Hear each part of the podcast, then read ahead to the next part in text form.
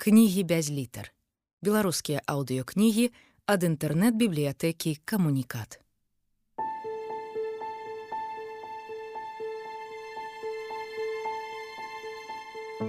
мы не стралялі мноства людзей на вайне і даволі працы на вайне шмат працы не толькі вакол смерці але і вакол жыцця там не толькі страляюць і расстрэльваюць мініруюць і размінірваюць бамбуюць і падрываюць кідаюцца штыкамі адзін на аднаго. Там яшчэ мыюць бялізну гатуюць кашу пякуць хлеб чысцяць кухонныя котлы даглядаюць коней рамантуюць машины габлююць і збіваюць труны разносяць пошту правяць боты прывозяць тытунь. Нават на вайне жыццё больш чым на палову складаецца з проста жыцця. І з усялякай драбязы натуральна. Нязвыкла так думаць праўда Там горы нашай штодзённай бабскай працы, кажа санітарка Александра Восіпаўна Мішуціна.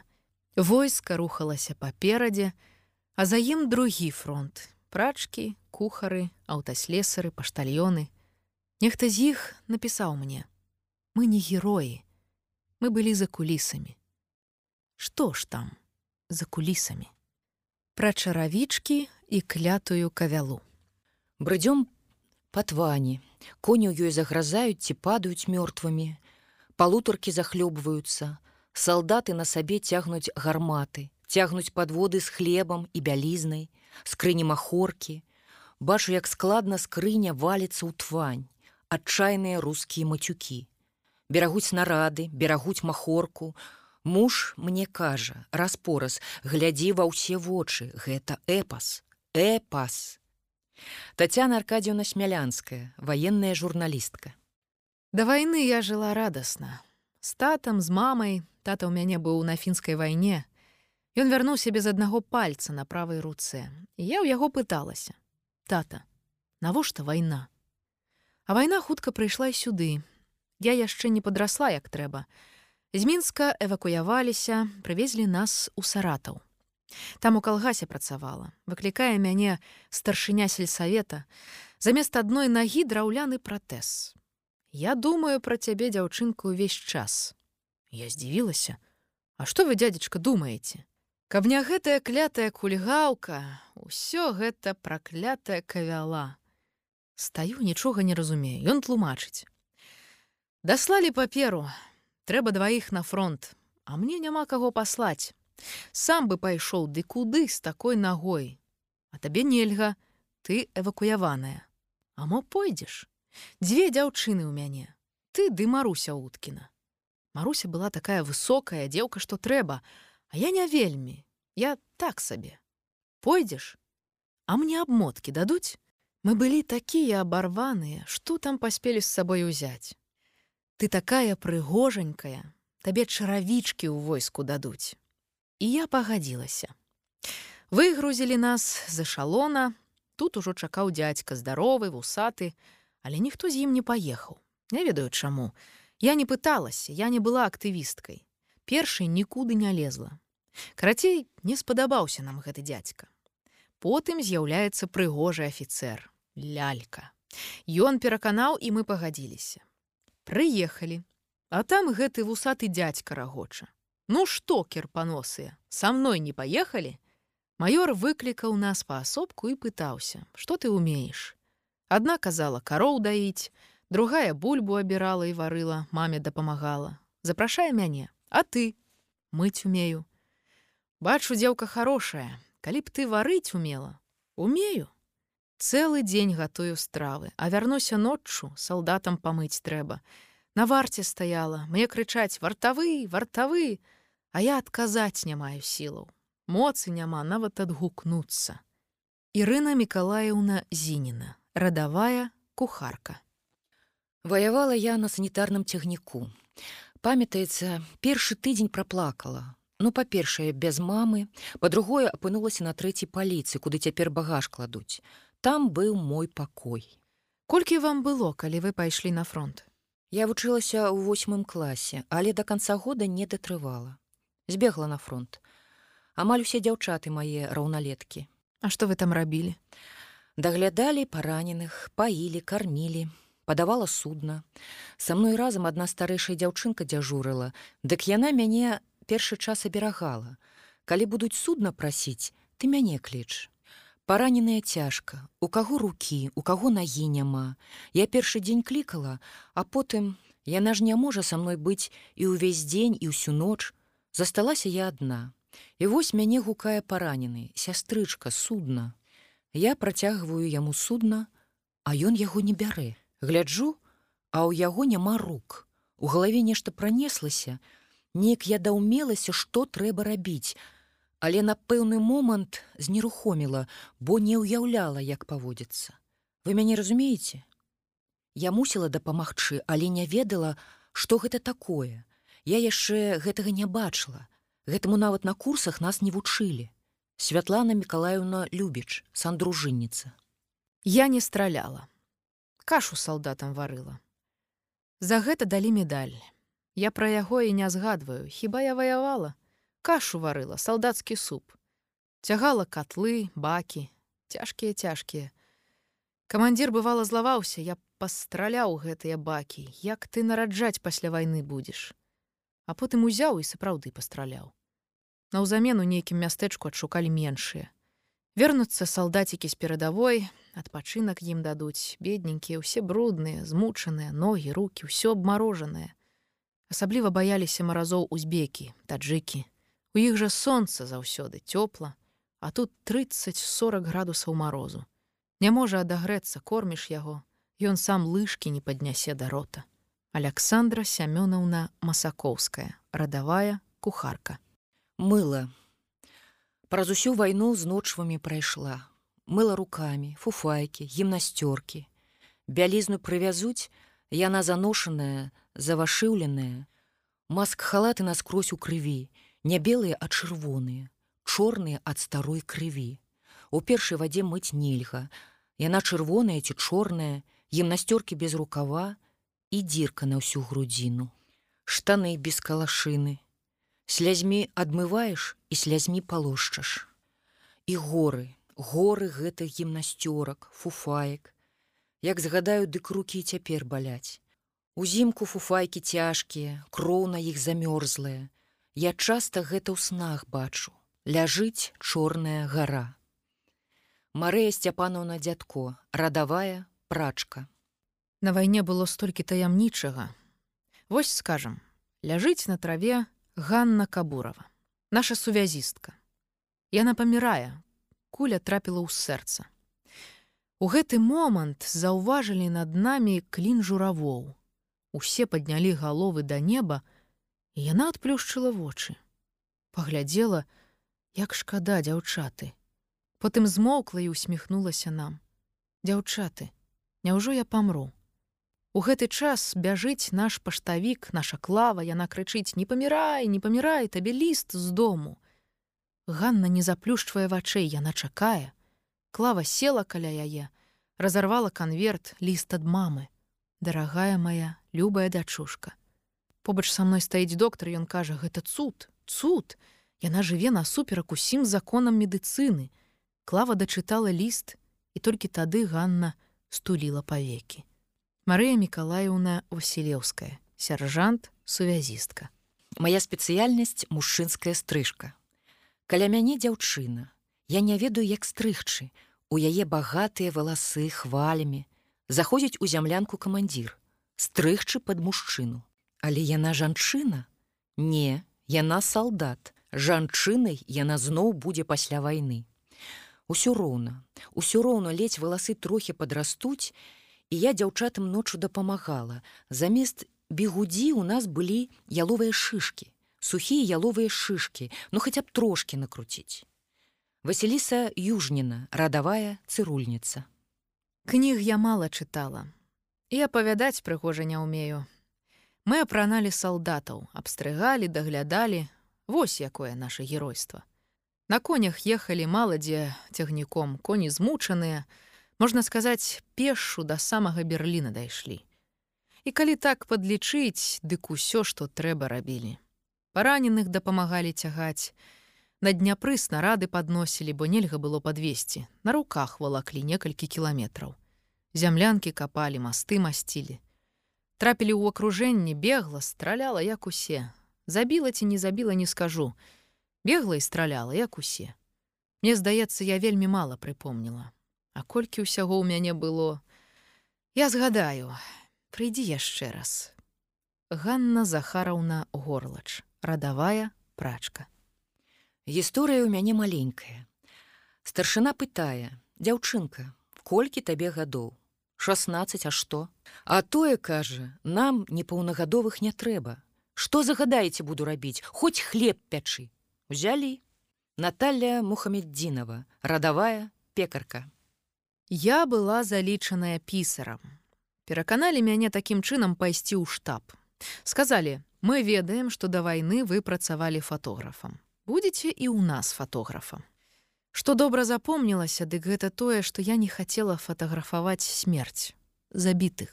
Здымала, калі салдаты адпачывалі, курылі, смяяліся, калі ўзнагароджвалі. Шкада тады не было ў мяне каляровай стужкі, адно чорна-белае. Вынас сцяга палка. Я магла б гэта прыгожа зняць. А сёння прыходзяць да мяне журналісты і пытаюцца: вы здымалі забітых поле бою. Я стала шукаць, мяне мала фотаздымкаў смерці. Калі каго забівалі, дык хлопцы мяне прасілі: « А ці ёсць ён у цябе жывы? Мы шукалі яго жывога, каб ён усміхаўся. Алена Віленская, сяржант пісарка. Мы будавалі, будавалі чыгунку, пантонныя масты, бліндажы, фронт побач, капалі зямлю ноччу, каб нас не заўважылі лес валілі. Збольшага дзяўчаты ў мяне ў аддзяленні, усе маладзенькія, мужчына ў некалькі, што не трапілі ў баявыя часткі. Дрэва як з лесу выносілі. Бяромся за яго і нясём. Усім аддзяленнем адно дрэва, крывавыя мазалі на руках, на плячах.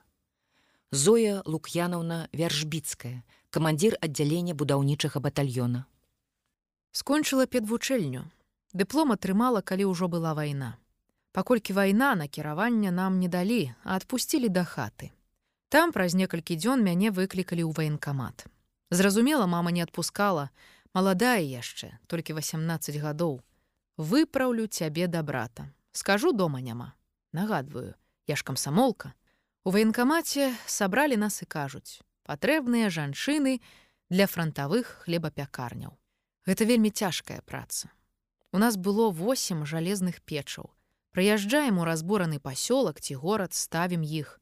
Паставілі печы, патрэбныя дровы, 20-30 вёдраў вады, 5 мяхоў мукі, 18гадовыя дзяўчаткі мы цягалі мяхі з мукой па 70 кілаграмаў.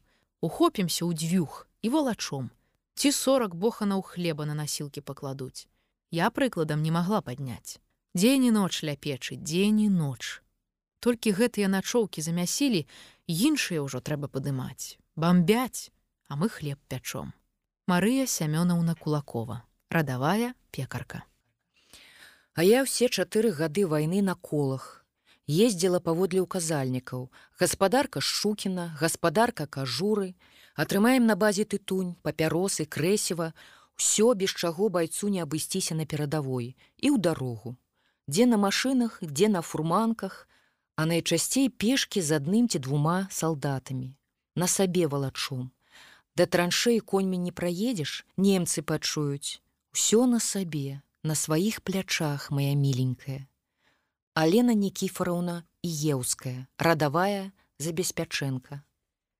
Перад пачаткам вайны мне было 19 гадоў. Я жыла ў горадзе мурамі владимирской вобласці У кастрычніку 41 нас камсамольцаў паслалі будаваць аўтамабільную дарогу мурам горкі кулябакі. Калі мы вярнуліся з працоўнага фронту, нас мабілізавалі. Мяне скіравалі ў школу сувязі на паштовыя курсы. Пасля заканчэння была адпраўленая у 60 стралковую дывізію. Служыла афіцэрам у палкавой пошце. Сваімі вачыма бачыла, як людзі плакалі, цалавалі канверты, атрымаўшы лісты на перадавой а ў многіх родныя загінулі ці жылі на тэрыторыі захопленай ворагам не маглі напісаць у такім разе мы пісалі лісты ад незнаёмай дарагі салдат піша табе незнаёмая дзяўчына як ты змагаешся з ворагам калі вернешся з перамогай начамі сядзелі і прыдумлялі. Я за вайну сотні такіх лістоў напісала. Марыя Алексеевна Рамнёва. Малодшы лейтенант, паштовая работніца. Пра адмысловае мылака і гауптвахту. 1 мая я пабралася шлюбам. А 22 чэрвеня пачалася вайна. Прыляцелі першыя нямецкія самалёты. Я працавала ў дзіцячым доме для іспанскіх малых, якіх прывезлі да нас у Кіў. Гэта 37 год. Грамадзянская вайна ў Іспаніі. Мы не разумелі, што рабіць, а іспанскія дзеці пачалі капаць у двары акопы. Яны ўжо ўсё ведалі. Дзяцей выправілі ў тыл, а я паехала ў пензенскую вобласць. Мне даручылі арганізаваць курсы медсясцёр. Напрыканцы 41 года я сама прымала экзамены на гэтых курсах, бо ўсіх дактароў паслалі на вайну. Выдала пасведчанні і таксама попрасілася на фронт. Скіравалі пад Сталінград у вайсковы палявы шпіталь. Апынулася сярод дзяўчат найстарэйшай. Маёй сяброўцы Соню Удгуравай мы ўсё яшчэ сябруем, тады было 16. Яна скончыла адно 9 класаў і гэтыя медычныя курсы. Тры дні мінула, як мы ўжо на фронте, і вось Соня сядзіць у лесе ды плача. Падыходжу: Сонечка, чаго ты плачаш? Як ты не разумееш, я тры дні мамы не бачыла. Калі цяпер я ёй гэты выпадак нагадаю, дык яна рагоча. На курскай дузе мяне перавялі са шпіталю ў палявы пральны атрад зампалітам. Прачкі былі вольна наёмныя. Вось бывала едзем мы на фурманках. Гровасцяцца тазы, начоўкі, самавары, награваць ваду, а зверху сядзяць дзяўчаты ў чырвоных, зялёных, сініх, шэрых спадніцах. Ну і ўсе весяліліся. Вунь, паехала пральнае войска. А мяне звалі камісар прачак. Гэта ўжо потым мае дзяўчаты апрануліся больш прыстойна, як цяпер кажуць, прыбарахліліся. Праца была вельмі цяжкай. Ніякіх пральных машынаў тады не было і згадкі. Усё рукамі, жаночымі ручкамі. Вось мы прыязджаем на месца, даюць нам адну якую-небудзь хату ці зямлянку, мы і мыем там бялізну. Але перш чым сушыць, дэзінфікуем яе адмысловым мылам К, каб не было вошай. Быў яшчэ дуст, толькі ён не дапамагаў, таму карысталіся мылам К надзвычай смярдзючым пах просто жахлівы. Там у тым памяшканні, дзе мыем, мы і сушым і тут жа спім. Давалі нам 20-25 грамаў мыла. На аднаго салдата памыць бялізну. А яна чорная, як зямля. І ў многіх дзяўчат ад цяжару ад напругі былі грыжы, экземы рук ад мылака. Злазілі па зногці, думалі, што ніколі яны ўжо не будуць расці. Але ўсё роўна дзень-два адпачнуць і трэба зноў за працу. Дзяўчаты слухаліся мяне. Прыязджаем мы аднойчы ў прызначанае месца, а там стаяць лётчыкі цэлая частка, уяўляеце, пабачылі нас, а мы ўсе ў брудным заношаным, і гэтыя хлопцы ганарыста ха-ха, прачкі, мае дзяўчаты ледзь не плачуць. Зампаліт, чуеце? Нічога мы ім адпомсцім і мы дамовіліся. Увечары апранаюць мае дзяўчаты, што ў іх было найлепшае, ідуць на поплаў. Адна ім грае на гармоніку і яны танчаць. Умова ні з адным лётчыкам не танчыць. Тыя падыходзяць, а яны ні з кім не ідуць. Увесь вечар адна з адной танчылі. Нарэшце тыя выбачыліся. Нейкі дурань сказаў, а вы на ўсіх пакрыўдзіліся. Увогуле, Паводле статута вольнанаёмных нельга было садзіць на гауптвахту. Аднак што паробіш, калі сто дзяўчат разам. У нас у 11 адбой, без варыянтаў. Яны спрабавалі ўцякаць, но дзяўчаты ёсць дзяўчаты. І я саджала іх на гауптвахту. Неяк прыехала кіраўніцтва суседняй часткі. А ў мяне дзве сядзяць. Як гэта так, вольнанаёмных саджаеце на гауптвахту, пытаюцца у мяне. Я спокойно отказываю. Пишите, товарищ полковник, рапорт командованию. Ваша рация, але я павінна змагацца за дысцыпліну. І ў мяне выключны парадак. З тым яны і паехалі. Дысцыпліна была моцная. Неяк сустрэла аднаго капітана. Праходзіў паўз маю хату і я выходжу. Ён нават прыпыніўся. Боже мой, вы адсюль А вы ведаеце хто тут жыве ведаю тут же зампаліт жыве вы хіба не чулі яна такая злосная я кажу што ніколі такога не чула Боже мой! Яна ніколі не усміхаецца заўсёды начапураная а вы хацелі б з ёй пазнаёміцца Боже мой не! Ну і тут я прызналася дык будзем знаёмыя я зампаліт не не можа быць пра яе мне такое казалі я берагла сваіх дзяўчат у нас была такая прыгожая валя. Выклікалі мяне неяк на 10 дзён у штаб. Вяртаюся мне дакладаюць што валя ўсе гэтыя дні позна прыходзіла што была з нейкім капітанам Два месяцы мінае і я даведваюся, што яна цяжарная. Выклікаю: Валя, як гэта магло здарыцца, куды ты поедзеш? Твая мачаха, у яе не маці, а мачаха была. У зямлянцы жыве. Яна плача, гэта вы вінаватыя. Калі б вы не паехалі, нічога б не здарылася. Яны са мной, як з маці, старэйшай сястрой. У яе нейкае паліто лёгкае, а ўжо холодна, то я аддала свой шынель. Паехала моя валя. 8 сакавіка 45 -го года мы зладзілі сабе свята, харбату.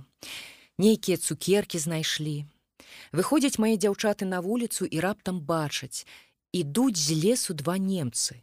Валакуць за сабой аўтаматы, параненыя. Мае дзяўчаты акружылі іх, Ну я як зампаліт натуральна напісала рапарт, што сёння 8 сакавіка прачкі паланілі двух немцаў. Назаўтра ў нас быў сход камандзіраў. Начальнік палітаддзела перадусім кажа: « Ну таварышы, у мяне ёсць добрая навіна. Хутка канец вайне. Учора прачкі з 21 палявога пральнага атрада узялі ў палон двух немцаў. Усе запляскалі. Пакуль была вайна, нас не ўзнагароджвалі. А калі скончылася, мне сказалі узнагародзіць двух чалавек. Я абурылася, узяла слова, выступила, сказала, што я зампаліт пральнага атрада і якая гэта цяжкая праца ў прачак, у многіх грыжы, экземы рук і гэтак далей. Дзяўчаткі маладыя апрацавалі як машыны, цігачы. У мяне пытаюцца: Можаш да заўтра падрыхтаваць свой спіс мы яшчэ ўзнагародзім. І мы з камандзірам атрада ўсю ноч карпелі над гэтым спісам. Тады многія дзяўчаты атрымалі медалі за адвагу, за баявыя заслугі, а адну прачку ўзнагародзілі ордэнам чырвонай зоркі, найлепшую прачку, што не адыходзіла адночваў. Бывала, усе ўжо без сілаў валяцца, а яна мые. Гэта была сталая жанчына. У яе ўся сям'я загінула.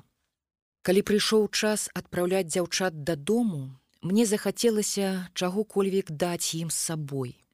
Яны пераважна з Беларусі і Украіны былі, А там усё разбурана спалена, як ты іх адпусціш з пустымі рукамі. А мы тады спыніліся ў нейкай нямецкай вёсцы, дзе была швейная майстроўня. Я пайшла паглядзець. Машынкі стаялі на маё шчасце цэлыя. І вось кожнай дзяўчыне, якая выпраўлялася дамоў, мы зрабілі падарунак.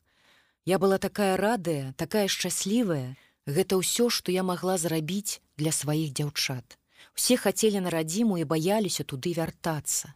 Ніхто не ведаў, што нас там чакае. Валянціна Кузьмінічна братчыкава баршчэўская, лейтенант зампаліт палявога пральнага атрада. Мой тата, мой любы тата быў камуніст, святы чалавек. Я не сустракала ў жыцці лепшага за яго чалавека. Ён мяне выхоўваў. Ну хто б я быў без савецкай улады, бядняк, батрачыў бы на кулака. Савецкая ўлада дала мне ўсё. Я атрымаў адукацыю, зрабіўся інжынерам, будую масты. Я ўсім гэтым абавязаны нашай роднай уладзе. Я любіла савецкую ўладу любіла Сталіна і варашылава, усіх нашых герояў любіла. Так мяне навучыў тата. Доўжылася вайна, я падрастала. Вечарамі мы з ім спявалі інтэрнацыяналы, свяшчэнную вайну. Тата акампанаваў на акардэоне. Калі мне споўнілася 18 гадоў, ён разам са мной пайшоў у ваенкамат. З войска я напісала ліст, што будую і ахоўваю масты. Якая гэта была радасць у нашай сям'і. Тата нас усіх зачараваў мастамі, мы любілі іх з дзяцінства. Калі я бачыла разбураны мост, на яго скінулі бомбы ці падарвалі, я перажывала як за жывую істоту, а не як за стратэгічны аб'ект. Я плакала. Я сустракала сотні пабураных мастоў, вялікіх і маленькіх, іх нішчылі ў першую чаргу. Мішэнь нумар адзін. Калі мы ехалі паўз руіны, я заўсёды думала, колькі гэта спатрэбіцца часу, каб адбудаваць усё наноў. Вайна забівае час, каштоўны чалавечы час. Я добра запомніла, што кожны мост тата будаваў некалькі гадоў.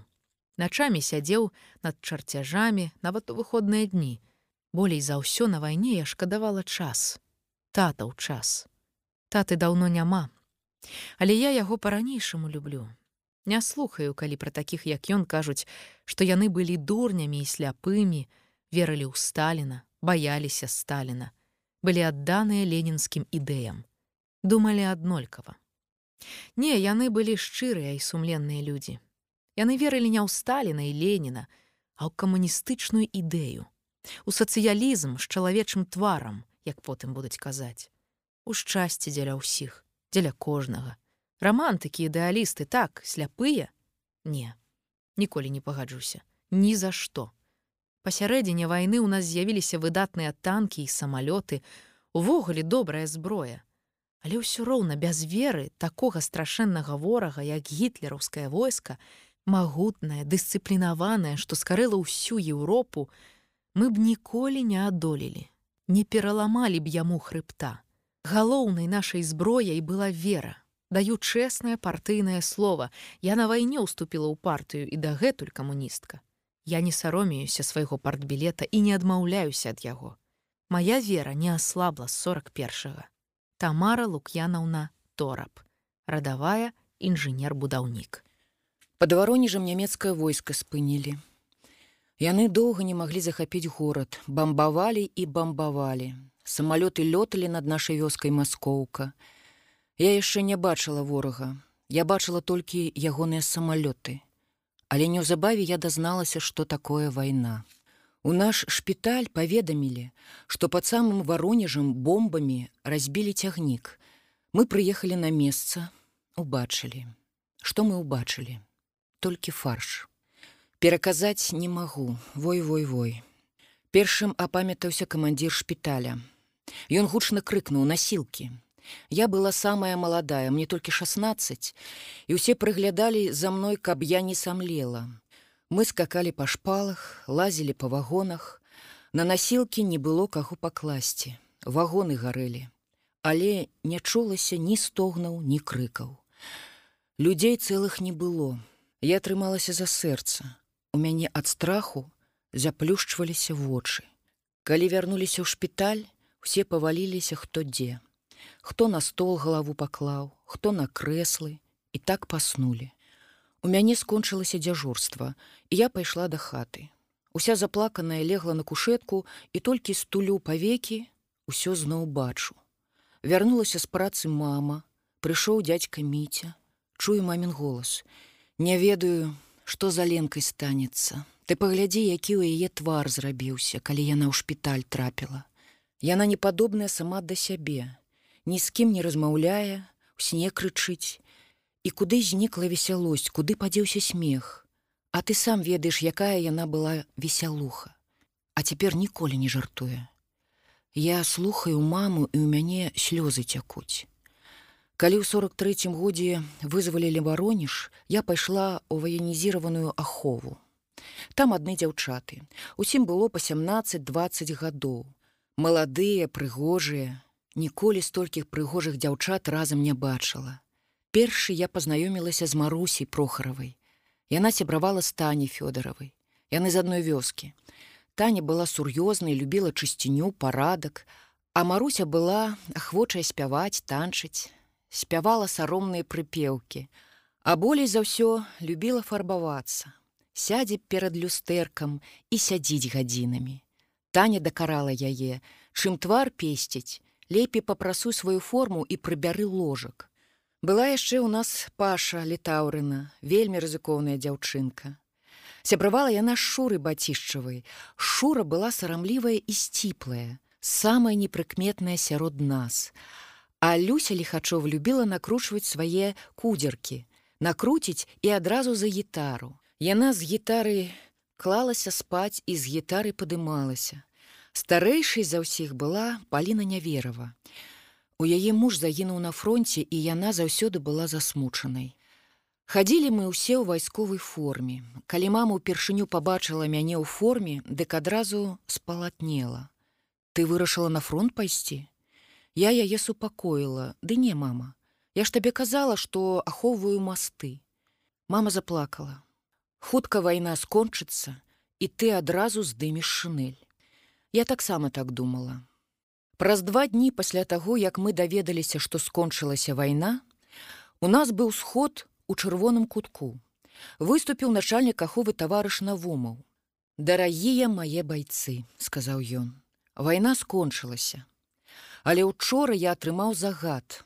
На заходнюю дарогу патрабуюцца байцы ваенізаванай аховы. Нехта з залы крыкнуў: « Дык там жа бандераўцы. Навумаў змок, а потым сказаў: « Так, дзяўчаты, там бандераўцы. Яны ваююць з чырвонай арміяй. Але загад ёсць загад. Яго трэба выконваць. Хто згодны паехаць, прашу падаць заяву начальніку варты. Паедуць толькі добраахвотнікі.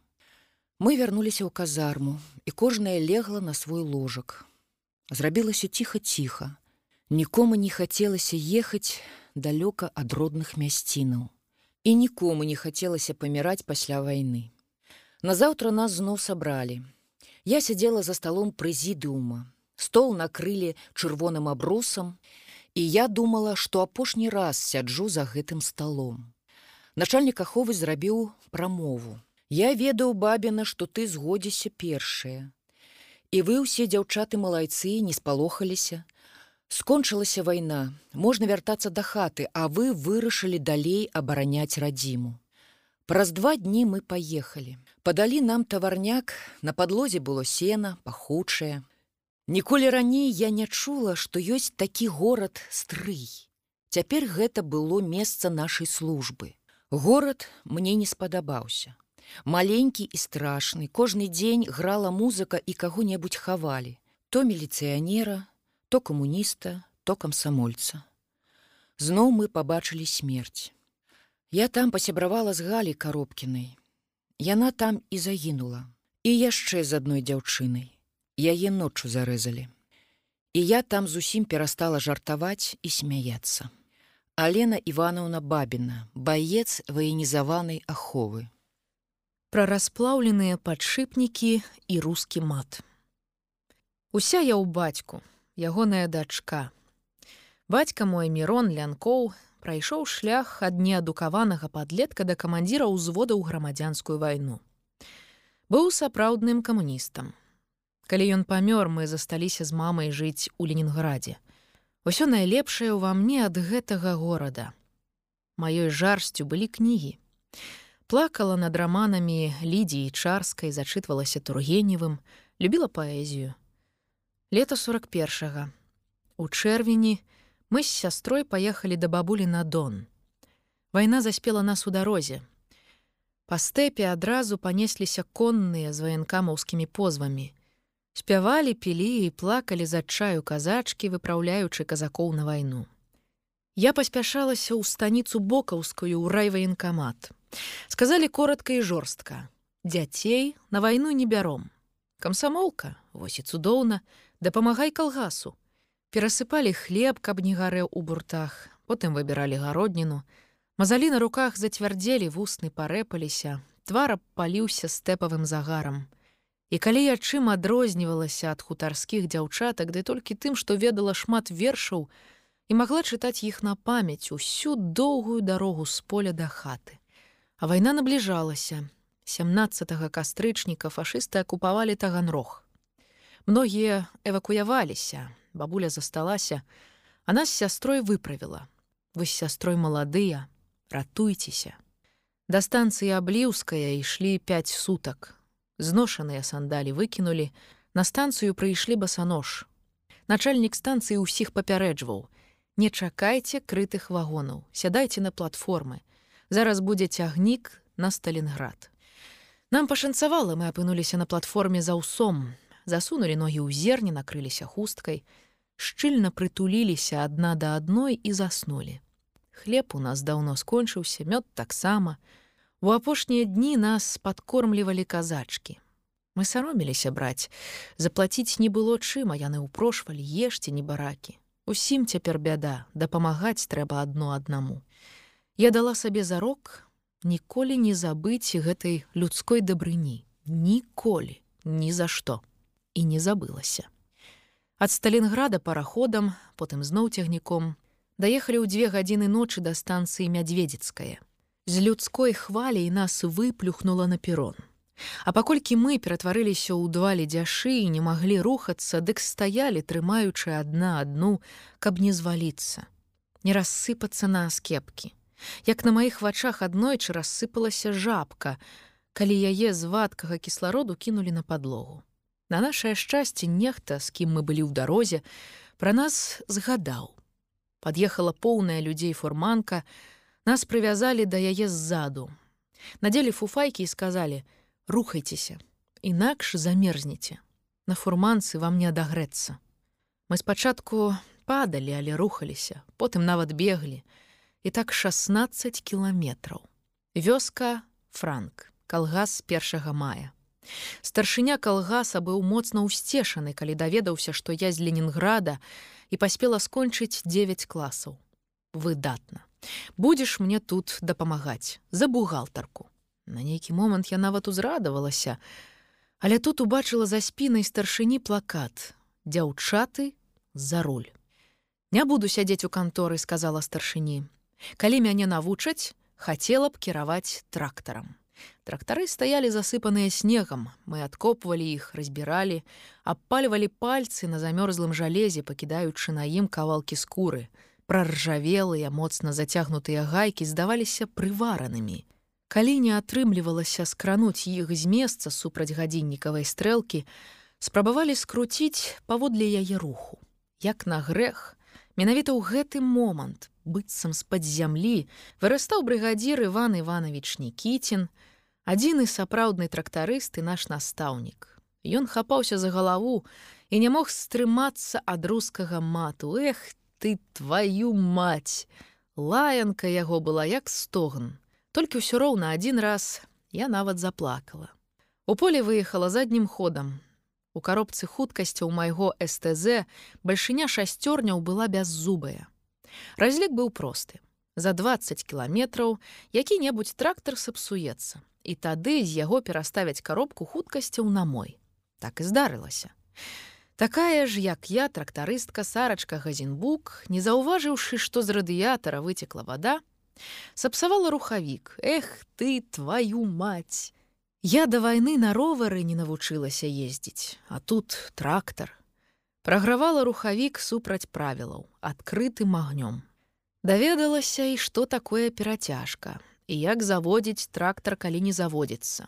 Колам не пакруціш, у палову абароту не запусціш. Матэрыялы для змазкі і паліва паводле нормаў вайны. За кожную кроплю адказваеш галавой. Гэтаксама як і за расплаўлены падшипнік. Эх ты твою мать за кожную кроплю.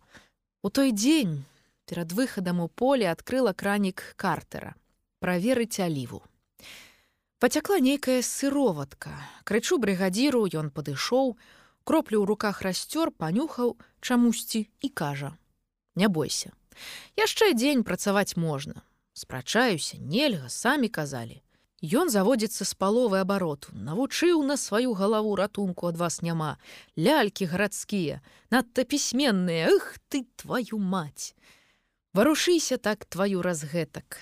Паехала, спякота, трактар куроды міць, дыхаць няма чым, але ўсё гэта драбяза, як там падшипнікі. Падобна, што пагрукваюць. Спынілася, здаецца, не. Дадам нагрузкі грукаюць і раптам пад самае сядалішча стук, стук, стук. Спыняю рухавік, падбягаю да назіральных люкаў, Два шатунныя падшипнікі расплавіла да звання.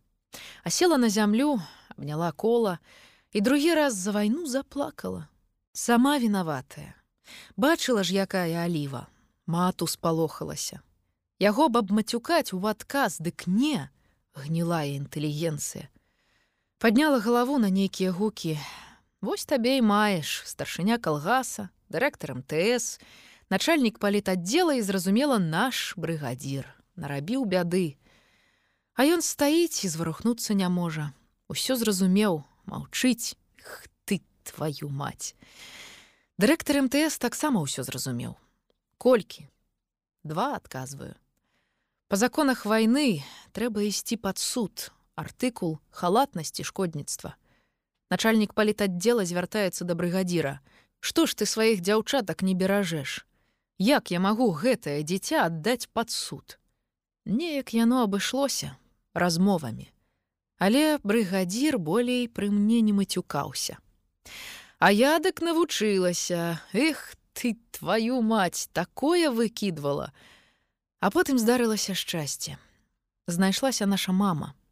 Яна прыехала, і ў нас зноў была сям'я. Мама раптам сказала: « Я думаю, табе трэба ісці ў школу. Я не адразу зразумела, куды, А хто за цябе будзе заканчваць дзясяты клас. Пасля ўсяго перажытага дзіўна было зноў апынуцца за школьнай партай, рашаць задачкі, пісаць дыктоўкі, вучыць нямецкія дзеясловы замест таго, каб біць фашыстаў. І гэта тады, калі вораг падступіўся да волгі. Мне трэба было пачакаць зусім няшмат. Праз чатыры месяцы 17 гадоў, не 18, дык хаця б 17 І ўжо тады ніхто не верне мяне дамоў, ніхто. У райкамі ўсё абышлося, а ў ваенкамаце мне давялося паваяваць. І гады таму прычынай і зрок. Але першае дапамагло другому. Калі мяне папікнулі ўзростам, я абазвала ваенкама бюракратам і абвясціла галадоўку.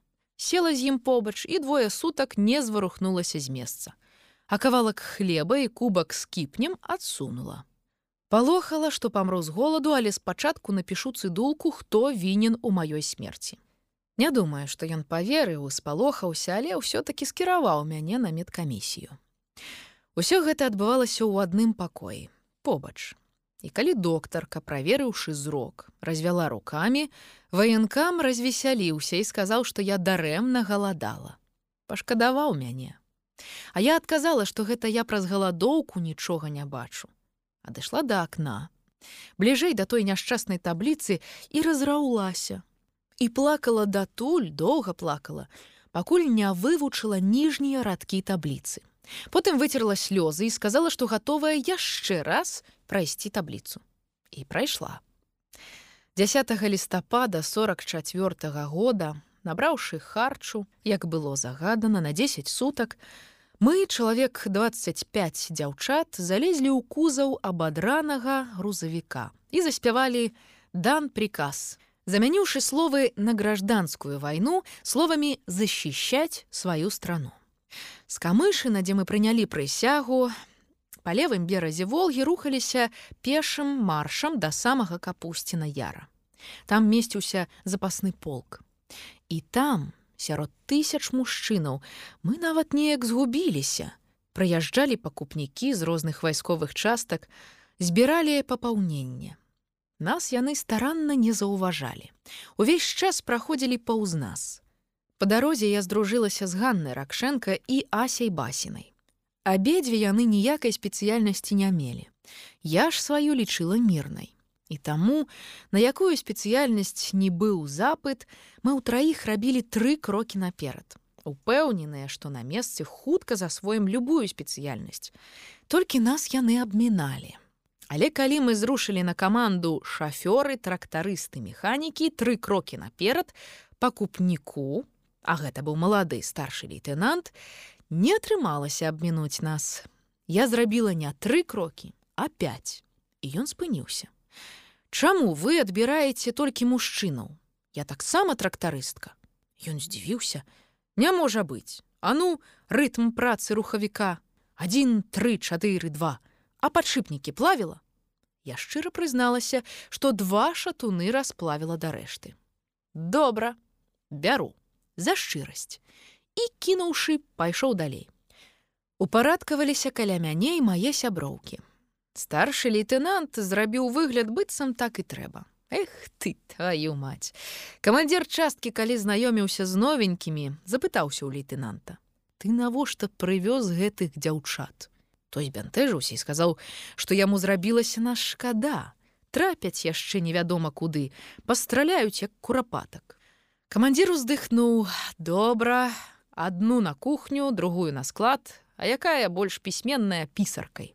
Пасля паўзы дадаў: Шкада, прыгожая, самай пісьменнай была я, але ваяваць пісаркай і прычым тут наша прыгажосць. Забыўшыся на вайсковую дысцыпліну, я ў момант абурылася. Мы добраахвотнікі. Прыйшлі абараняць радзіму, пойдзем толькі ў баявыя падраздзяленні. Чамусьці палкоўнік нават не запярэчыў. У баявыя дык у баявыя. Дзвюх у лятучку, на станцыю, а гэтую языкастую, на зборку рухавікоў. Так пачалася наша служба ў 44 аўтабранятанкавай палявой майстэрні. Мы былі заводам на колах. На машынах іх звалі лятучкі, стаялі станкі: фрызерныя, расточныя, шліфавальныя, такарныя, электрастанцыя, заліўка, вулканізацыя. На станках працавалі па два чалавекі, кожны па 12 гадзін, без хвіліны перапынку. На сняданак, абед, вячэру падмяняў напарнік, Калі надыходзіла чарга камусьці ісці ў нарад, другі шчыраваў 24 гадзіны. Працавалі ў снезе, у брудзе, под бомбамі, і ўжо ніхто не казаў, што мы прыгожыя. Што праўда, прыгожых дзяўчат на вайне больш шкадавалі. Іх больш шкада было хаваць, выпісваць пахаванку. Іх ты твою мать. Мне цяпер часта сняцца сны, Я ведаю, што яны сняцца толькі рэдка іх запамінаю. Але застаецца адчуванне, што я недзе была і вярнулася. У сне ў хвіліну укладаецца столькі, што ў жыцці патрабуе гадоў. А іншым разам пераблытаю, дзе сон, а дзе рэальнасць. Бадай гэта было ў зімоўніках. Я толькі зайшла прылегчы на колькі гадзінаў, як пачалі скідаць бомбы, Эх ты твою мать, лепей хай мяне заб'юць, чым сапсую сабе такую радасць, як дзве гадзіны сну. Недзе побач моцны выбух. Дом хіснуўся, але я ўсё роўна засынаю. Я не мела страху, не ведала такога пачуцця. Слова гонару, толькі пасля самых бязлітасных налётаў ныў зуб, у якім была дзірка. Ды і тое нядоўга. Я б дагэтуль лічыла сябе вельмі адважнай, каб праз некалькі гадоў пасля вайны не была змушаная праз бясконцыя, нястерпныя і зусім незразумелыя болі ў самых розных месцах свайго арганізма звярнуцца да спецыялістаў. І вельмі дасведчаны неўрапатолог, запытаўшы колькі мне гадоў здзівіўся да 24 разбурыць усю сваю вегетатыўную нервовую сістэму, як жа вы збіраецеся жыць? Я адказала, што жыць збіраюся добра. Па-першае, я жывая. Я так хацела выжыць, я засталася жывой. Што праўда, не мінула і некалькіх месяцаў мірнага жыцця, як у мяне апухлі суставы, знерухоміла і пачала страшна балець правая рука. Яшчэ болей сапсаваўся зрок, апусцілася нырка, зрушылася пячонка. І як найперш высветлілася, у мяне была цалкам разбураная вегетатыўная нервовая сістэма. Але я ўсю вайну марыла, што буду вучыцца. І універсітэт стаўся для мяне другім сталінградам. Я скончыла яго на год раней, інакш не хапіла б сілаў. Чатыры гады ў адным шынялі, узімку, увесну, восень і дабелі палінялай гімнасцёрцы. Эх ты твою мать! Антаніна Мронаўна Лянкова, аўтаслесар палявой аўтабронетанкавай майстэрні. Патрэбны быў салдат, а хацелася быць яшчэ прыгожай. За некалькі гадоў запісала ўжо сотню ўспамінаў. На кніжных паліцах упарадкаваныя сотні касеты друкаваных старонак, услухоўваюся і ўчытваюся. Свет вайны ўсё болей адкрываецца мне з нечаканага боку. Раней я не задавала сабе пытанняў, Як можна было, напрыклад, падоўгу спаць у акопах няпоўнага профілю, целя вогнішча на голай зямлі, хадзіць у ботах і шынялях, і нарэшце не весяліцца, не танчыць, не насіць летнія сукенкі, забыцца на туфлі і кветкі, ім жа было па 18-20 гадоў. Я звыклася думаць, што жаночаму жыццю няма месца на вайне. Яно немагчымае там, амаль забароненае, але я памылялася. Вельмі хутка ўжо падчас першых сустрэч заўважыла, пра што б жанчыны не казалі нават пра смерць, яны заўсёды згадвалі так, прыгажосць. Яна была неад'емнай складовай іхняга існавання. Яна ляжала ў труне такая прыгожая, як нявеста, а астроцава, пехацінка, ці мяне павінны былі ўзнагародзіць медалём, а ў мяне старая гімнасцёрка. Я падшыла сабе каўнерык марлі ўсё ж белы. Мне здавалася, што я такая ў гэтую хвіліну прыгожая, А люстэрка не было, я сябе не бачыла. Усё ў нас разбамбілі. Н Ермакова, сувязістка. Весела і ахвотна распавядалі пра свае наіўныя дзявочыя хітрыкі, маленькія сакрэцікі, нябачныя знакі, як у мужчынскім побыце вайны і ў мужчынскай справе вайны ўсё-такі хацелі застацца самімі сабой, не здрадзіць сваёй прыродзе. Памяць іх на здзіўленне як-ніяк 40 гадоў мінула, захавала вялізную колькасць драбніцаў вайсковага побыту, дэталяў, адценняў, фарбаў і гукаў. У іх свеце побыт і быццё злучаліся. І плынь быцця была самакаштоўнай. Яны згадвалі пра вайну як пра час жыцця. Не столькі дзеянне, як жыццё. Я неаднойчы назірала, што малое ў іхніх аповедах перамагала вялікае, нават гісторыю. Шкада, што прыгожая я была толькі на вайне. Там прамінулі мае найлепшыя гады. Спаліліся, Потым я хутка пастарэла. Ганна Галай, аўтаматчыца. З адлегласці гадоў адны падзеі пакрысе ўзбуйняліся, іншыя меншылі. І ўзбуйнялася чалавечае, інтымнае. Яно рабілася і мне, і самае дзіўнае нават ім самім больш цікавым і блізкім. Чалавечае перамагала нечалавечае адно таму, што яно чалавечае. Ты не палохайся маіх слёз, не шкадуй. Хай мне балюча, але я табе ўдзячная, што згадала сябе маладую. К.С. Тханова, сяржант зенітчыца.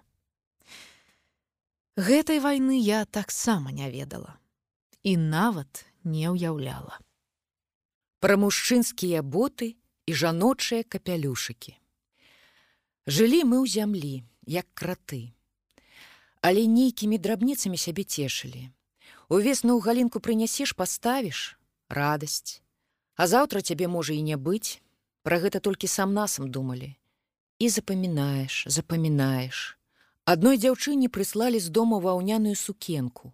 Мы зайздросцілі, хаця насіць свае сукенкі не дазвалялася. А старшына, ён жа мужчына буркатаў, лепей бы табе прасцінку даслалі, больш карысці. У нас прасцінаў не было, падушак таксама. Мы спалі на веці, на саломе, але ў мяне былі прыхаваныя завушніцы.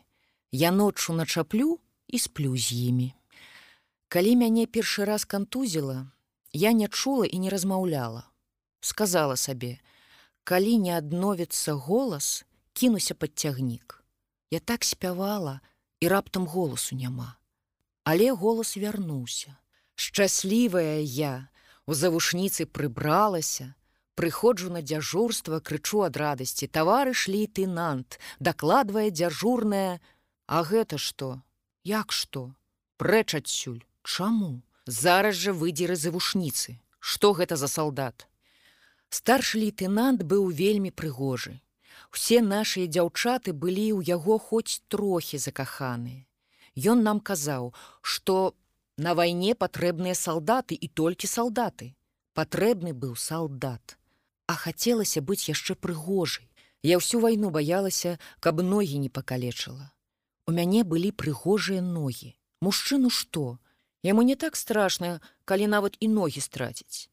Усё роўна герой, жаніх, а жанчыну скалечыць. Дык гэтым яе лёс вырашыцца, жаночы лёс. Марыя Миколаевна Шчолкава, сяржант, камандзір аддзялення сувязі. Я ўсю вайну усміхалася. Я лічыла, што мушу усміхацца як мага часцей, бо жанчына мусіць несці святло. Перад адпраўкай на фронт стары прафесор так вучыў. Вы павінны кожнаму параненаму казаць, што вы яго любіце. Самыя моцныя вашыя лекі гэта любоў. Любоў беражэ, дае моцы жыць. Ляжыць паранены. Яму так балюча, што ён плача, а ты яму: Ну мой міленькі, ну мой хорошенькі. Ты мяне любіш, сястрычка. Яны нас усіх маладзенькіх звалі сястрычкамі. Канешне, люблю. Толькі папраўляйся хутчэй.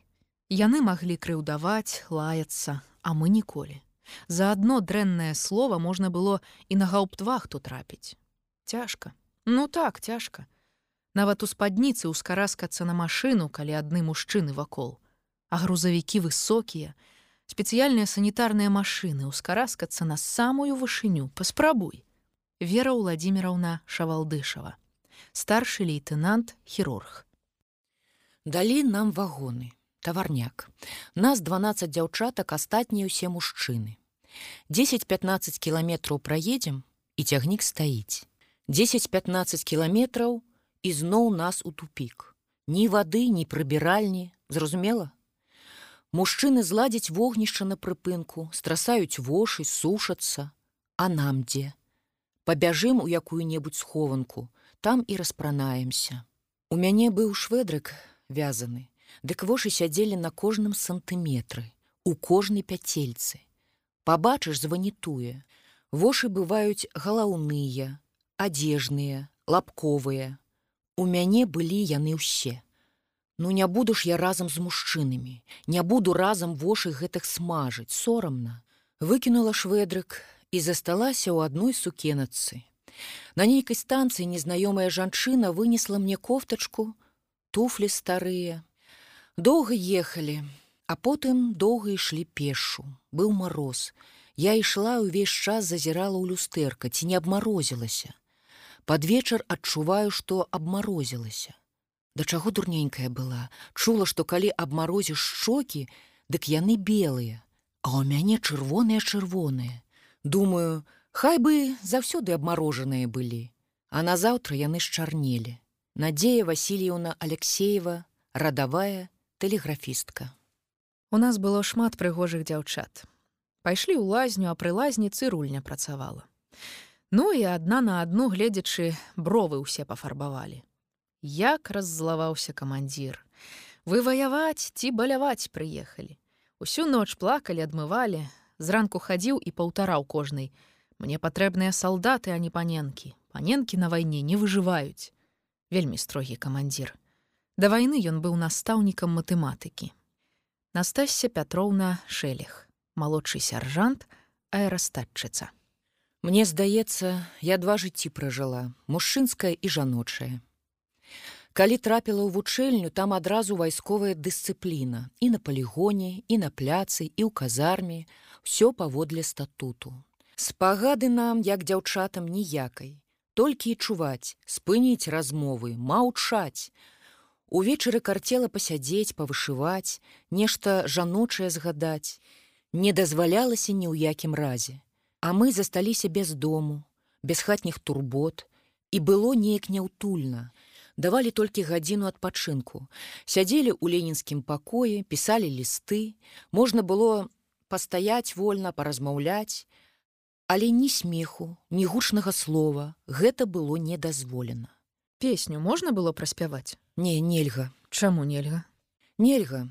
Вось калі аддзяленнем ідём. Спявай калі дадуць каманду. Команда запявала заспявай. А так нельга?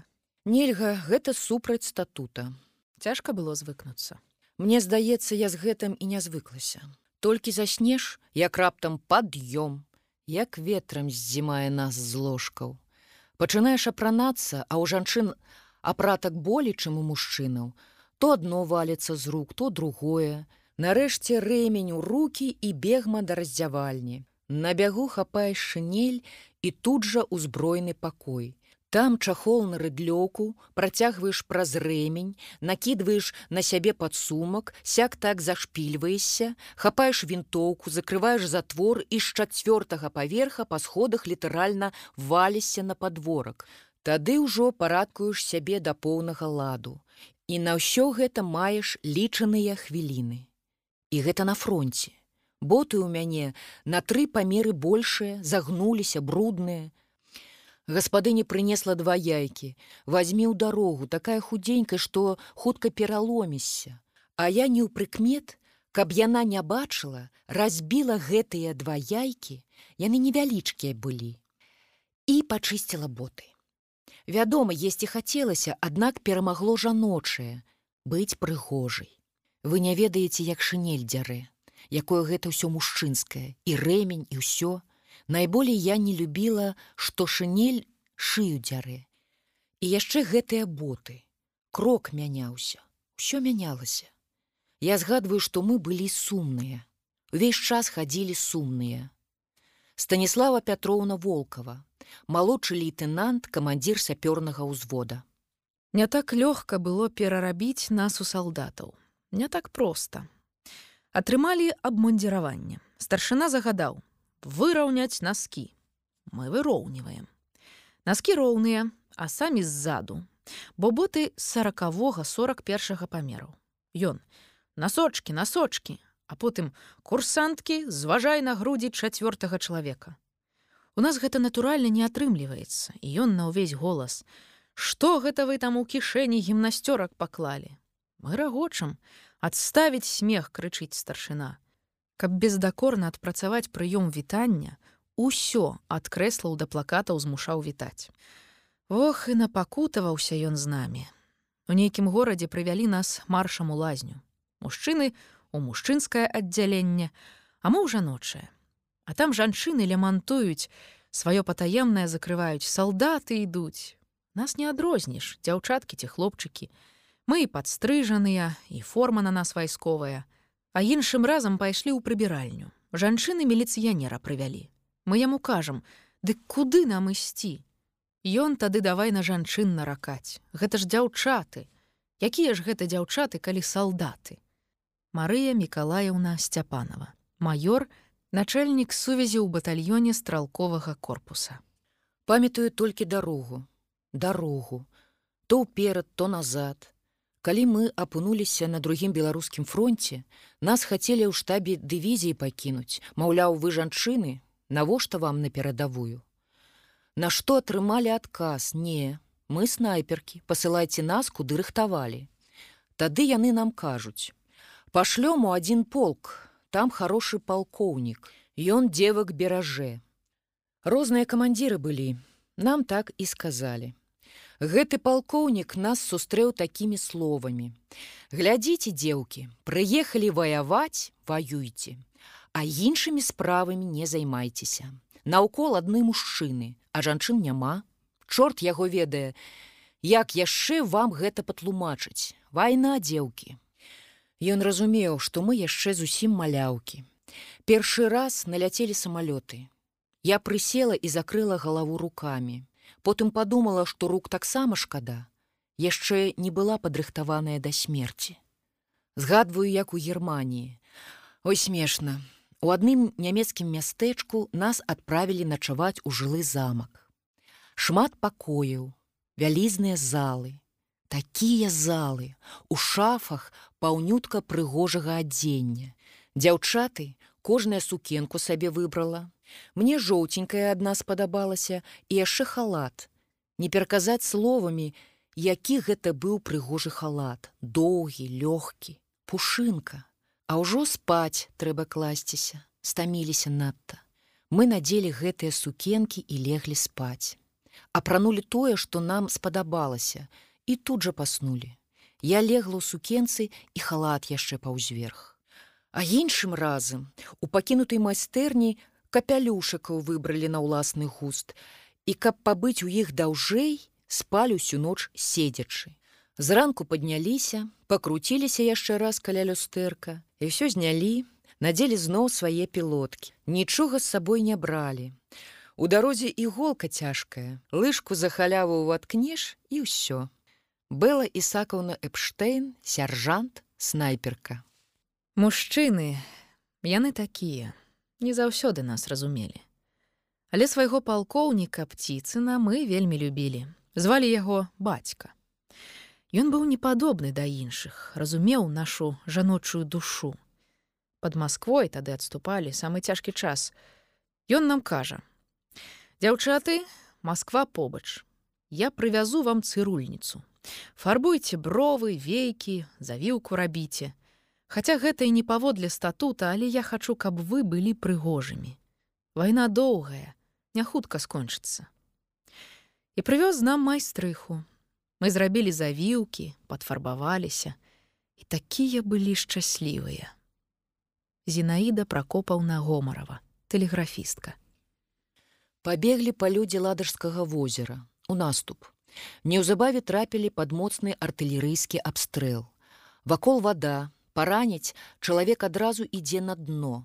Я поўзаю, перавязваю, падпаўзла да аднаго, у яго ногі перабітыя, прытомнасць губляе, але мяне адштурхоўвае і ў свой сідар рэчмяшок значыцца лезе. Свой НЗ шукае, паесці, хаця б перад смерцю. А мы перад тым, як наступаць атрымалі харч. Я хачу яго перавязаць, а ён па сухар лезе. Мужчыны чамусьці вельмі цяжка голад трывалі. Голад для іх быў страшнейшы за смерць. А я пра сябе вось што запомніла. Спачатку баіся смерці. У табе разам і здзіўленне і цікаўнасць, а потым ні таго, ні другога ад стомы, увесь час на мяжы магчымасцяў, за мяжой. Да канца застаецца толькі страх быць непрыгожай пасля смерці. Жаночы страх. Толькі б не раскідала на кавалкі снарадам. Я ведаю, як гэта, сама падбірала. Сафія Канстанціновна Дубнякова, сан-інструктарка. Дажджыла і дажджыла. Бяжым па твані, людзі падаюць у гэтую твань. Параненыя, забітыя, так не хочацца гінуць у балоце, у чорным балоце. Ну як маладой дзяўчыне там ляжаць. А іншым разам гэта ўжо ў беларускіх аршанскіх лясах. Там кусты з чаромхай, пралескі блакітныя. Уся паляна блакітная. Загінуць бы ў такіх кветках, тут ляжаць. А я яшчэ дурная малеча 17 гадоў. Гэта я сабе так смерць тады ўяўляла. Я думала, што памерці гэта як быццам некуды адляцець. Аднойчы ноччу мы размаўлялі пра смерць, але толькі аднойчы. Баяліся вымаўляць гэтае слово. Любоў Іванаўна Асмалоўская, радавая разведчыца. Наш полк быў цалкам жаночы. Вылецелі на фронт у маі 42 -го года. Далі нам самалёт ПО2, маленькі, павольны, лётаў ён толькі на малой вышыні, часта над самай зямлёй. Да вайны на ім вучылі моладзь у аэраклубах, але ніхто не мог падумаць, што яго скарыстаюць і на вайне. Самалёт быў драўлянай канструкцыі, цалкам з фанеры абцягнуты паркалем, папросту кажучы марлей. Даволі было аднаго трапнага стрэлу з зеніткі, як яго ахоплівала поламя і ён згараў у паветры, не даляцеўшы да зямлі, як запалка. Адзіная важкая металёвая канструкцыя гэта сам рухавік М2. Потым ужо напрыканцы вайны нам выдалі парашуты і паставілі кулямёт у кабіне штурмана. А да гэтага не было ніякай зброі. Чатыры бомбатрымальнікі пад крыламі і ўсё. Цяпер нас назвалі б камікадзе, напэўна, мы і былі камікадзе. Так былі. Але перамога ацэньвалася вышэй за нашае жыцці. Перамога. Вас цікавіць, як мы вытрымлівалі. Я вам адкажу. Перад тым, як сысці на пенсію, я захварэла ад адной гэтай думкі, як гэта я не буду працаваць. Навошта тады пасля 50 я скончыла другі інстытут, стала гісторыкам, А так усё жыццё геолог. Але добры геолог заўсёды ў поле, А ў мяне ўжо сілы былі не тыя. Прыехаў доктар, зняў кардыаграму і пытае: калі вы перанеслі інфаркт які інфаркт у вас усё сэрца ў шнарах а гэтыя шнары відаць з вайны Ты заходзіш на цэллю, цябе ўсю трасе, усё цела ў дрыжыках, бо ўсюды агонь, знішчальнікі страляюць, зеніткі расстрэльваюць. Некалькі дзяўчат пакінулі полк, не вытравалі. Лёталі мы звычайна ноччу. Нейкі час нас спрабавалі пасылаць на заданні днём, але хутка адмовіліся ад гэтай ідэі. Нашыя ПО2 падстрэльвалі нават з аўтаматаў. Рабілі да 12 вылетаў за ноч. Я бачыла знакамітага лётчыка Асапа Крышкіна, калі ён вяртаўся з баявога палёту. Гэта быў моцны мужчына. Яму не 20 гадоў і не 23, як нам. Пакуль самалёт запраўлялі, тэхнік паспяваў выкруціць ягоную кашулю. З яе цякло, як быццам ён у залеву трапіў. Цяпер уявіце сабе, што рабілася з намі. Прыляціш, і нават не хапае моцы з кабіны выкраскацца. Не маглі ўжо планшет несці, цягнулі па зямлі. А праца нашых дзяўчат збройніц. Ім трэба было чатыры бомбы, гэта чатыры сотні кіло, падвесіць да машыны рукамі. І так усю ноч адзін самалёт узляцеў, другі апусціўся. Арганізм да такой ступені перайначваўся, што мы ўсю вайну не былі жанчынамі ніякіх у нас жаночых справаў месячных. Ну вы самі разумееце а пасля вайны не ўсе змаглі нарадзіць мы ўсе курылі. І я курыла. Такое адчуванне быццам трохі супакойвайся прыляціш усю лихаманіць закурыш як бы спакайнейшай зрабілася хадзілі мы ў скураных куртках штанах гімнасцёрках узімку яшчэ была куртка з футра Міжволі і хада і рухі ўвогуле зрабіліся трохі мужчынскімі. Калі скончылася вайна, нам пашылі сукенкі хакі. Мы раптам адчулі, што мы дзяўчаты. Александра Сямёнаўна Папкова, гварды лейтенант, штурман. Не так даўно ўзнагародзілі мяне медалём ад чырвонага крыжа. Залаты міжнародны медаль Флоренс Найтынгейл. Усе віншуюць і дзівяцца, як гэта вы маглі выцягнуць 147 параненых. Такая маленькая дзяўчынка на вайсковых фотаздымках. Ды я іх, можа, і 200 выцягнула, хто тады лічыў. Мне і да галавы не было. Мы гэта не разумелі. Ідзе бой, салдаты скрываўленыя, а я буду сядзець і натаваць. Я ніколі не чакала, калі спыніцца атака. Рухалася следам і падбірала параненых. Калі хто скалечаны аскепкам, а я падпаўзу да яго праз гадзіну другую, дык мне там не будзе чаго рабіць. Чалавек застанецца без крыві. Тры разы параненая і тры разы кантужаная. На вайне хто пра што марыў, хто да хаты вярнуцца, хто дайсці да Берліна, А я пра адно думала: дажыць да дня народзінаў, да 18 гадоў. Чамусьці мне страшна было памерці раней, Хадзіла я ў штанах, у пілотцы, абарваная, таму што заўсёды на каленях поўзаеш. Ды яшчэ з цяжарам параненага. Не было нават веры, што калі-небудзь можна будзе падняцца і па зямлі на поўны рост крочыць, а не поўзаць. Гэта толькі мара была. Прыехаў неяк камандзір дывізіі, пабачыў мяне і пытае: « А што гэта ў вас за падлетак? Навошта такога трымаць? Яго трэба адправіць вучыцца. Памятаю, не хапала бінтоў, такія страшныя кулявыя раны, што кладзеш цэлы пакет. З сябе ўсё сподняе зняла, разарвала і хлопцаў прашу: здымайце кальсоны ніжнія кашулі, у мяне людзі гінуць. Яны паздымалі, парвалі на кавалкі. Я іх не саромілася, як з братамі хлопчыкам сярод іх жыла. Ідём, трымаемся ў траіх за руки, сярэдні спіць гадзіну другую, потым змена.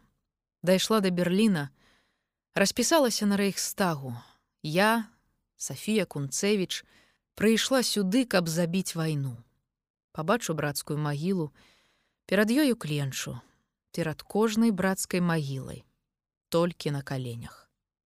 Сафія адамаўна кунцевич старшына сан-інструктар кастралковай роты пра дзявочы дыскант і матроскія забабоны Чула я словы, атрута, словы як камяні.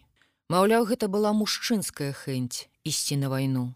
Хіба можа жанчына забіваць. Гэта сапсаваныя, нічога не вартыя жанчыны. Не, тысячу разоў не. Гэта было нармальнае чалавечае памкненне. Пачалася вайна. Я жыла як усе, як усе дзяўчаткі. Але суседка атрымала ліст. Мужа параніла, ляжыць у шпіталі. Я подумала, ён паранены, а замест яго хто? Вярнуўся адзін без рукі, замест яго хто? Другі вярнуўся без нагі, замест яго хто? Я пісала, прасіла, маліла забраць мяне ў войска. Так мы выхоўваліся, што без нас нічога не павінна адбывацца ў нашай краіне. Нас вучылі яе любіць, захапляцца. Паколькі здарылася вайна, мы абавязаныя дапамагаць. Патрэбныя мядсёстры, трэба ісці ў мядсёстры. Патрэбныя зенітчыцы, значыць, трэба ісці ў зенітчыцы. Ці хацелі мы на фронте быць падобнымі да мужчынаў. Першы час вельмі хацелі. Рабілі кароткія стрыжкі, нават хаду іначылі, а потым не фік вам. Так захацелася прыхарошвацца, што цукар не ясі, а беражэш, каб валасы начапурыць. Мы былі шчаслівыя, калі знаходзіўся кацялок вады памыць галаву. Як доўга ішлі, шукалі мяккую траву і рвалі яе і ногі. Ну разумееце, травой змывалі. Мы ж свае адметнасці мелі, дзяўчаты. Армія пра гэта не падумала. Ногі ў нас зялёныя былі. Добра, калі старшына быў сталы чалавек і ўсё разумеў. Не адбіраў з рэч мяшка лішнюю бялізну. А калі малады, дык абавязкова выкіне. А якое яно лішняе дзяўчатам, для якіх часам бывае патрэба два разы на дзень перапрануцца. Мы адрывалі рукавы ад ніжніх кашуль, а іх толькі дзве. Гэта ўсяго чатыры рукавы. Клара Сямёнаўна Ціханович, старшы сяржант зенітчыца. Да вайны я любіла ўсё вайсковае, мужчынскае, звярталася ў авіяцыйную вучэльню, каб даслалі правілы прыёму. Мне пасавала вайсковая форма. Любіла шыхт, рэзкасць, абрывістыя словы каманды.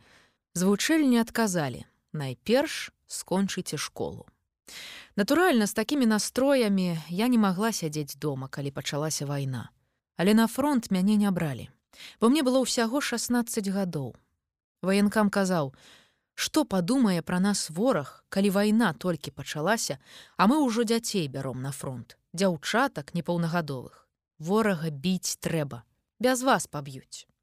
Пераконвала яго, што я высокая, што выглядаю на ўсе 18. Стаю ў кабінеце не сыходжу. Напішыце 18, а не 16 гадоў. Гэта цяпер ты так кажаш. А потым, якімі словамі мяне згадаеш. Пасля вайны я не хацела, ды проста і не магла пайсці ні па адной вайсковай спецыяльнасці. Хутчэй бы скінуць з сябе ўсё вайсковае. А штаны мне да гэтай пары агідныя. Я не апранаю іх нават калі еду ў лес, у грыбы, у ягады. Хочацца насіць толькі ўласцівае мне, жаночае. Клара Васильевна Ганчарова, радавая зенітчыца. Вайна нас падхапіла адразу скончылі вучэльню і ў той жа дзень з'явіліся пакупнікі. Так называлі тых, хто прыязджаў з вайсковых частак адпраўленых на перафармаванне па новых салдатаў. Гэта былі заўсёды мужчыны. Добра заўважалася, што яны нас шкадуюць. Мы на іх аднымі вачамі глядзелі, яны на нас іншымі. Мы імкнуліся з шарэнгаў наперад, хутчэй бы нас заўважылі, узялі, хутчэй бы нам сябе паказаць, А яны стомленыя глядзелі ведаючы, што нас чакае. Усё разумелі. Полк наш быў мужчынскі, усяго 22 жанчыны.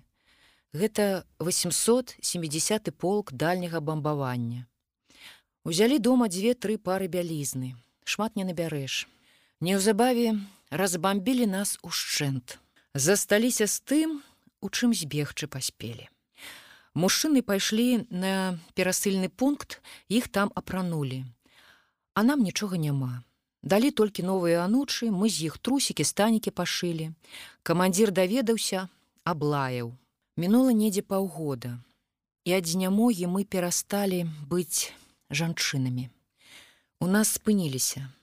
Ну збіўся біялагічны цыкл, зразумела? Вельмі страшна. Страшна падумаць, што ты ўжо ніколі не будзеш жанчынай. Марыя Несцераўна Кузьменка, старшы сяржант, збройніца. Мы упарціліся. Мы не хацелі, каб пра нас сказалі: Ах, гэтыя жанчыны. І намагаліся болей, чым мужчыны, мы яшчэ мусілі давесці, што не горшыя за мужчынаў. Але на нас яшчэ доўга глядзелі зверху, паблажліва, наваююць гэтыя бабы. А як быць мужчынам? Немагчыма быць мужчынам. Нашы думкі гэта адно, а наша прырода гэта іншая, наша біялогія. Ідём, чалавек 200 дзяўчат, а за намі чалавек 200 мужчынаў. Спякота, марш кідок 30 кіламетраў, 30. Мы ідём, а пасля нас чырвоныя плямы на пяску. Сляды чырвоныя. Ну, справы гэтыя, нашыя. Як ты тут што схаваеш? Салдаты рушаць следам і робяць выгляд, што нічога не заўважаюць не глядзяць под ногі. Штаны на нас пазасыхалі, як са шкла зрабіліся, рэзалі. Там раны былі і ўвесь час чуваць было пах крыві. Нам жа нічога не выдавалі. Мы пільнавалі, калі салдаты павесяць на кусты свае кашулі, некалькі штук скрадзем. Яны потым ужо здагадаліся, рагаталі. Старшына дай нам яшчэ бялізны, дзяўчаты нашу забралі. Ваты і бінтоў параненым не хапала, а не тое што. Жаночая бялізна недзе толькі гады праз два з'явілася. У мужчынскіх трусах хадзілі і майках. Ну ідём у ботах. Ногі таксама спякліся, ідём. Да пераправы там чакаюць паромы, дайшлі і тут наляцелі самалёты і пачалі бомбы кідаць. Бамбавалі жудасна. Мужчыны, хто куды пахаваліся, нас клічуць, А мы нічога не чуем. Нам не да бомбаў, мы хутчэй у рэчку, да вады, вода, вода і сядзелі там пакуль не адмоклі пад аскепкамі Вось яно як. Сорам быў страшнейшы за смерць і некалькі дзяўчат у рэчцы загінулі. Можа першы раз тады я захацела быць мужчынам. Першы раз. І вось перамога. Гуляю па вуліцы і не веру што перамога. Сяду за стол і не веру што перамога. Перамога. Наша перамога Марыя Сямёнаўна Каліберда, сяржант сувязістка. Вызвалялі ўжо Латвію, мы стаялі пад даўгапілсам. Ноч я толькі сабралася спаць, чую, вартавы некага спыняе, стой, хто ідзе. І літаральна праз 10 хвілін мяне выклікаюць да камандзіра. Спускаюся ў камандзірскую зямлянку, там сядзяць нашыя таварышы і нейкі мужчына ў цывільным. Я добра запомніла гэтага чалавека. Усе апошнія гады я бачыла мужчынаў толькі ў вайсковым, у шынялях, а ён быў у чорным палітоне з плюшавым каўняром. Патрэбная ваша дапамога, кажа мне гэты мужчына.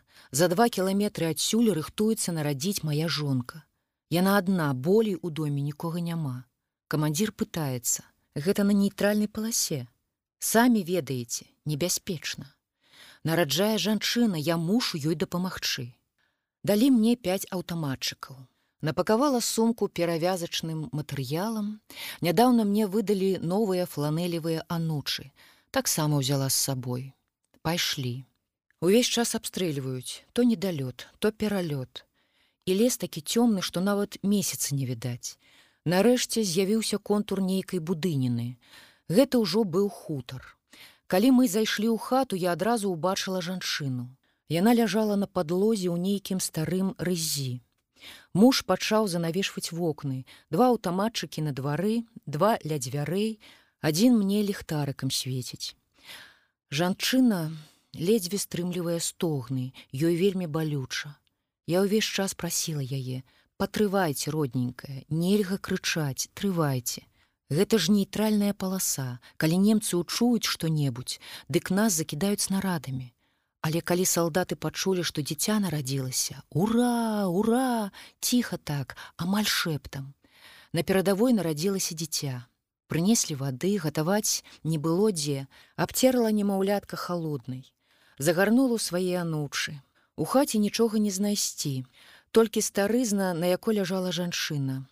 Потым я наведвала хутар яшчэ некалькі начэй. Апошні раз прыйшла перад наступленнем развітацца. Болей я да вас не прыйду, поеду. Жанчына пра нешта запыталася мужа па латыску. Ён пераклаў: « Як вас завуць? Ганна. Жанчына яшчэ нешта сказала і муж зноў пераклаў. Яна кажа, што вельмі прыгожае імя. І ў ваш гонар мы назовём сваю дачку Ганнай. Жанчына трохі прыўзнялася, падняцца яшчэ не магла і працягнула мне прыгожую маціцовую пудраніцу. Гэта была відаць яе самая дарагая рэч. Я прыадкрыла пудраніцу, і гэты пах пудры ноччу, калі вакол страляюць, узрываюцца снарады, гэта было нешта неверагоднае. Я і цяпер плакаць хачу. Пах пудры, гэтая маціцовая накрыўка, маленькае дзіця, дзяўчыначка, все нешта такое хатняе, нешта сапраўднага жаночага жыцця. Ганна Миколаевна Хралович, гвардыі лейтенант фельчарка. Жанчына на флоце. Гэта было штосьці забароненае, нават ненатуральнае. Здавён лічылася, што жанчына прыносіць на карабель бяду. Самая родам з-пад фастава. У нашай вёсцы бабы да смерці дражнілі маму, каго ты нарадзіла дзеўку ці хлопца. А я пісала самому варашылаву, каб мяне прынялі ў ленінградскую артылерыйска-тэхнічную вучэльню. І толькі паводле яго ўласнага загаду мяне туды залічылі адзіную дзяўчынку. Скончыла вучэльню, усё роўна хацелі пакінуць на сушы. Тады я перастала казаць, што я жанчына. Ратавала украінскае прозвішча рудэнка. Але адзін раз усё-такі выдала сябе. Драіла палубу, раптам чую нейкі шум. Азірнулася матрос гоніць котку якая невядома як трапіла на карабель дзе пэўна яшчэ ад першых мараплаваў трымаўся за бабон што коткі і жанчыны ў моры наклікаюць бяду. Котка не хацела пакідаць карабель і вырабляла такія фінты што ёй пазайздросціў бы і футбаліст сусветнага ўзроўню. На караблі смех але ў той момант калі котка ледзь не звалілася ў ваду Я спалохалася ды закрычала. І відаць, гэта быў такі дзявочы дыскант, што мужчынскі смех у момант абарваўся. Чую голас камандзіра. Вахтавы, на карабель праходзіла жанчына. Ніяк не, таварыш камандзір. Тут зноў паніка. На караблі жанчына. Я была першая жанчына, кадравы афіцэр ваенна-марскога флоту. У вайну ўзбройвала караблі, марскую пяхоту, Тады англійская прэса пісала, што нейкае дзіўнае стварэнне, ці то жанчына, ці то мужчына, ваюе ў рускіх на флоце. І маўляў, гэтую ледзі з корцікам ніхто замуж не возьме. Мяне замуж не возьме? Не, пане хорошы, памыляешся, яшчэ як возьме, самы прыгожы афіцэр. Я была шчаслівай жонкай і зрабілася шчаслівай маці і бабуляй. Не мая віна, што муж загінуў на вайне а флот я любіла і люблю ўсё жыццё. Тацяна Пятроўна Рудэнка Шавялёва, капітан, камандзір роты маскоўскага флотскага экіпажа, цяпер падпалкоўніку адстаўцы. Я працавала на заводзе. На ланцуговым заводзе ў нашай вёсцы Михальчыкова кстоўскага раёна горкаўскай вобласці. Як толькі сталі забіраць мужчынаў і адпраўляць на фронт, мяне паставілі на станок выконваць мужчынскую працу. Потым перавялі ў гарачы цэх малатабойцам, дзе кавалі карабельныя ланцугі. Прасілася на фронт, але кіраўніцтва праз розныя хітрыкі затрымлівала мяне на заводзе. Тады я напісала ў райкам камсамола і ў сакавіку 42 -го года атрымала позву. Нас сабралася некалькі дзяўчат. Праводзіла ўся вёска. 30 кіламетраў да горкага ішлі пешу. А там нас раскідалі ў розныя месцы. Мяне накіравалі ў 784 зенітны артылерыйскі полк сярэдняга калібру. Хутка прызначылі першым нумарам наводчыкам. Але мне і гэтага было мала. Я хацела уласнаручна зараджаць грамату. Праўда, гэтая справа лічылася толькі мужчынскай. Трэба было падымаць пудовыя снарады і весці інтэнсіўны агонь у тэмпе 5 секунд на залп. Толькі недарэмна я працавала малатабойцам. Праз год мне далі званне малодшага сержанта і прызначылі камандзірам другой гарматы, абслугу якой складалі дзве дзяўчыны і чацвёра мужчынаў. Ад няспынных стрэлаў ствалы хутка распальваліся да чырвані, і ўжо было небяспечна мусілі насуперак правілам студзіць змочанымі вадой коўдрамі. Зброя не вытрымлівала, а людзі трымаліся. Я моцная, трывушчая дзяўчына, але тут зразумела, што на вайне здольная на большае, чым у мірным жыцці. Нават фізічна, аднекуль з'явіліся невядомыя мне сілы. Пачуўшы парадыя пра перамогу, я падняла падначаленых па трывозе і выгукнула сваю апошнюю каманду. Азімут 1500, вугал узвышэння 10-0, выбухоўка 120 тэмп 10. Сама падышла да замка і пачала салютаваць чатырма снарадамі у гонар нашай перамогі пасля чатырох гадоў вайны. На стрэлы выбеглі ўсе, хто быў на пазіцыі батарэі, а таксама і камбат слатвінскі. За самаўпраўства ён пры ўсіх загадаў арыштаваць мяне, але потым адклікаў свой загад. І мы ўсе разам салютавалі ўжо цяпер з персанальнай зброі, абдымаліся і цалаваліся, пілі гарэлку, спявалі песні, а потым плакалі ўсю ноч і ўвесь дзень.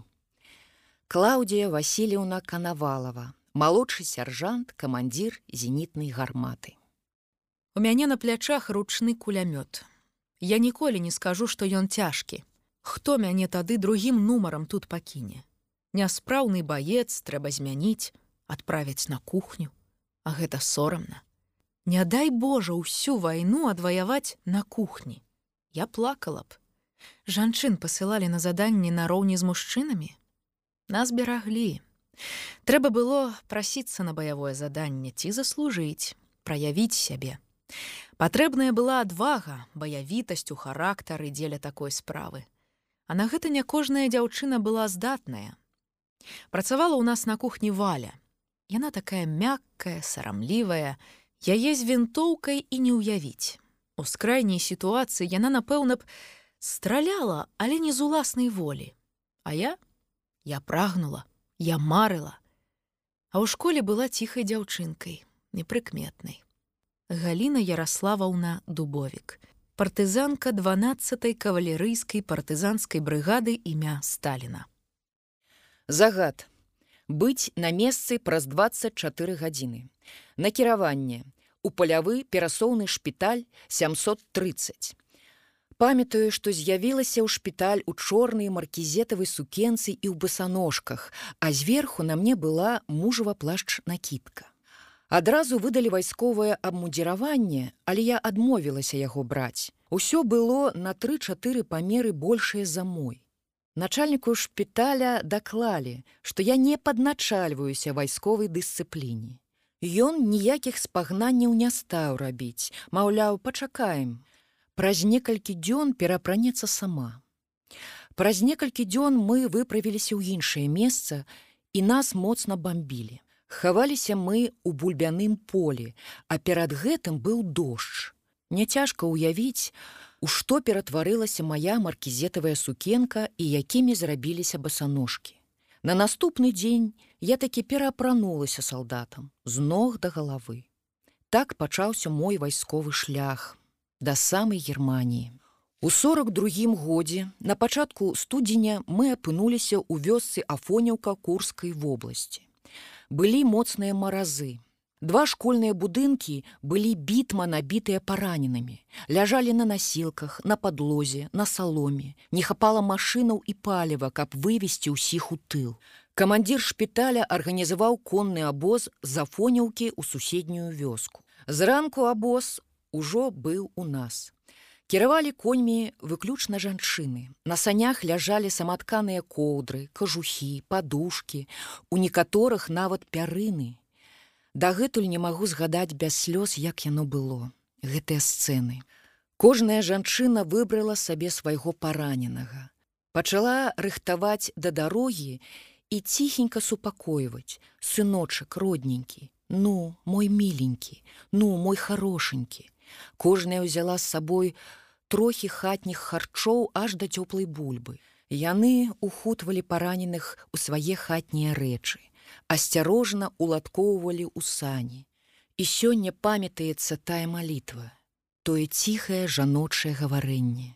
Ну, мой міленькі, ну, мой хорошенькі. Шкада, нават сорамна, што тады мы не запыталіся прозвішчаў у тых жанчын.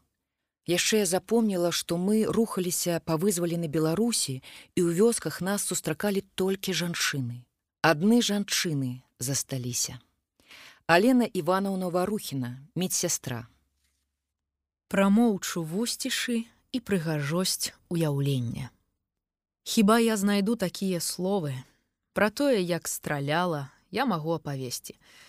А пра тое, як плакала, не. Гэта застанецца нявыказаным. Ведаю адно.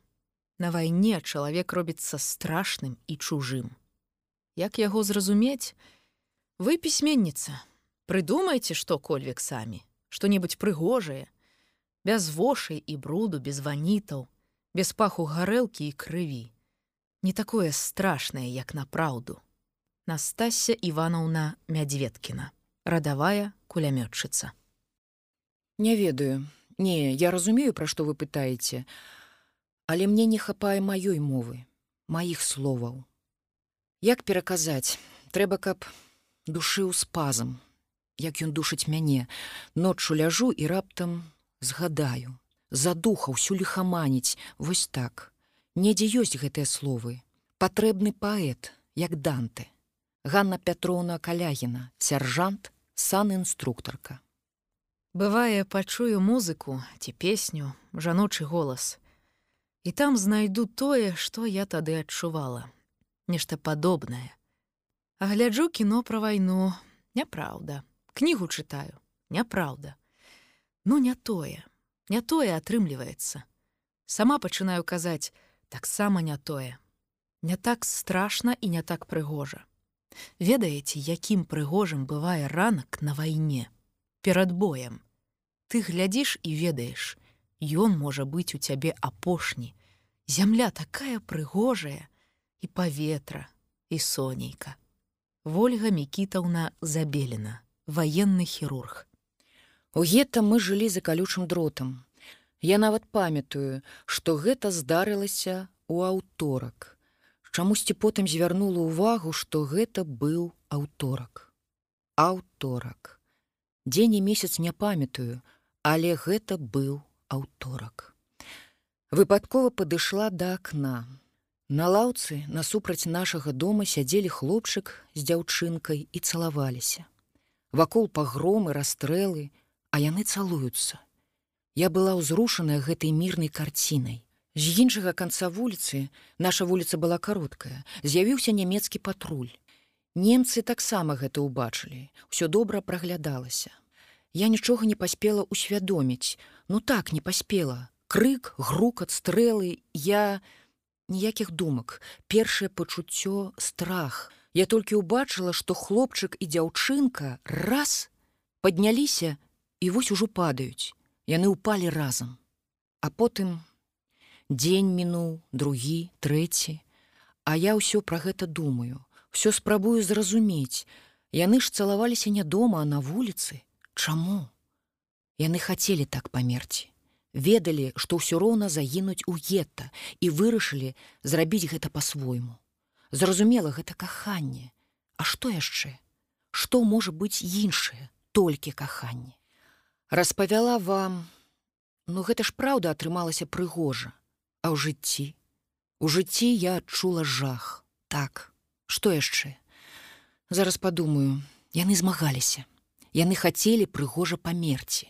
Гэта я ўпэўненая, быў іх выбар. Любоў Эдуардаўна Крэсава, падпольшчыца. Я я не хачу казаць, хаця не. Карацей, пра гэта нельга казаць. Ірына Майсеяўна ляпіцкая радавая стралок.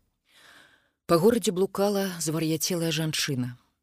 Ніколі яна ўжо не ўмывалася, не расчэсвала валасы. У яе забілі пяць дзетак, усіх і забівалі па-рознаму. Аднаму ў галаву стралялі, другому ў вушка. Яна падыходзіла да чалавека на вуліцы, да любога і казала: « Я раскажу табе, як забілі маіх дзетак. З якога пачаць? З Васілька яму ў вушка стрэлілі, а толіку ў галоўку. Ну, з якога? Ад яе ўсе ўцякалі. Яна была звар'яцелая, таму магла расказваць. Антаніна Альбертаўна Выжутовіч, партызанская медсястра. Адно толькі памятаю, крыкнулі перамога. Увесь дзень стаяў крык: перамога, браткі, перамога. Я спачатку не дала веры, бо ўжо прызвычаілася да вайны. быццам гэта і ёсць жыццё. Перамога. Мы перамаглі. Мы былі шчаслівыя, шчаслівыя. Ганна Михайлаўна перапёлка, сяржант медсястра. Паненкі, а вам вядома, камандзір сапёрнага ўзвода жыве толькі два месяцы. Я ўвесь час кажу пра адно. Так ці інакш да яго вяртаюся. Перадусім я згадваю смерць. Пра іх стасункі са смерцю. Яна ж неадступна была побач, так блізка і ўжо звыкла, як і жыццё. Я спрабую зразумець, як можна было вытрываць сярод гэтага бясконцага досведу памірання. Бачыць з дня ў дзень, думаць, міжволі прымервацца. Ці можна пра гэта распавесці? Што паддаецца словам і нашым пачуццям, а што невымоўнае? Пытанняў у мяне збіраецца ўсё болей, а адказаў усё меней. Бывае, вяртаюся дамоў пасля сустрэч з думкай, што пакута гэта адзінота, глухая ізаляцыя. Іншым разам мне здаецца, што пакута адмысловы спосаб ведаў. Ёсць нешта ў чалавечым жыцці, што іначай нельга спазнаць і перадаць, асабліва ў нас. Так уладкаваны наш свет, так упарадкаваныя мы. З адной гераіняй гэтай часткі кнігі мы сустрэліся ў аўдыторыі беларускага дзяржаўнага універсітэта. Студэнты вясёлай гурмой збіраліся дамоў. Якія мы былі тады, адказала яна пытаннем на маё запытанне. Вось такія, як яны, мае студэнты. Толькі апратка была іншая і ўпрыгожанні больш сціплыя. Металёвыя пярсцёнкі, шкляныя пацеркі, гумовыя тэпці, Не было яшчэ гэтых джинсаў, магнітафонаў. Я глядзела ў спіны гаманкім студэнтам, а расповед ужо пачынаўся. Да вайны мы з сяброўкай скончылі універсітэт, падчас вайны сапёрную школу. Ехалі на фронт ужо афіцэрамі, малодшымі лейтэнантамі. Сустрэлі нас малайцы дзяўчаты, добра, што прыехалі дзяўчаты, але нікуды мы вас не адправім застаняцеся у нас у штабе. Гэта нас так сустрэлі ў штабе інжынерных войскаў. Тады мы разварочваемся і выходзім шукаць камандуючага фронтам маліноўскага. Пакуль мы шукалі, разнеслася чутка, што нейкія дзве дзяўчыны шукаюць камандуючага. Спыняе нас афіцэр і кажа: « Вашы дакументы. Паглядзеў. Чаму вы шукаеце камандуючага, калі вам патрэбна ў штаб інжынерных войскаў? Мы яму адказваем. Нас прыслалі камандзірамі сапёрных узводаў. А хочуць пакінуць пры штабе. Мы будзем патрабаваць, каб толькі камандзірамі сапёрных узводаў і толькі на перадавую. Тады гэты афіцэр зноў адводзіць нас у штаб інжынерных войскаў. І доўга яны там все абмяркоўвалі і абмяркоўвалі. Назбіралася поўная хата афіцэраў і кожны сваё раіць, а нехта смяецца. Але мы зацяліся на сваім. Маўляў, у нас ёсць накіраванне, мы мусім быць толькі камандзірамі сапёрных узводаў. Тады гэты афіцэр, які нас прывёў, разлаваўся. Паненкі, А вы ведаеце, колькі жыве камандзір сапёрнага ўзвода. Камандзір сапёрнага ўзвода жыве толькі два месяцы. Ведаем, таму нам і трэба на перадавую. Рабіць няма чаго. Выпісваюць нам накіраванне. Ну добра мы вас отправим у пятую ударную армію. Што такое ударная армія, вы пэўна ведаеце, сама назва кажа. Гэта ўвесь час перадавая. Якімі толькі жахамі яны нас не палохалі. А мы усцешаныя, згодныя. Прыехалі ў штаб пятай ударнай, там сядзіць інтэлігентны капітан. Ён нас вельмі прыязна сустрэў, Але калі пачуў, што мы згодныя быць толькі камандзірамі сапёрных узводаў, схапіўся за галаву. Не-не, што вы, знойдзем вам работу тут у штабе. Вы што, жартуеце, там жа адны мужчыны і раптам камандзірам будзе жанчына гэта вар'яцтва. Што вы, што вы? Два дні яны нас там апрацоўвалі. Па-простаму кажучы, упрошвалі. Мы не адступалі, толькі камандзірамі сапёрных узводаў. Ад свайго не на крок, але і гэта яшчэ не ўсё. Нарэшце, нарэшце атрымалі прызначэнне. Прывялі мяне да майго ўзвода. Салдаты глядзяць, хто са смехам, хто злосна нават, а іншы так сцепане плячыма адразу ўсё зразумела. Калі камандзір батальёна сказаў, што вось вам новы камандзір узвода, усе адразу ўзвылі у адзін нават сплюнуў тьху. А праз год, калі мяне ўзнагародзілі ордэнам чырвонай зоркі, гэтыя ж хлопцы, хто застаўся жывым, мяне на руках у маю зямлянку неслі. Яны мной ганарыліся. Калі бы вы спыталіся, якога колеру вайна, я б вам сказала колеру зямлі. Для сапёра чорнага жоўтага глінянага колеру зямлі. Кудысьці ідём. Начуем у лесе расклалі вогнішча і гарыць яно. І ўсе сядзяць ціха ціха а нехто ўжо заснуў я засынаю гледзячы на агонь. Я сплю з адплюшчанымі вачыма. Нейкія матылі нейкая жамяра ляціць на агонь. Ляціць усю ноч ні гуку ні шолуху яны моўчкі знікаюць у гэтым вялікім агні. Іншыя следам лятуць. Вось так і мы. Ішлі ды ішлі кацілі валам. Праз два месяцы мяне не забіла. Праз два месяцы мяне параніла першы раз лёгка і я перастала думаць пра смерць Станіслава Пятроўна Волкава, малодшы лейтенант, камандзір сапёрнага ўзвода. У дзяцінстве я пачну з дзяцінства, хаця на вайне найбольш баялася згадваць дзяцінства. Менавіта дзяцінства. Самае пяшчотнае на вайне нельга згадваць. Пяшчотная нельга, табу. Дык вось. У дзяцінстве бацька стрыг мяне нагала машынкай нулёўкай. Гэта мне ўспомнілася, калі нас пастрыглі, і з дзяўчат мы ператварыліся ў маладзенькіх салдацікаў. Некаторыя дзяўчаты спужаліся, а мне было лёгка звыкнуцца, моя стыхія. Недарма бацька ўздыхаў, не дзеўка, а хлопец расце. А ва ўсім было вінаватае адно маё захапленне, за якое мяне не аднойчы каралі бацькі. Узімку я скакала з крутога берага ў засыпаную снегам оп. Пасля урокаў я абрала старыя ватныя бацькавы штаны, адзявала іх і завязвала на валёнках. Ватную фуфайку запраўляла ў штаны і моцна зацягвала папругай. На галаве шапка вушанка, завязаная пад падбароддзям. У такое пранасе, перавальваючыся як мядзведь з нагі на нагу, іду да рэчкі. Разганяюся з усёй моцы і скачу за брыву ўніз. Ах, якое ўзрушэнне адчуваеш, пакуль ляціш у прорву і з галавой знікаеш пад снегам. Дух захоплівае. Спрабавалі са мной разам іншыя дзяўчаты, але ў іх не ўсё атрымлівалася добра. То нагу падверне, то нос падзярэ аб жорсткі снег, ці яшчэ нешта здарыцца. Я ж была спрытнейшая за хлопцаў. Пра дзяцінства згадала, бо не хочацца адразу пра кроў. Але я разумею, гэта важна. Гэта, канешне, важна. Я люблю кніжкі чытаць, я разумею. Прыехалі мы ў Маскву ў верасні 42. Цэлы тыдзень нас цягалі колам па чыгунцы. Спыняліся на станцыях кунцава, пярова, ачакава, і ўсюды з эшалона выгружаліся дзяўчаты. Прыходзілі, як кажуць, пакупнікі. Камандзіры з розных відаў войска агітавалі нас у снайперкі, санінструктаркі, радысткі. Мяне ўсё гэта не вабіла. Нарэшце з усяго эшалона нас засталося 13 чалавек. Усіх змясцілі ў адну цяплушку. У тупіку было ўсяго два вагоны, наш і штабны.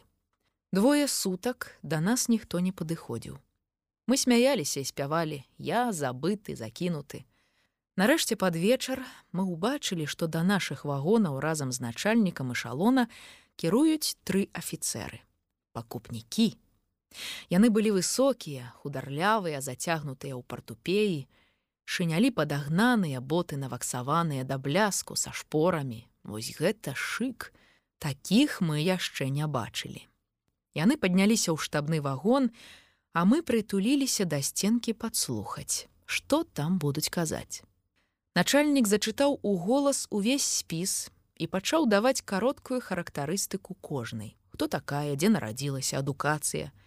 Напрыканцы мы пачулі: усе пасуюць. Тады яны спусціліся з вагона і начальнік загадаў нам пашыхтавацца. Запыталі: « Жадаеце вучыцца мастацтву ваяваць. Ну як мы можам не жадаць, зразумела жадаем, вельмі, марым. Нават ніхто з нас не запытаўся, дзе вучыцца і на каго. Загад. Старэйшы лейтенант мітрапольскі даставіць дзяўчат у вучэльню. Кожная закінула за спіну свой рэчмяшок, сталі па дзве, і павёў нас афіцэр па вуліцах Масквы. Любая Масква, сталіца, нават у гэтую цяжкую пару прыгожая, родная. Афіцэр рухаўся хутка шырокім крокам, мы ледзьве паспявалі за ім. Толькі на сустрэчу ў Маскве ў дзень 30годдзя перамогі Сергей Фёдорович Мітрапольскі прызнаўся нам, былым курсанткам маскоўскай вайсковай інжынернай вучэльні, як яму было сорамна весці нас па Маскве. Ён імкнуўся падалей адысці ад нас, каб на яго не звярталі ўвагі. На гэты дзявочы табун. Але мы таго не ведалі і амаль бегма даганялі яго. Пэўна смешна ўсё гэта выглядала. Дык вось, з першых дзён заняткаў я схапіла два нарады па-за чаргой.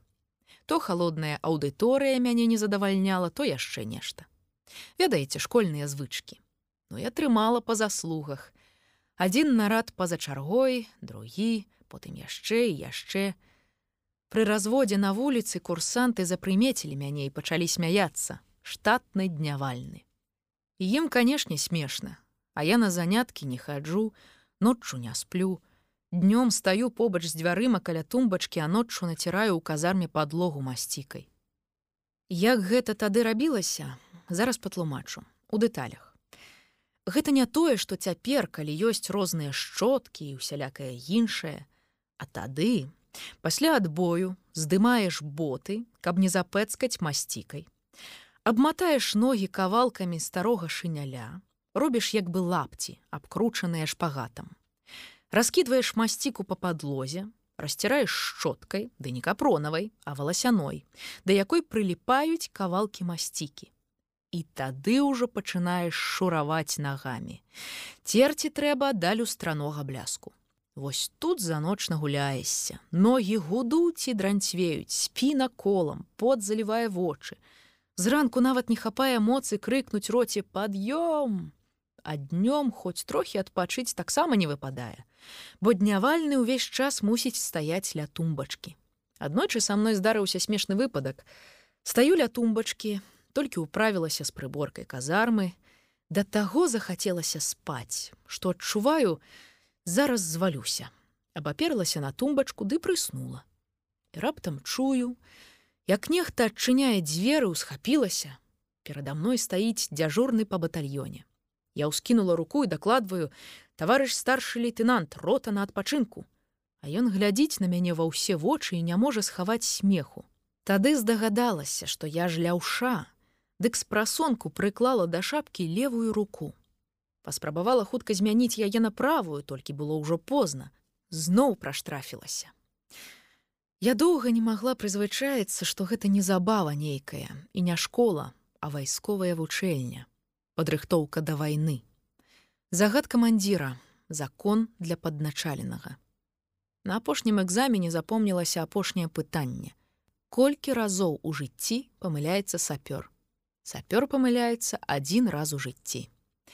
Добра гэта запомні дзяўчынка, а следам вы свабодныя, курсант байрак. І вось вайна, сапраўдная вайна. І мой узвод. Каманда ўзвод смірна, А ўзводы не збіраецца падымацца. Хто ляжыць, хто сядзіць, а хто пацягваецца з хрумстам у костках. Эх! Карацей робіць выгляд, што мяне не заўважае. Ім было крыўдна, што яны, бывалыя мужчыны-разведчыкі, мусяць падначаліцца нейкай двадцацігадовай дзяўчынцы. Я гэта адразу зразумела і тут жа падала каманду адставіць. Тут пачаўся абстрэл. Скочыла ў траншею, а шынель новенькі, дык я легла не на дно ў гразюку, а збоку на нерасталы снег. У маладосці яно так бывае. Шынель даражэйшы за жыццё. Дзяўчо, дурніца, ну і мае салдаты рагочуць. Дык вось. Што такое інжынерная разведка? Ноччу байцы капалі акопчык для дваіх на нейтральнай паласе. Перад світанкам мы з адным з камандзіраў аддзялення паўзлі да гэтага акопчыка, а байцы нас маскавалі. І мы там таіліся цэлы дзень, баючыся лішні раз варухнуцца. Праз гадзіну дзве ўжо мерзнуць руки, хоць на табе валёнкі і кажух, праз чатыры гадзіны ты суцэльны лядзяж, падае снег. Пакрысе ператвараешся ў снежную бабу, гэта ўзімку. А ўлетку даводзілася трываць на спякоце ці пад дажджом, Цэлы дзень уважліва сочым за наваколлем і складаем карту перадавой, у якіх месцах адбыліся змены. Калі заўважым купінку і свежыя камякі зямлі, брудны снег, прымятую траву ці абсыпаную расу на траве, дык гэта тое, што трэба. Нашая справа. Ясна, там нямецкія сапёры рыхтавалі мінныя палі. Калі ж яны паставілі агароджу з калючага дроту, дык неабходна вылічыць яго даўжыню і шырыню. Якія скарыстаныя міны, супрацьпяхотныя, супрацьтанкавыя ці міны нечаканкі высочвалі агнявыя кропкі ворага. Перад наступам нашых войскаў працавалі ноччу. Сантыметра за сантыметрам прамацвалі мясцовасць. Ладзілі калідоры на мінных палях. Увесь час па зямлі поўзалі на пузе. Я ж як чаўнок сноўдала ад аднаго аддзялення да другога. Маіх мінаў заўсёды было болей. У мяне шмат розных выпадкаў. Ды іх на кіно хопіць, нават на цэлы серыял, запрасілі афіцеры на сняданак. Я пагадзілася, сапёрам не заўсёды шчасціла на гарачую страву, пераважна жылі на сухіх пайках. Калі ўсе паселі за кухонны стол, звярнула ўвагу на рускую печку, закрытую заслонкай. Падышла і стала разглядаць. Афіцеры кпілі, маўляў, жанчыне міны нават у чыгунках трызняцца. Я адказваю на жарцікі і тут заўважаю, што ў самым нізе заслонкі з левага боку маленькая дзірачка. Углядаюся больш уважліва і бачу танюткі дроцік, які сыходзіць у печку. Хутка азіраюся і кажу: хата замініраваная, прашу пакінуць памяшканне. Афіцеры сцішыліся і з недаверам пазіраюць на мяне. Ніхто не мае жадання ўставаць ад стола. Пахкае мяса, смажаная бульба. Я яшчэ раз кажу: неадкладна пакінуць памяшканне з сапёрамі тут жа падступіліся да працы. Перакусілі нажніцамі дрот, ну а там, там у печцы ляжала некалькі звязаных шпагатам эмаліраваных літровых кубкаў. Мара салдата, лепей, чым кацялок. А ў глыбе печкі, загорнутыя ў чорную паперу два вялікія скруткі. Кілаграмаў 20 выбухоўкі. Вось вам і чыгункі, рухаліся мы па ўкраіне. Гэта была ўжо станіслаўская цяпер івана-франкоўская вобласць. Узводу было даручана тэрмінова размініраваць цукровы завод. Дарагая кожная хвіліна. Невядома якім чынам замініраваны завод калі падключаны гадзіннікавы механізм дык выбухаў можна чакаць кожны момант. Рушылі паскораным маршам. Надвор'е было цёплым. Я зняла пілотку. Калі праміналі пазіцыі артылерыстаў дальнабойшчыкаў раптам адзін выскачыў з траншеі і закрычаў увага! Рама! Я ўскінула галавою шукаю ў небе раму. Ніякага самалёта не бачу. Цішыня ні скуль ні гуку дзе ж тая рама тут адзін з маіх сапёраў попрасіў дазволу выйсці з шыхту гляджу ён кіруе да таго артылерыста і дае яму кухталя паспела я што-небудзь зразумець, як артылерыст заенчыў хлопцы, нашых б'юць. З траншеі павыскоквалі яшчэ артылерысты і абклалі нашага сапёра. Мой узвод, нядоўга думаючы, пакідаў шчупы, мінашукальнікі, рэч мяшкі і кінуўся яго ратаваць. Пачалася бойка. Я не магла зразумець, што здарылася. Кожная хвіліна на рахунку, а тут невядома, што робіцца. Камандую, узвод, пашыхтавацца ніхто не звяртае на мяне ўвагі Тады я выхапіла пісталет і стрэліла ў паветра. З бліндажа павыскоквалі афіцеры. Пакуль усе сцішыліся, мінула даволі часу. Наблізіўся да майго ўзвода капітан і пытае: хто тут найстарэйшы? Я дакладваю. У яго акругліліся вочы. Ён нават разгубіўся. Затым пытае: што тут адбылося? Я нічога не магла сказаць, бо насамрэч не ведала. Тады выступіў мой памочнік і распавёў, як усё было. Тут я і даведалася, што такое рама, якое гэта крыўднае для жанчыны слова. Нешта накшталт лярвы, франтавая лаянка. А ведаеце, у нас жа шчырая размова. Я не пра каханне, ні пра дзяцінства не дазваляла сабе на вайне думаць. Не пра смерць таксама. Але у нас шчырая размова, дык вось. Я ўжо казала, у мяне было шмат забаронаў дзеля таго, каб застацца жывой. Найперш усё ласкавае і пяшчотнае сабе забараніла. Нават думаць пра гэта, згадваць. Памятаю, што ўпершыню ў вызваленым Львове далі нам некалькі вольных вечароў. Упершыню за ўсю вайну, У гарадскім кінотэатры батальён глядзеў кіно. Спачатку неяк нават дзіўна было сядзець у мяккіх крэслах, бачыць прыгожы інтэр'ер, слухаць утульную цішыню. Перад пачаткам сеансу граў аркестр, выступалі акторы. У фае зладзілі танцы, танчылі польку, кракавяк, падэспань і заканчвалі нязменнай рускай. На мяне вельмі моцна ўздзейнічала музыка. Нават цяжка было паверыць, што недзе страляюць і неўзабаве нам зноў на перадавую, а там побач смерць. Насамрэч ужо праз дзень майму ўзводу было загадана праверыць дарогу ад аднаго мястэчка да чыгункі. Там падарваліся некалькі машынаў, міны. Уздоўж дарогі пайшлі разведчыкі з мінашукальнікамі. Церусіў холодны дожджык, усе прамоклі наскрозь, боты мае набрынялі вадой, зрабіліся цяжкімі як бы жалеза. Я ўваткнула полы шыняля за рамень, каб не блыталіся под нагамі. Паперадзе мяне на шворцы ішла нелька, мой сабачка. Знойдзе снарад ці міну, сядзе каля яе і чакае, пакуль не размінуюць. Мой надзейны сябрук. І вось нелька села, чакае і павісквае. А тут перадаюць па ланцужку лейтенант да генерала. Азірнулася, у баку на гравейцы стаяў віліс. Я пераскочыла праз кювет, на хаду выпрастала полы шыняля, паправіла рэмень і пілотку. Усё роўна выгляд у мяне быў непарадны. Падбегла да легкавіка, адкрыла дзверцы і стала дакладваць. Таварыш генерал, паводле вашага загаду пачула адставіць, выцягнулася па стойцы смерна. Генерал нават не азірнуўся на мяне, а праз шкло машыны глядзіць на дарогу нервуецца і распора зглядзіць на гадзіннік. Я не рухаюся. Ён звяртаецца да свайго ардынарца. Ну, дзе той камандзір сапёраў?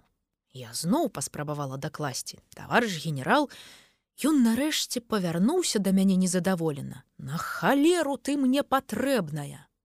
Я ўсё зразумела і ледзь не разрагаталася. Тады ягоны ардынарац першым здагадаўся. Таварыш генерал можа яна і ёсць камандзір сапёраў? Генерал вылупіўся на мяне. Ты хто? Камандзір сапёрнага ўзвода таварыш генерал ты камандзір узвода абурыўся ён. Так таварыш генерал гэта твае сапёры працуюць? Так таварыш генерал заладзіла генерал генерал вылез з легкавіка зрабіў некалькі крокаў наперад потым вярнуўся да мяне пастаяў змерыў вачыма і да свайго ардынарца. Бачыш, а ў мяне запытаўся: « Колькі ж табе гадоў, лейтенант? 20, таварыш генерал, адкуль родам, сібірачка. Ён яшчэ доўга распытваў, прапанаваў перайсці ў іх танкавую частку, абраўся, што я была ў такім заношаным адзенні, ён бы такога не дазволіў. Ім добрыя сапёры моцна патрэбныя. Потым адвёў мяне далей і непрыкметна паказаў на лясок. Вунь там стаяць мае каробачкі. Я хачу прапусціць іх па гэтай чыгунцы. Рэйкі і шпалы знятыя, але насып можа быць замініраваны. Дапамажы танкістам, правер насып. тут больш зручна і бліжэй рушыць да перадавой. Ведаеш, што такое раптоўны удар. Ведаю, таварыш генерал. Ну, будь здаровая, лейтенант. Абавязкова дажыві да перамогі. Яна цяпер не за гарамі, разумееш? Насып сапраўды быў замініраваны. Мы праверылі. Усім хацелася дажыць да перамогі. У кастрычніку 44 наш батальён у складзе 210 асобнага атрада размініравання разам з войскамі чавёртага украінскага фронту ўвайшоў на тэрыторыю Чэхаславакіі. Усюды нас сустракалі з удзячнасцю, кідалі кветкі, садавіну, пачкі цыгарэт, засцілалі на бруку дываны. Тое, што дзяўчына камандае ўзводам мужчынаў, да яшчэ сама сапёр мінёр, сталася сенсацыяй. Я была пастрыжаная пад хлопца, хадзіла ў штанах і кіцелі, паводзіны зрабіліся мужчынскімі, карацей, была падобная да падлетка. Бывала, што заязджала ў вёску на кані вярхом, Тут ужо зусім цяжка было вызначыць, хто вершнік, што праўда, жанчыны сваёй чуйнасцю здагадваліся і больш пільна прыглядаліся да мяне. Жаночая інтуіцыя. Было смешна, цудоўна, Я прыходзіла на кватэру, дзе мусіла спыніцца, і тут гаспадары даведваліся, што іхні кватарант афіцэр, але не мужчына. Ад здзіўлення многія лупілі вочы, нямое кіно, але мне гэта мне гэта нават падабалася. Падабалася здзіўляць такім чынам. Тое самае было ў Польшчы. Згадваю, у адной вёсадцы бабулька пагладзіла мяне па галаве. Я здагадалася, цо пані, рогі на мне шука? Яна засаромілася і сказала маўляў не просто хацела пашкадаваць таку млоду паненку а міны яны на кожным кроку. Мінаў было шмат. Аднойчы зайшлі ў дом нехта першы ўбачыў хромавыя боты каля шафы. Ужо працягнуў руку каб узяць я крыкнула не чапай! Калі агледзелася дык убачыла што яны замініраваныя Сустракаліся замініраваныя крэслы, камоды, серванты, лялькі, жырандолі. Вяскоўцы прасілі размініраваць грады з памідорамі, бульбай, капустай. Каб пакаштаваць варэнікаў, узводу спатрэбілася размініраваць поле з пшаніцай і нават цэп, каб абмалаціць снапы. Дык вось, прайшла Чэхаславакію, Польшчу, Румынію, Германію, а ўражанне ў памяці засталося вобмаль пераважна згадваюцца толькі зрокавыя выцінанкі рэльефу мясцовасці. Камяні, высокая трава, ці то насамрэч яна была высокай, ці нам так здавалася, бо праз яе было вельмі цяжка прабівацца і працаваць шчупамі ды мінашукальнікамі. Трава старая, дзядоўнік вышэйшы за кусты, згадваецца яшчэ мноства ручаін і яроў, лясныя нетры, бясконцыя калючыя загароды з падгнілымі слупамі, зарослыя мінныя палі, утравелыя клумбы. Там часта таіліся міны, немцы любілі клумбы. Аднойчы на суседнім полі капалі рыдлёўкамі бульбу, а мы побач выкопвалі міны. У Румыніі у горадзе дзеж я спынілася ў доме маладой румынкі, якая добра размаўляла па-руску. Выявілася, што яе бабуля руская. У жанчыны было трое дзяцей. Муж загінуў на фронте між іншым у румынскай добраахвотнай дывізіі. Але яна любіла пасмяяцца, павесяліцца. Аднойчы мяне запрасілі пайсці з ёй на танцы. Прапанавала свой гардыроб. Спакуса была вялікая. Я надзела штаны, гімнасцёрку, хромавыя боты, а паўзверх усяго румынскі нацыянальны строй. Доўгую вышытую пад каніне кашулю і вузкую клетку спадніцу з воўны, а ў таліі перахапіла яе чорным пасам. На галаву накінула каляровую хустку з вялікімі кутасамі. Калі яшчэ дадаць, што караскаючыся па гарах за лета я згарэла да чарнаты, толькі на скронях праглядалі белыя кудзеры, ды нос аблупіўся. Дык мяне ўжо можна было не адрозніць ад сапраўднай румынкі, румынскай дзяўчыны. Клуба ў іх не было, збіралася моладзь у прыватным доме. Калі мы прыйшлі, ужо грала музыка, танчылі, я ўбачыла амаль усіх афіцэраў свайго батальёна. Спачатку баялася, што мяне пазнаюць і выкрыюць, таму адседжвалася далёка збоку, каб не прыцягваць да сябе ўвагі. Нават трохі прыкрывалася хусткай. хаця б паглядзець на ўсё. Ну, паназіраю здалёк. Але пасля таго, як мяне запрасіў некалькі разоў на танец адзін з нашых афіцэраў і не пазнаў з нафарбаванымі вуснамі і падведзенымі бровамі, мне зрабілася смешна і радасна.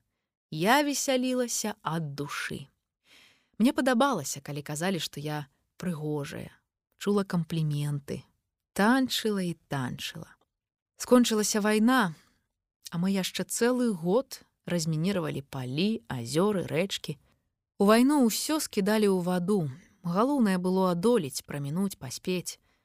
А цяпер трэба было думаць пра іншае, пра жыццё. Для сапёраў вайна скончылася адно праз некалькі гадоў пасля вайны. Яны ваявалі даўжэй за ўсіх. А што такое чакаць выбуху пасля перамогі? Чакаць гэтага імгнення? Не-не. Смерць пасля перамогі самая страшная смерць. Двойчы смерць. Дык вось. У падарунак да новага 46 -го года мне выдалі 10 метраў чырвонага саціну. Я пасмяялася, ну навошта ён мне? Хіба пасля дэмабілізацыі пашыю сабе чырвоную сукенку, сукенку перамогі, як у ваду глядзела. Хутка з'явіўся загад пра маю дэмабілізацыю. Паводле завядзёнкі мне зладзілі ў батальёне ўрачыстыя праводзіны. На вечарыне афіцэры падарылі вялікую тонкай вязкі сінюю хустку. Гэтую хустку я мусіла выкупіць песняй пра сіні платочек. І я ім увесь вечар спявала. А ў цягніку мяне падскочыла тэмпература, апух твар, рот не раскрыць раслі зубы мудрасці. Я вярталася з вайны. Апаліна Ніканаўна Ліцкевіч Байрак, малодшы лейтенант, камандзір сапёрна-мінёрнага ўзвода. Толькі паглядзець адзін раз. А цяпер будзе пра каханне. Каханне адзіная ўласная твая падзея на вайне. Усё астатняе агульнае, нават смерць што было для мяне нечаканасцю, тое, што пра каханне яны казалі менш адкрыта, чым пра смерць. Увесь час нешта не дагаворвалі, як быццам абараняліся, заўсёды спыняліся каля нейкай мяжы. Пільна яе трымаліся. Паміж усімі імі быццам існавала негалосная дамова, далей нельга. Заслона апускалася, ад чаго бараніліся, зразумела, ад крыўдаў і нагавораў ужо мірнага часу. Тады зноў хапіла ліха. Пасля вайны ў іх была яшчэ адна вайна. Не менш страшная за тую, з якой яны вярнуліся, калі нехта адважваўся быць шчырым да рэшты, і тады з адчаем вырывалася прыхаваная, дык напрыканцы абавязкова гучала просьба. Прозвішча маё змяніце. Ці у наш час пра такое не казалі на людзях. Сорамна я чула болей пра рамантычнае і трагічнае. Зразумела, гэта не ўсё жыццё і не ўся праўда, але гэта іх праўда. Як мужна выказаўся адзін з пісьменнікаў ваеннага пакалення, будь ты выклятая, вайна наш зорны час.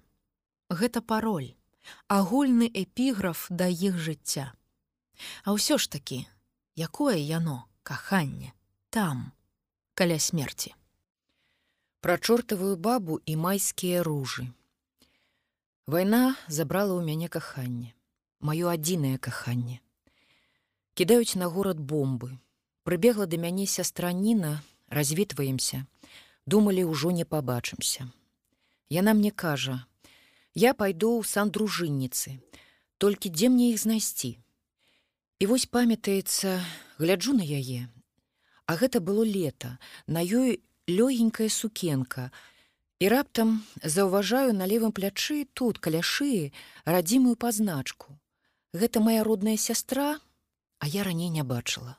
Гляджу і думаю цяпер я тебе заўсёды пазнаю і такое вострае пачуццё такая любоў сэрцам лее з мінска ўсе сыходзілі дарогі абстрэльвалі таму рухаліся лесам недзе дзяўчынка крычыць мама вайна Наша вайсковая частка адступае. Прамінаем разлеглае шырокае поле. Ускаласілася жыта, а каля дарогі нізкая вясковая хата. Ужо смаленшчына. Стаіць жанчына.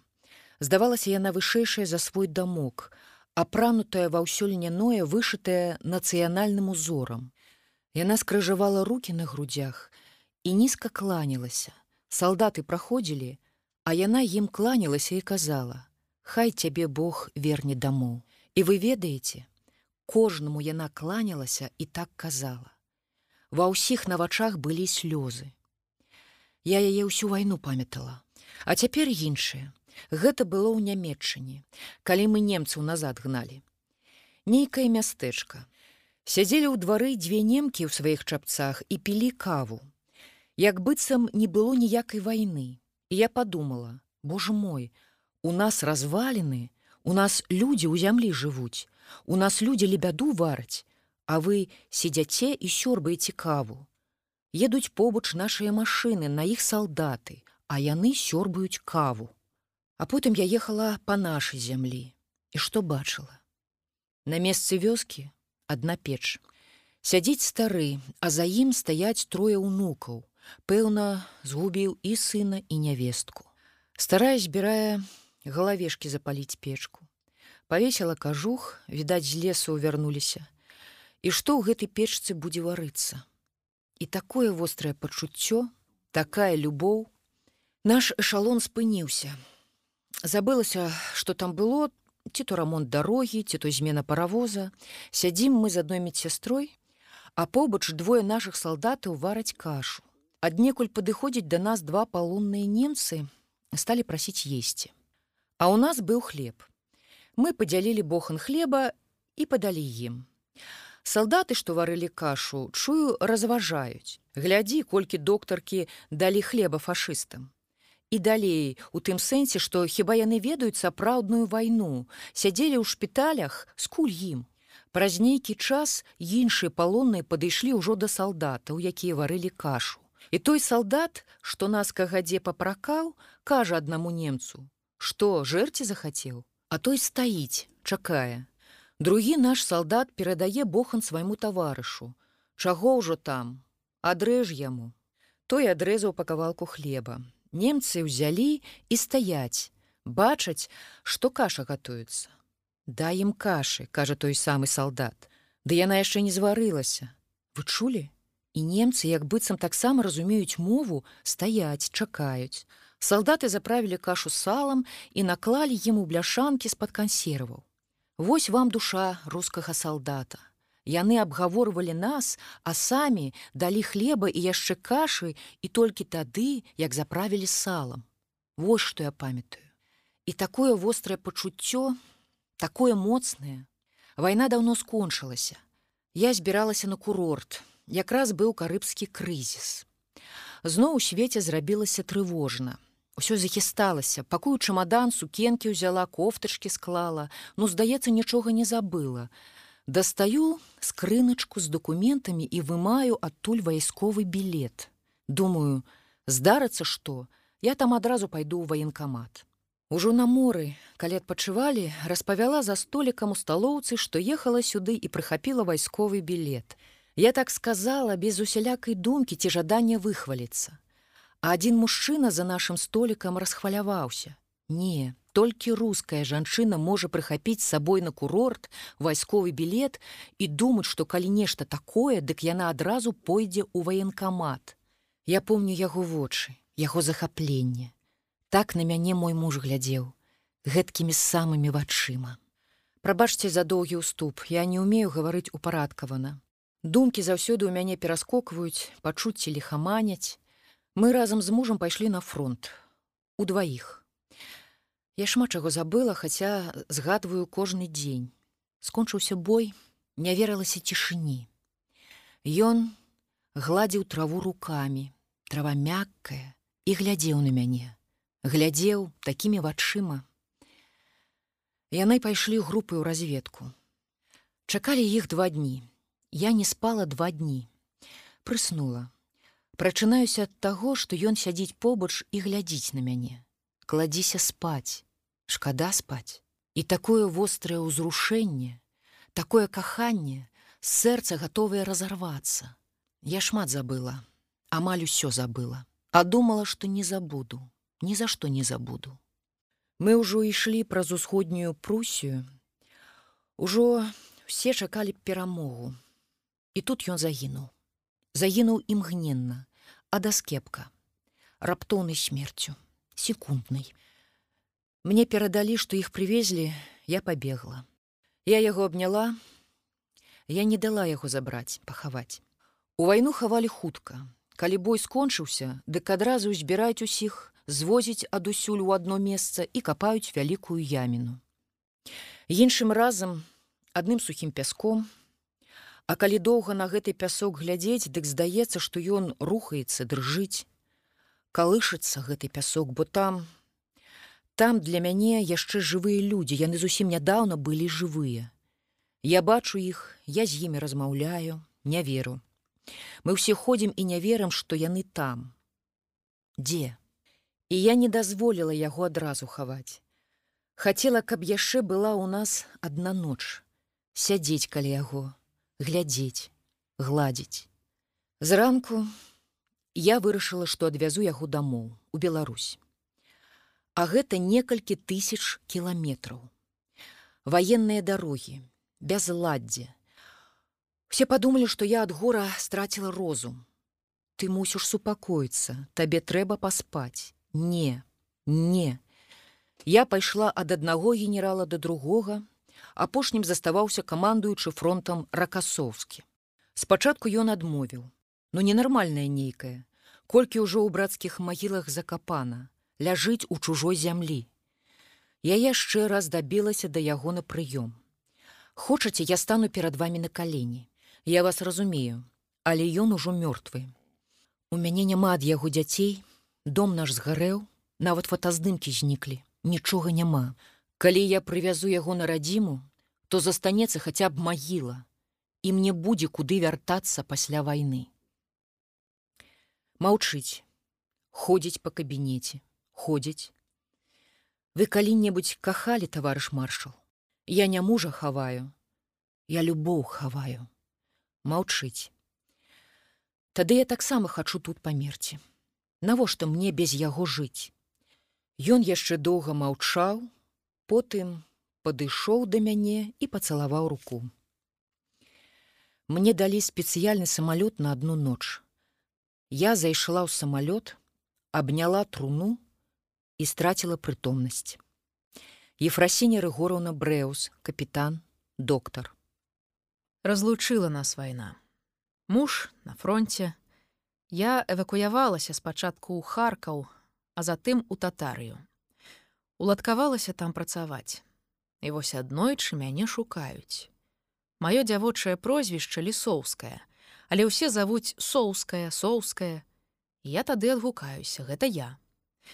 Мне кажуць: ідзіце ў НКВД, бярыце пропуск і выпраўляйцеся ў Маскву. Чаму? Мне ніхто нічога не патлумачыў і я не ведала ваенны час. Еду і думаю, можа, муж паранены, можа мяне да яго выклікаюць, А я ўжо чатыры месяцы нічога ад яго не атрымлівала ніякай вестачкі. У мяне такі намер. Калі яго знайду без рук, без ног, калеку, забяру я адразу дамоў. Неяк будзем жыць. Прыязджаю ў Маскву, звяртаюся па адрасе. Там напісана ЦК КПБ. Гэта значыць наш беларускі ўрад. І там такіх, як я вельмі шмат. Мы цікавімся, што, чаму, навошта. Кажуць, яшчэ пачакайце трошкі. Сабралі нас усіх у вялізнай зале, там наш сакратар ЦК Беларусі таварыш Панамарэнка, іншыя кіраўнікі. У мяне запыталі: ці жадаеце вы туды, адкуль з'ехалі. Ну адкуль я з'ехала з Беларусі, вядома, жадаю, і мяне накіроўваюць у спецшколу пачынаюць рыхтаваць, каб заслаць у тыл ворага. Сёння скончылі навучанне, а ўжо назаўтра пасадзілі нас на машыны і павезлі да лініі фронту. Потым мы пешкі рушылі. Я не ведала, што такое фронт, якая яна нейтральная паласа. Каманда падрыхтавацца, гатоўнасць нумар адзін. Бах! стрэліла ракета. Снег, бачу белы-белы, а тут чорна ад людзей. Гэта мы адзін за адным леглі, наш шмат. Ракета згасла, стрэлаў няма, новая каманда, бягом. І мы пабеглі і так перайшлі. У партызанскім атрадзе мяне нейкім цудам знайшоў ліст ад мужа. Гэта было столькі радасці, так нечакана. Два гады я пра яго нічога не ведала. А тут самалёт скінуў харч, баявы рыштунак і пошту. І сярод пошты у гэтым брызентавым меху мне ліст. Тады я звяртаюся ў ЦК. Я напісала, што на ўсё згоднае толькі каб нам з мужам быць разам. І гэты ліст не ў прыкмет ад камандзіра атрада перадала лётчыку, Неўзабаве даведваемся на віну па сувязі. Пасля выканання задання нашу групу чакаюць у Маскве. Усю нашу спецгрупу. Пашлюць на новае месца. Усе мусяць ляцець, а Фядосенка дык абавязкова. Чакаем самалёт. А гэта ноч цёмна, як у боцы. І нейкі самалёт над намі кружляе, а потым як сыпане бомбамі. Гэта быў мессер Шмидт. Немцы даведаліся пра нашу стаянку, ён зайшоў на новы круг. А ў гэты момант наш самалёт апускаецца ў два. Якраз каля яліны, дзе я стаяла. Лётчык трохі прысеў да зямлі і давай адразу падымацца, бо пабачыў, што немец зараз развернецца і зноў пачне бамбаваць і страляць. Я зачапілася за крыло і крычу: « Мне ў Маскву, у мяне дазвол.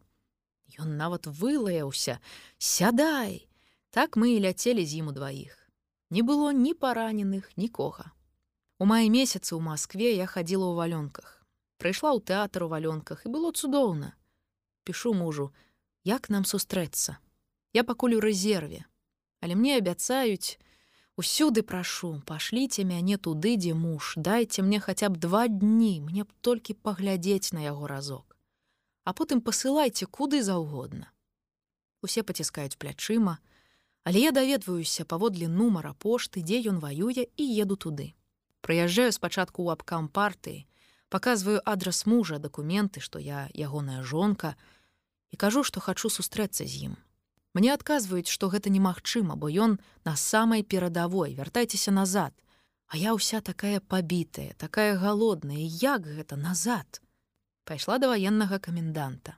Ён паглядзеў на мяне і загадаў, каб мяне трохі прыадзелі далі мне гімнасцёрку рэмень падпярэзацца і пачаў ён мяне адгаворваць ну што вы там дзе ваш муж вельмі небяспечна. Я сяджу і плачу. Тады ён пашкадаваў мяне і выдаў пропуск. Выйдзеце кажа на гасцінец. Там будзе рэгуліроўшчык і ён вам скажа куды ехаць знайшла гэты гасцінец адшукала рэгуліроўшчыка пасадзіў ён мяне на машину Прыязджаю ў участку, там усе дзівяцца вакол толькі вайскоўцы, А вы хто пытаюць. Я не магу сказаць жонка, Ну як такое скажаш, калі вакол снарады бухаюць. Я адказваю: сястра. Нават не ведаю, чаму я так сказала сястра. Пачакайце, кажуць, яшчэ 6 кіламетраў туды трэба ісці. Як гэта я буду чакаць, калі ўжо так далёка дабралася. Але якраз адтуль машына пад абед прыехала. І з ёй быў старшына такі рудаваты, рабаваты. Ён кажа: « Дык я фядосінку ведаю, Але гэта ў самай траншеі. Ну, прасіла яго. Пасадзілі мяне еду, нідзе нічога не бачна, лес, лясная дарога. Для мяне гэта навіна перадавая, а нідзе нікога. Толькі зрэдчас трохі пастрэльваюць. Старшына пытае: « А дзе фядосінка? Яму адказваюць: яны учора пайшлі ў разведку, іх заспеў світанак і яны чакаюць. Але сувязь там была. Яму па сувязі сказалі, што да яго прыехала сястра. Якая сястра, кажуць рыжая, а сястра ў яго чорная. Ну, калі рыжая, ён адразу здагадаўся, якая сястра. Не ведаю, як ён там выпаўзаў, але Фядосенка хутка з'явіўся. І мы там жа зладзілі сустрэчу, радасці было. Пабыла я ў яго адзін дзень, другі, а потым кажу: ідзі ўжо ў штаб і дакладай. Я з табой тут застануся. Ён пайшоў да камандзіраў, а я не дыхаю. Ну, як скажуць, каб у 24 гадзіны нагі яе не было.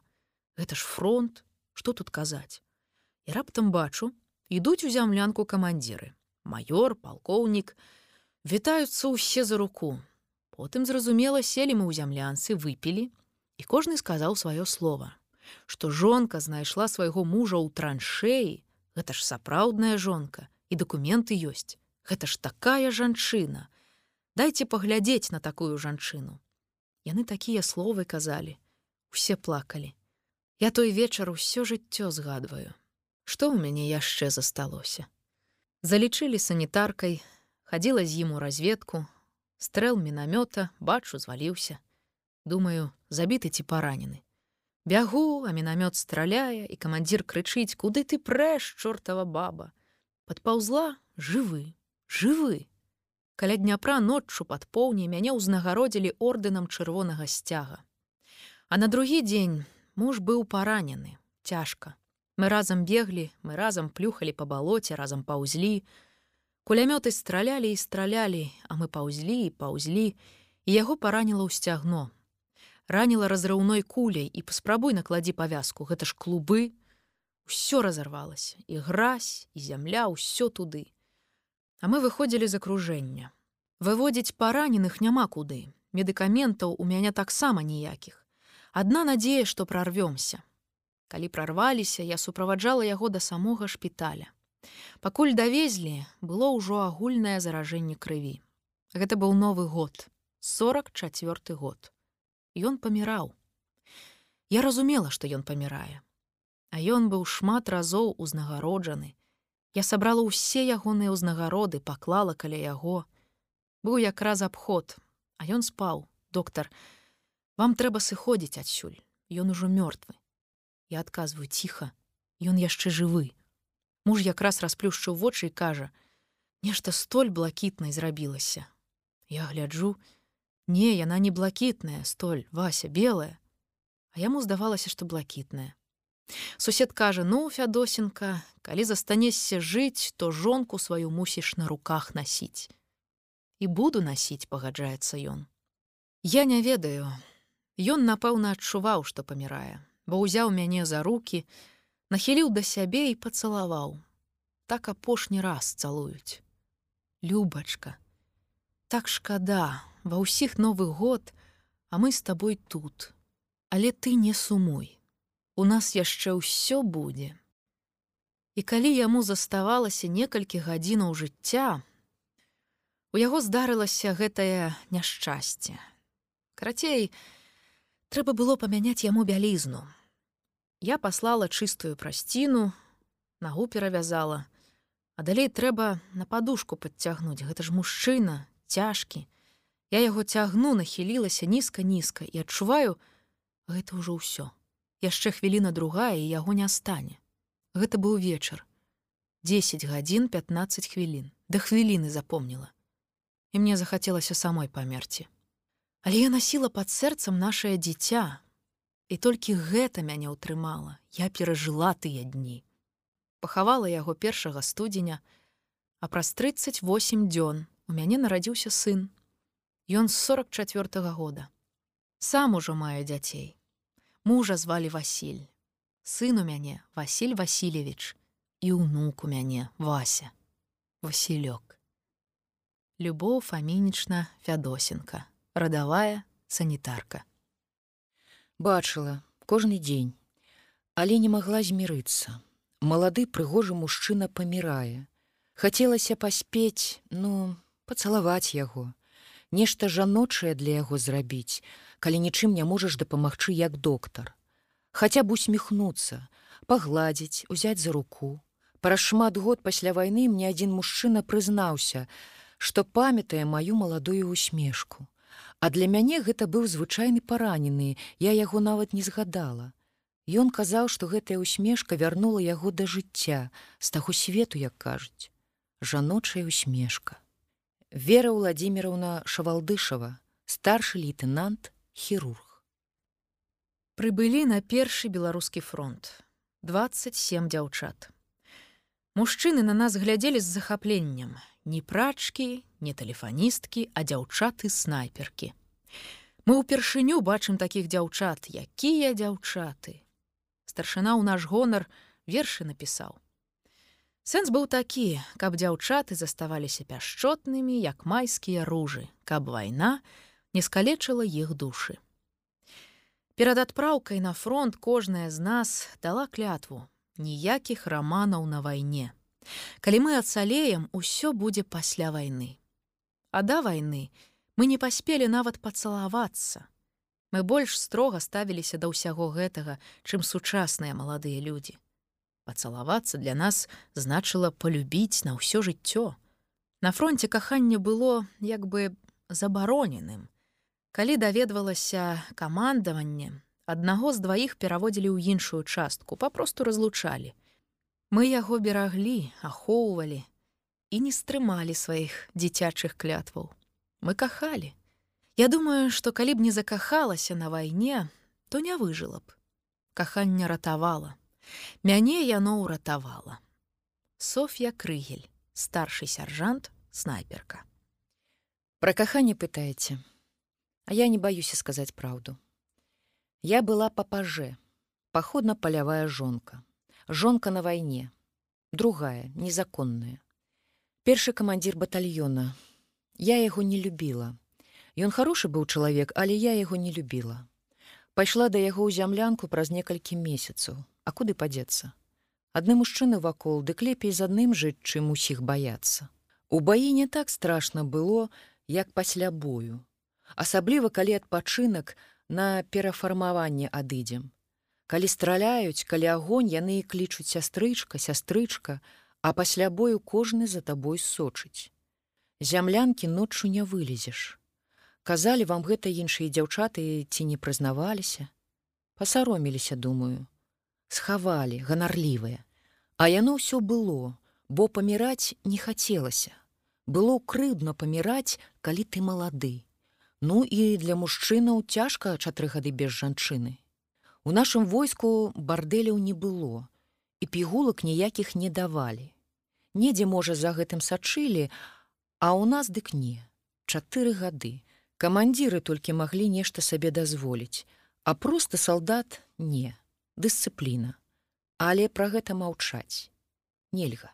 Я, напрыклад, у батальёне была адна жанчына, жыла ў агульнай зямлянцы, разам з мужчынамі. Адасобілі мне месца, але якое яно асобнае. Уся зямлянка 6 метраў. Я прачыналася ноччу ад таго, што махала рукамі, то аднаму плясну па шчоках, па руках, то другому. Мяне параніла, я трапіла ў шпіталь і там махала рукамі. Нянька ночу разбудзіць, ты чаго? Каму распавядзеш? Першага камандзіра забіла мінным аскепкам. Другі камандзір батальёна. Яго я кахала. Ішла з ім у бой, хацела быць побач.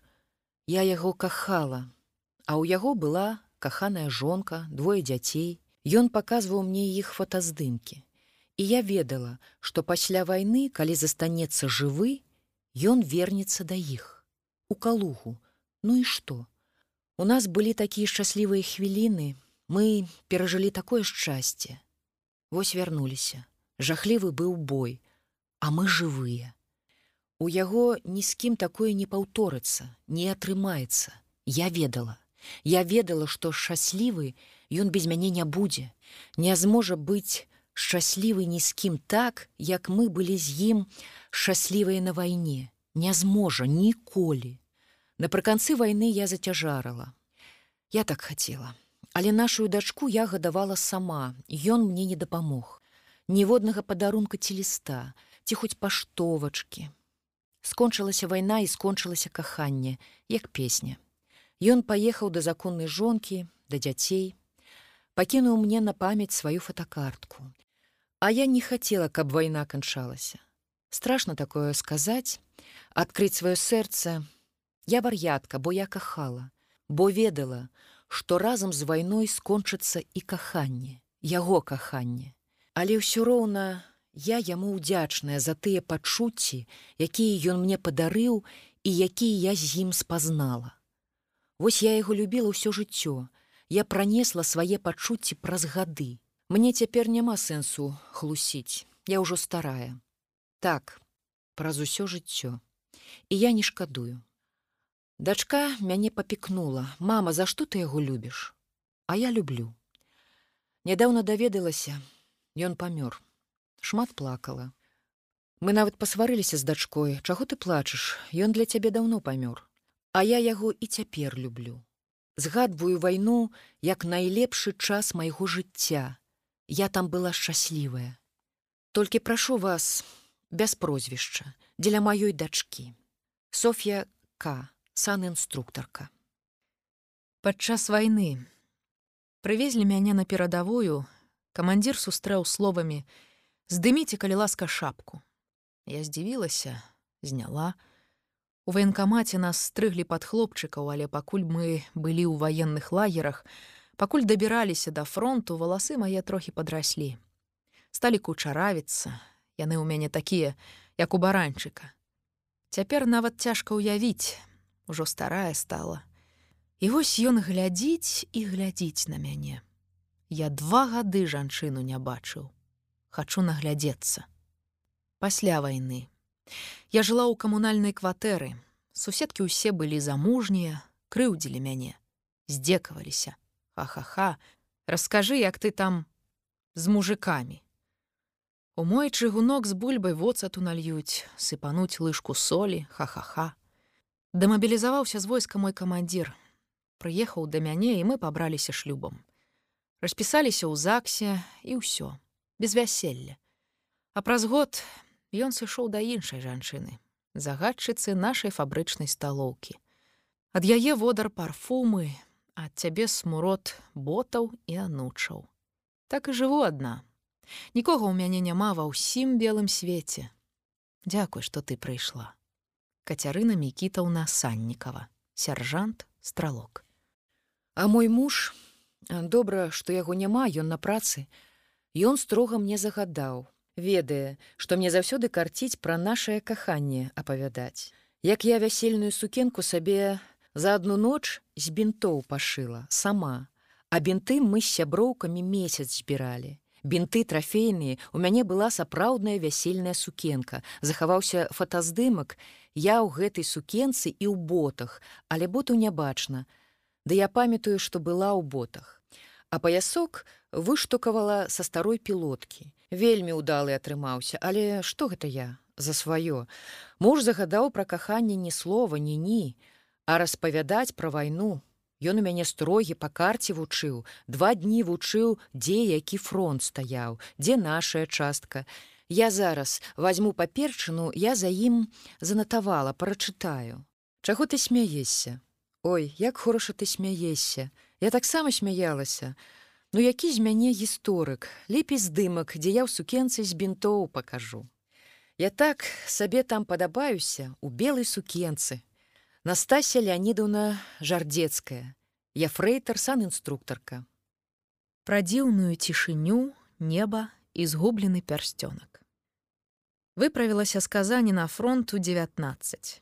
А праз паўгода пісала маме, што мне даюць 25-27 гадоў кожны дзень у страху і жаху. А скепа кляціць, дык здаецца, з цябе здымаюць скуру, і людзі паміраюць. Паміраюць кожны дзень, кожную гадзіну і здаецца кожную хвіліну. Прасцінаў не хапала накрываць.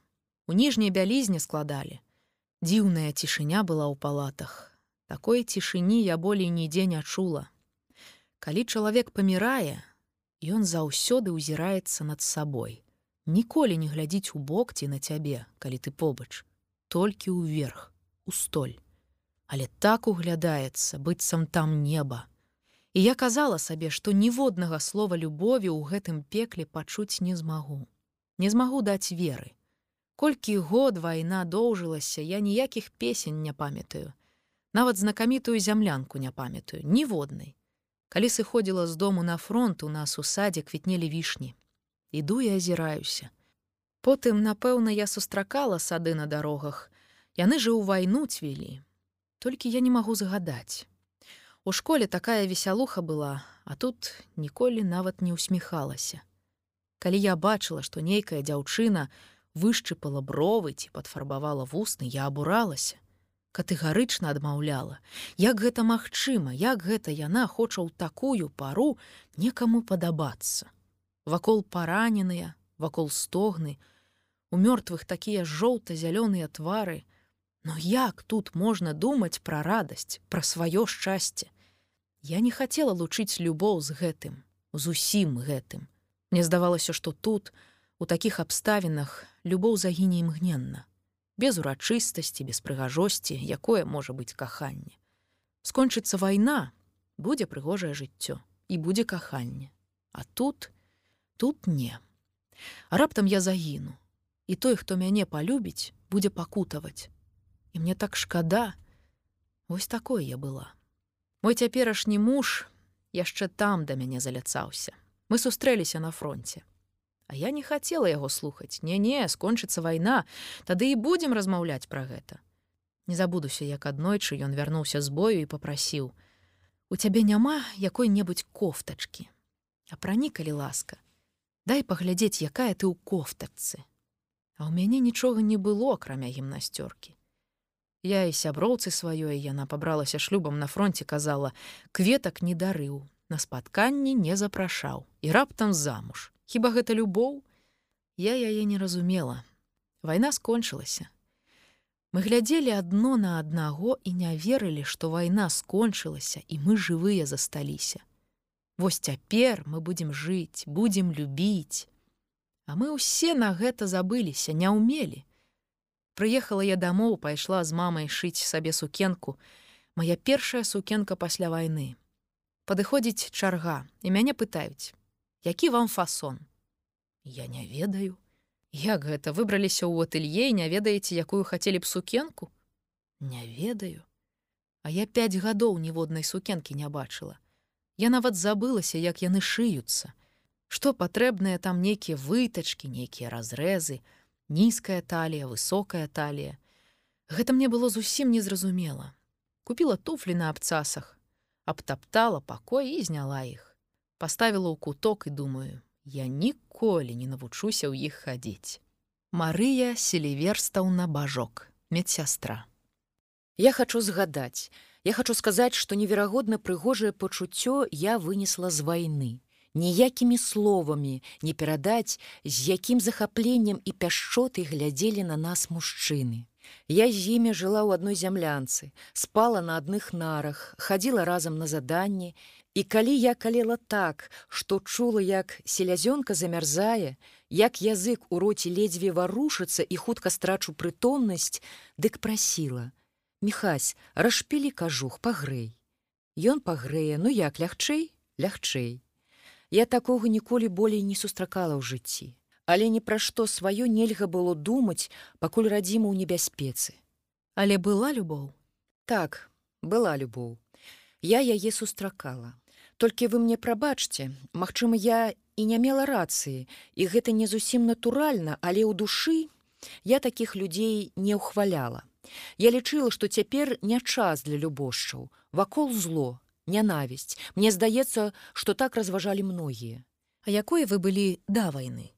Я спяваць любіла, смяяцца любіла, хацела стаць лётчыцай, якія там думкі пра каханне. Яно не было для мяне чымсьці важным, галоўнае радзіма. Цяпер я думаю, што мы былі наіўныя. Алена Віктараўна кляноўская партызанка. У шпіталі яны ўсе былі шчаслівыя, бо засталіся жывыя. Дваццацігадовы лейтенант спачатку пакутаваў, што застаўся без нагі, але сярод уся агульнага гора зразумеў гэта як шчасце. Ён жывы. У яго падумаеш, толькі адной нагі няма. Галоўнае жывы. І любоў у яго будзе, і жонка будзе, і ўсё будзе. Гэта цяпер застацца без нагі жах. А тады яны ўсе скакалі на адной назе, курылі, смяяліся, Яны героі ўвогуле, што вы? Вы там улюбляліся? Вядома, мы ж такія юныя. Як толькі новых раненых прывязуць, мы абавязкова ў каго-небудзь закахаемся. Сяброўка моя захапілася адным старшым лейтенантам. Ён быў увесь зранены. Яна мне показала: Вось ён. Ну і я, канешне, таксама ў яго закахалася. Калі яго забіралі, ён попрасіў у мяне фотаздымак. А ў мяне быў толькі адзін. Недзе на станцыі мы сфотаграфаваліся. Я ўзяла гэты фотаздымак, каб яму аддаць, а потым думаю: раптам гэта не любоў, а я яму апошні падару. І вось яго ўжо нясуць, я руку яму працягнула у кулаку здымак, а расціснуць пальцы пашкадавала. Вось і ўся любоў. Потым паўлік быў, таксама лейтенант. Яму было вельмі балюча, дык я шакаладку под падушку паклала.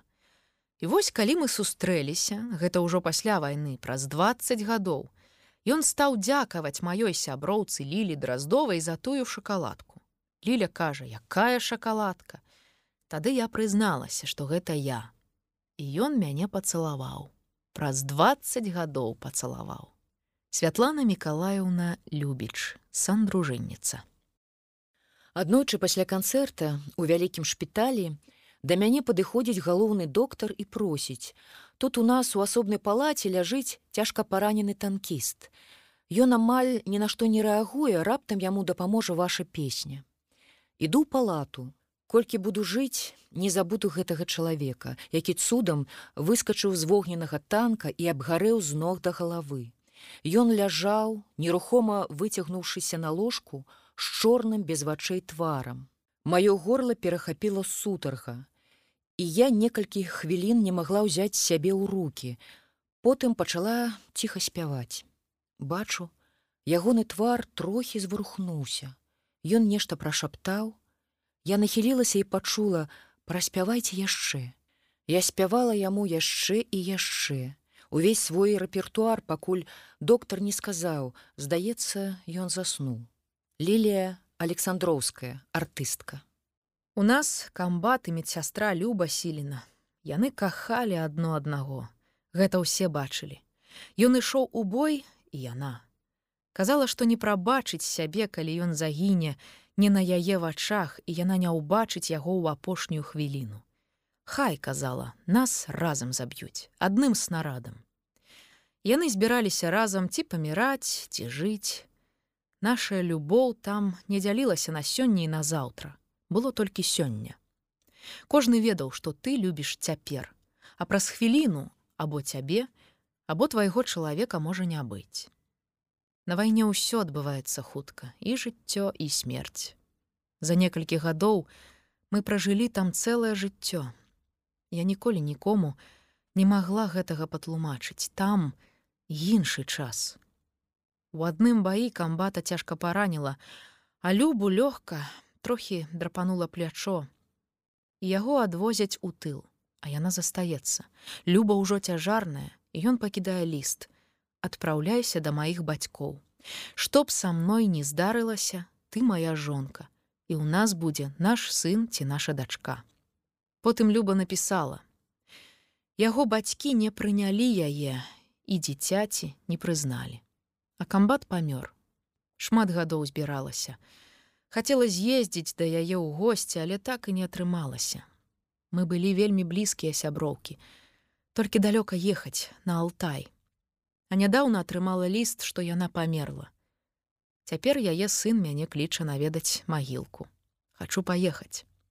Ніна Леонидаўна Михай, старшы сяржант медсястра. Дзень перамогі мы сабраліся на нашу традыцыйную сустрэчу. І вось я выходжу з гасцініцы, а дзяўчаты мне кажуць: « Дзе ты ліля была? Мы так наплакаліся. Тлумачаць, падышоў да іх мужчына, казах, пытаецца: « Вы адкуль дзяўчаты, з якога шпіталя? А каго вы шукаеце? Я кожны год прыязджаю сюды і шукаю адну сястрычку. Яна выратавала мне жыццё, Я яе полюбіў, хачу знайсці. Мае дзяўчаты смяюцца. Ды што там сястрычку шукаць, яна ўжо бабулька. Не. Жонка, пэўна, ёсць, дзеці. Унукі ёсць, дзеці ёсць, жонка ёсць, душу згубіў, душы няма. Дзяўчаты мне гэта распавядаюць, і мы разам згадалі, а ці не мой гэта казах. Прывезлі хлопчыка казаха ну зусім подлетак подступіліся да аперацыі. У яго было сем ці восемь разрываў страўніка. Ён лічыўся безнадзейным. І настолькі ляжаў абыякавы да ўсяго што я яго адразу запрыкмеціла. Як вольная хвіліна дык адразу забягу. Ну як маешся? Унутрывенная сама ў калю тэмпературу памераю і ён урэшце выкраскаўся стаў папраўляцца А мы ў сябе параненых не трымалі доўга, мы на першай лініі. управімся з пільнай дапамогай, выхапем у смерці і накіроўваем далей. І вось яго з чарговай партыі павінны весці. Ён ляжыць на насілках, і мне перадаюць, што кліча мяне. Сястрычка, падыдзі да мяне. Што такое, чаго табе? У цябе ўсё добра, адпраўляюся ў тыл, лічы, што ўжо жывеш. Ён кажа: « Я вельмі цябе прашу. Я адзін у бацькоў. Ты мяне ўратавала і працягвае мне падарунак, пярсцёнак, маленькі такі пярсцёнак. А я такіх не насіла, чамусьці не любіла і я адмаўляюся. Я не магу, не магу. Ён просіць, параненыя падтрымліваюць. Ды возьми, ён жа ад чыстага сэрца. Гэта мой абавязак, разумееце? Угаварылі яны мяне. Праўда, я гэты пярсцёнак потым згубіла. Ён быў мне завялікі. Аднойчы я заснула, а машыну падкінула і ён некуды заваліўся. Шкадавала вельмі. Вы знайшлі таго мужчыну. Мы так і не сустрэліся. Не ведаю, ці той гэта, але мы яго цэлы дзень разам з дзяўчатамі шукалі. У 46 вярнулася дамоў. Мяне пытаюць: ты будзеш хадзіць у вайсковым ці як раней. Зразумела, у вайсковым, нават не падумаю здымаць. Пайшла ўвечары ў дом афіцэраў на танцы. І вось вы зараз пачуеце, як ставіліся да ваенных дзяўчат. Я была ў туфліках сукенцы, а шынель і боты ў гардыробе пакінула. Падыходзіць да мяне адзін вайсковы і запрашае танчыць. Вы, кажа, напэўна, не мясцовае, вельмі інтэлігентна выглядаеце. І ўвесь вечар ён са мной не адпускае.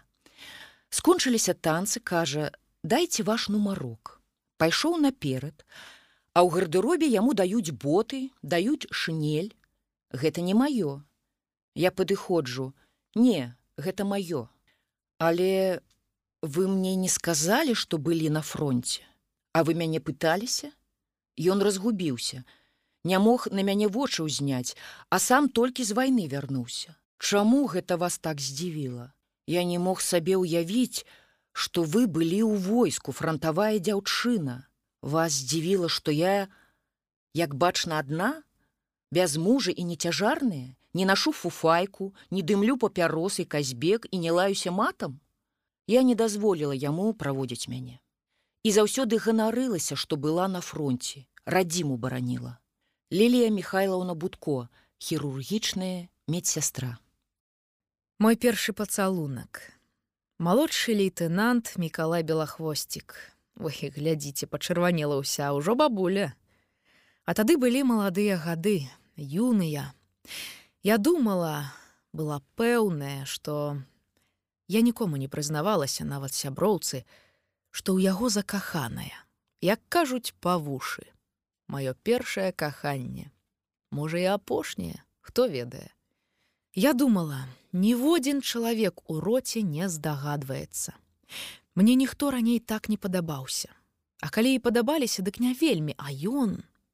Я хадзіла і ўвесь час пра яго думала кожную хвіліну. Гэта было сапраўднае каханне, я адчувала усе прыкметы. А і глядзіце, пачырванела. Мы яго хавалі. Ён ляжаў на плашч палацы, яго толькі-толькі забіла. Немцы абстрэльваюць, трэба хаваць хутка, просто зараз. Знайшлі вялікія бярозы, спыніліся на той, якая падалей ад старога дуба стаяла. самая вялікая.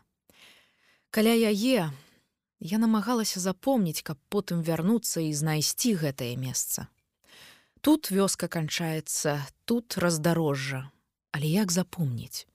Як запомніць, калі адна бяроза на нашых вачах ужо гарыць? Як?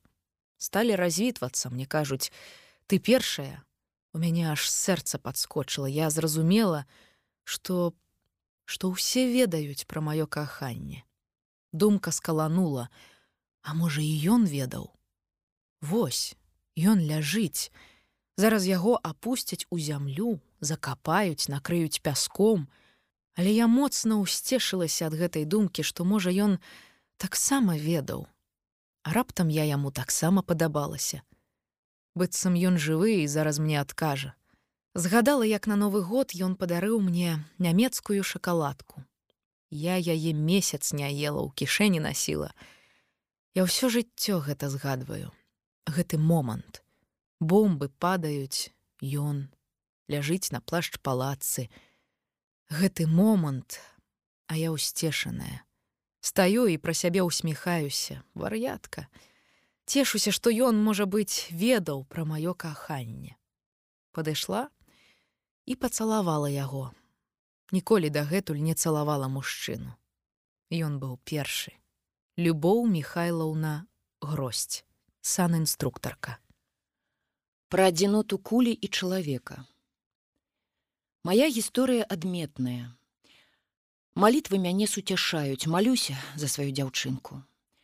Памятаю маміна прыслоўе, яна любіла казаць: куля дура, лёс лихадзей. Былі ў яе такія словы на кожную бяду. Куля адна і чалавек адзін. Куля ляціць куды хоча. І лёс матляе чалавекам як заўгодна, туды-сюды, туды-сюды. Чалавек пёрка, вераб'іная пёрка. Ніколі не ўведаеш сваёй будучыні. Нам не дадзена. Не дазволена асягнуць таямніцы. Мне цыганка варажыла, калі мы з вайны ехалі. Падышла на станцыі, адклікала ў бок. Вялікае каханне абяцала.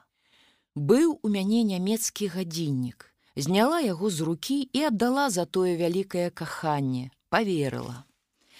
А цяпер не пераплакаць мне таго кахання. Я на вайну весела збіралася па камсамольску, разам з усімі. Ехалі мы ў таварных вагонах, на іх надпіс чорным мазутам: 40 людзей, 8 коней. А нас напхалі сотню чалавек. Стала снайперкай. А магла і сувязісткай быць карысная прафесія і ваенная і мірная, жаночая.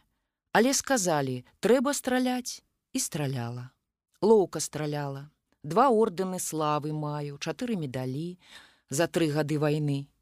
Крыкнули нам перамога, абвясцілі перамога.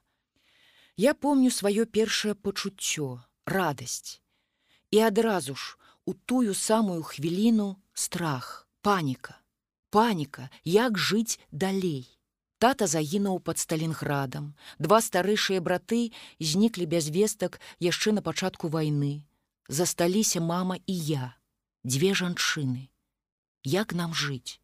Усе нашыя дзяўчаты прызадумаліся збяромся ўвечары ў зямлянцы. Размовы ў нас адно пра тое, што жыццё толькі пачынаецца і радасць і страх. Раней баяліся смерці, а цяпер жыцця. Аднолькава было страшна, шчыра кажу. Гамана, гамана, а потым сядзім і маўчым. Пабяромся шлюбам ці не пабяромся. Праз каханне ці без яго, На рамонках гадалі, вяночки ў рэчку кідалі, свечки плавілі. Памятаю, у адной вёсцы нам паказалі, дзе жыве чарадзейка. Усе да яе, нават некалькі афіцэраў. А дзяўчаты ўсе, яна на вадзе выражыла, па руцэ. Іншым разам у бадзягі з катрынкай паперкі цягнулі, білецікі. Мне шчаслівыя білецікі выпадалі. А дзе яно, маё шчасце? Як нас сустрэла радзіма, Без слёз не магу.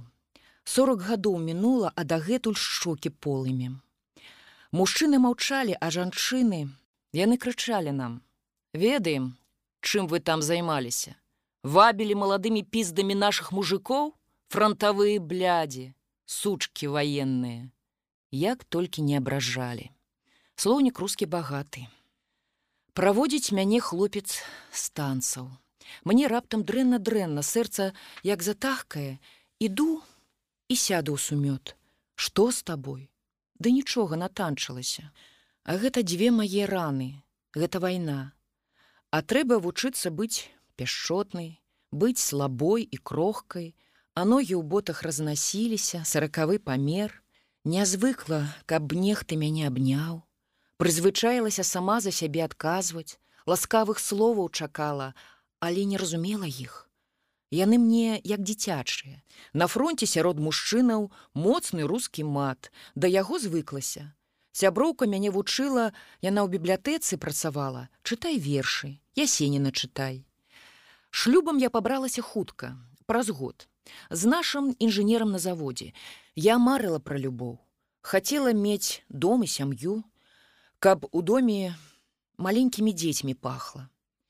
Першыя пялюшкі нюхала, нюхала, не магла нанюхацца. Пах шчасця, жаночага. На вайне няма жаночых пахаў. Яны ўсе мужчынскія. Вайна па-мужчынску пахне. Двое дзяцей у мяне, хлопчык і дзяўчынка. Першы хлопчык, хорошы, разумны хлопчык. Інстытут скончыў архітэктар, А вось дзяўчынка, моя дзяўчынка, яна пачала хадзіць у 5 гадоў. Першае слово мама сказала ўсім. У яе дагэтуль атрымліваецца не мама, а мумо. Не тата, а тато. Яна мне ўсё яшчэ здаецца, што гэта няпраўда, памылка нейкая. Яна ў доме для псіхічна хворых. Ужо 40 гадоў там. Калі я пайшла на пенсію, стала наведвацца да яе кожны дзень. Мой грэх. Ужо шмат гадоў першага верасня купляю ёй новы буквар. Мы чытаем яго цэлымі днямі. Часам, калі вяртаюся ад яе дамоў, дык мне здаецца, што я развучылася чытаць і пісаць, размаўляць. І ні ў чым гэтым я не маю патрэбы. Навошта мне гэта? Я пакараная. За што? Можа за тое, што забівала? І так падумаю. У старасці шмат часу, думаю і думаю. Зранку стаю на каленях гляджу ў акно і прашу бога. За ўсіх прашу на мужа крыўды не маю даўно яму прабачыла нарадзіла дачку. Ён паглядзеў на нас пабыў трохі і сышоў. Сышоў з папрокам. Хіба нармальная жанчына пойдзе на вайну? Навучыцца страляць. Таму ты і нармальнае дзіця нарадзіць не змагла Я за яго малюся. А можа, ён і праўду кажа. Раз пораз і так думаю, мой грэх. Я любіла радзіму болей за ўсё на свеце. Я любіла. Каму цяпер гэта распавесці? Маёй дзяўчынцы, ёй адной. Я згадваю вайну. А яна думае, што я байкі ёй баю. Дзіцячыя казкі, страшныя дзіцячыя казкі. Прозвішча не пішыце, не трэба. Клаўдія С. снайперка. Пра бульбу дробненькую. Была яшчэ адна вайна. На гэтай вайне ніхто не пазначаў на карце, дзе праходзіць нейтральная паласа, дзе пачынаецца лінія фронту. Ніхто не лічыў там усіх салдатаў. Адзінак зброі. Стралялі з зенітных установак, кулямётаў, паляўнічых стрэльбаў, Не было тут ратацыі асабовага складу і генеральных наступаў. Шмат хто ваяваў з уласнай волі і паміраў сам насам. Змагалася не армія, дывізіі, батальёны, роты, а народ. Партызаны і падпольшчыкі. Мужчыны, старыя, жанчыны, дзеці. Талстой называў гэты ўсеагульны парыў дубінай народнай вайны і прыхаванай цеплынёй патрыятызму. А гітлер, Следам за Наполеоном жаліўся сваім генералам, што Расія ваюе не па правілах. Памерці на гэтай вайне было не самае страшнае. Больш страшным было іншае. Уявім сабе салдата на фронте разам з сваёй сям'ёй. Дзеці, жонка, старыя бацькі. Кожную хвіліну трэба быць гатовым іх таксама прынесці ў ахвяру, аддаць на забой. У мужнасці, як і ў здрады, там часта не было сведкаў. У нашых вёсках у дзень перамогі не радуюцца, а плачуць. Шмат плачуць, смуткуюць. Было так страшна, Я ўсіх родных пахавала, я пахавала на вайне душу. В Г Андросік, падпольшчыца. Пачынаюць гаворку ціха, а напрыканцы амаль усе крычаць. Я сведка. Я распавяду пра камандзіра нашага партызанскага атрада, Не трэба называць прозвішчы, бо жывыя яшчэ сваякі ім будзе балюча чытаць. Сувязныя перадалі ў атрад, сям'ю камандзіра забралі ў гестапа, жонку, дзвюх маленькіх дочак і старую маці. Усюды развешаныя абвесткі, на кірмашы раздаюць улёткі. Калі камандзір не здасца, сям'ю павесяць. Тэрмін, каб падумаць два дні. Паліцаі ездзілі па вёсках і ладзілі сярод людзей агітацыю. Чырвоныя камісары не шкадуюць нават уласных дзяцей. Яны пачвары. Для іх няма нічога святога. Скідалі ўлёткі з самалёта над лесам. Камандзір хацеў здацца, хацеў застрэліцца.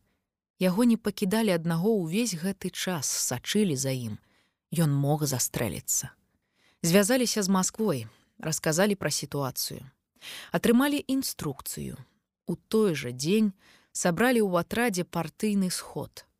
На ім было прынятае рашэнне не паддавацца на нямецкую правакацыю. Як камуніст, ён падначаліўся партыйнай дысцыпліне. Праз два дні паслалі ў горад разведчыкаў. Яны прынеслі страшную вестку. Усю сям'ю павесілі. У першым жа баі камандзір загінуў, неяк незразумела загінуў, выпадкова. Я думаю, ён хацеў памерці. У мяне слёзы замест словаў. Як мне сябе пераканаць, што не трэба маўчаць, як паверыць. Людзі хочуць спакойна і хораша жыць, а не слухаць мяне і пакутаваць. В каратаева, партызанка. І я сябе пераконваю, што трэба ісці далей. Пра кошак з мінай і плюшавую цацку. Я выканала заданне і ўжо не магла заставацца ў мястэчку, сышла ў партызаны. Маму праз некалькі дзён забралі ў гестапа. Брат паспеў збегчы, а маму забралі. Яе там катавалі, дапытвалі, дзедачка, Два гады яна была там. Два гады фашысты яе разам з іншымі жанчынамі штурхалі паперадзе сябе, калі праводзілі свае аперацыі. Яны баяліся партызанскіх мінаў і заўсёды гналі перад сабой мясцовае насельніцтва. Будуць міны, гэтыя людзі загінуць, а нямецкія салдаты застануцца цэлымі, жывы шчыт.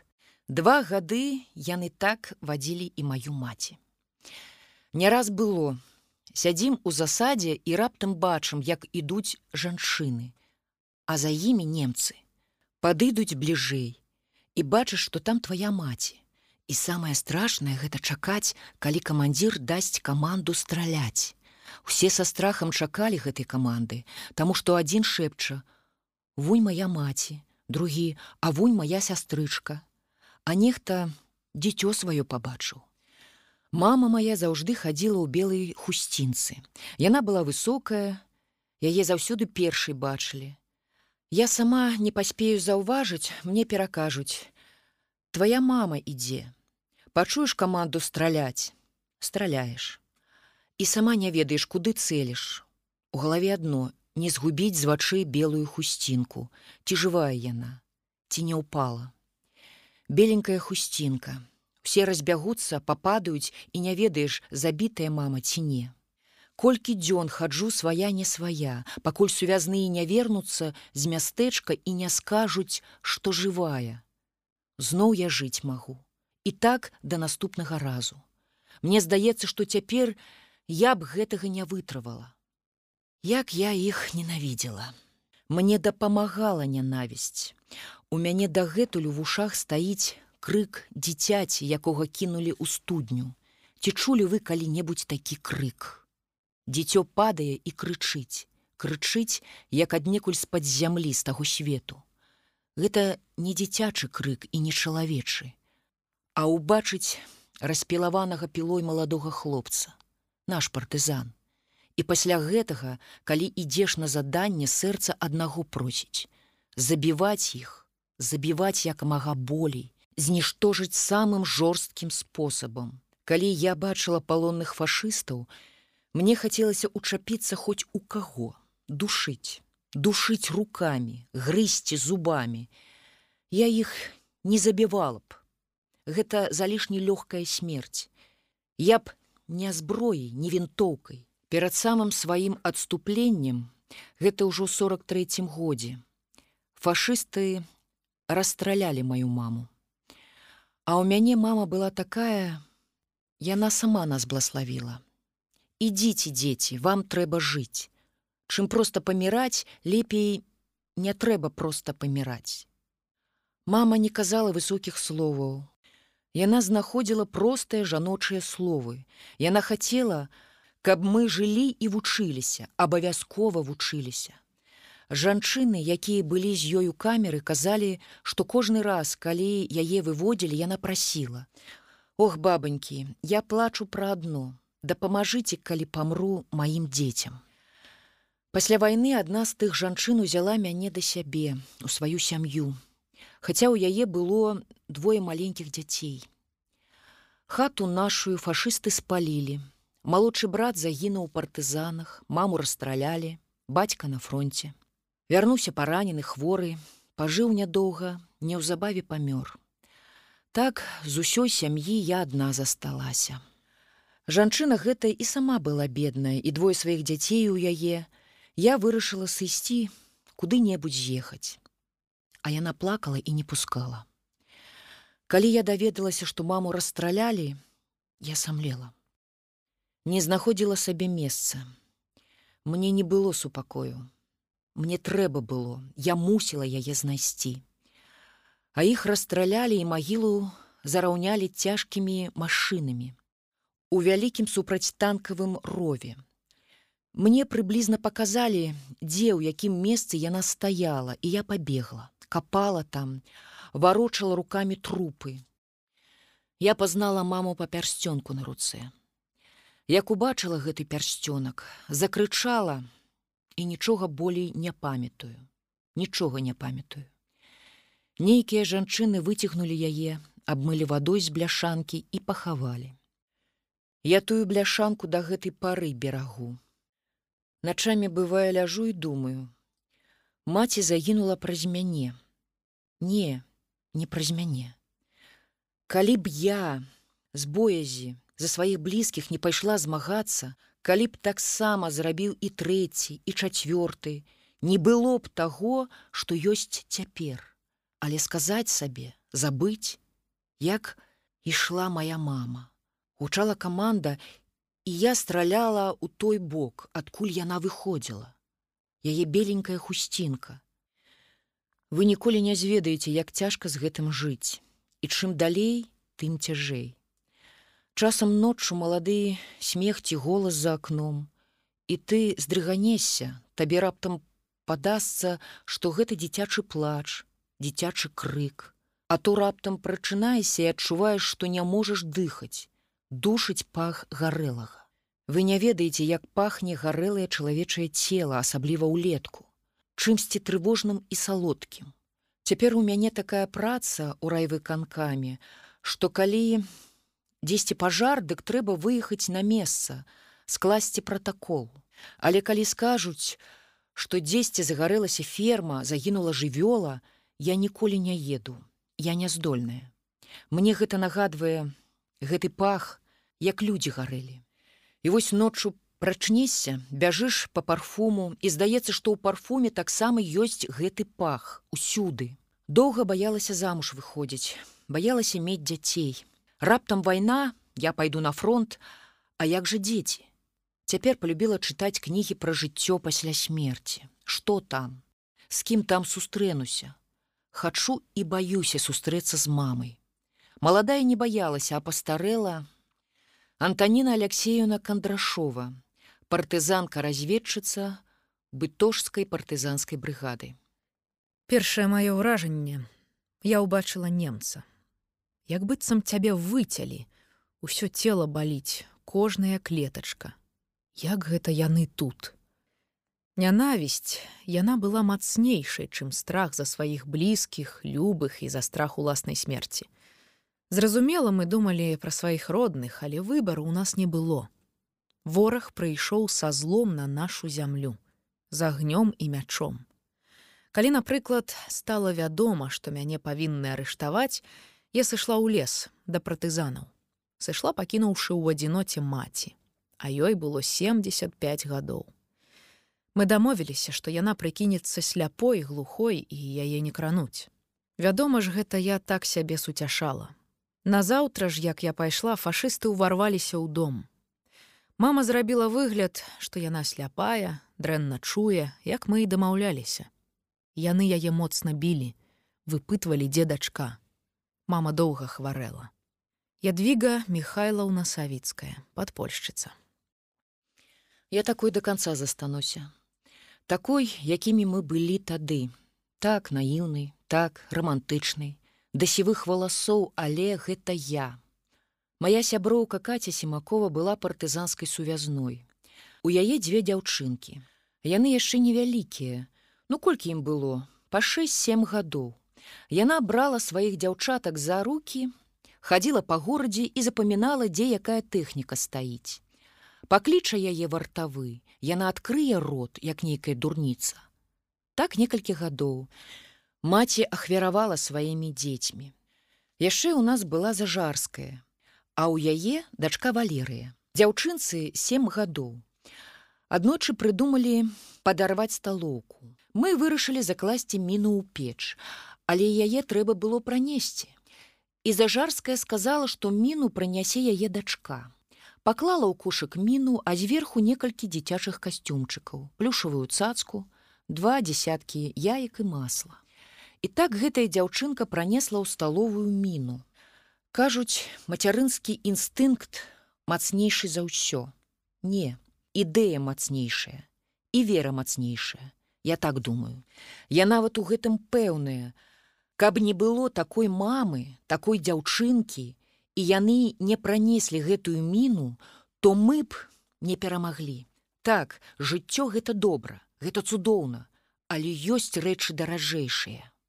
Александра Івановна Храмова, сакратарка антопальскага падпольнага райкама партыі. Былі ў нас у атрадзе браты чымукі. Яны трапілі ў сваёй вёсцы на засаду, адстрэльваліся ў нейкім хляве. Іх падпалілі.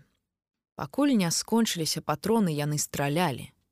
Потым выйшлі абпаленыя, іх вазілі на падводзе, паказвалі, каб хто прызнаўся, чые яны, каб нехта выдаў. Уся вёска стаяла. Стаялі іх бацька і маці. Ніхто ні слова не прамовіў. Якое сэрца трэба было мець маці, каб не ўскрыкнуць, не адгукнуцца. Але яна ведала, калі заплача, тады ўсю вёску спаляць.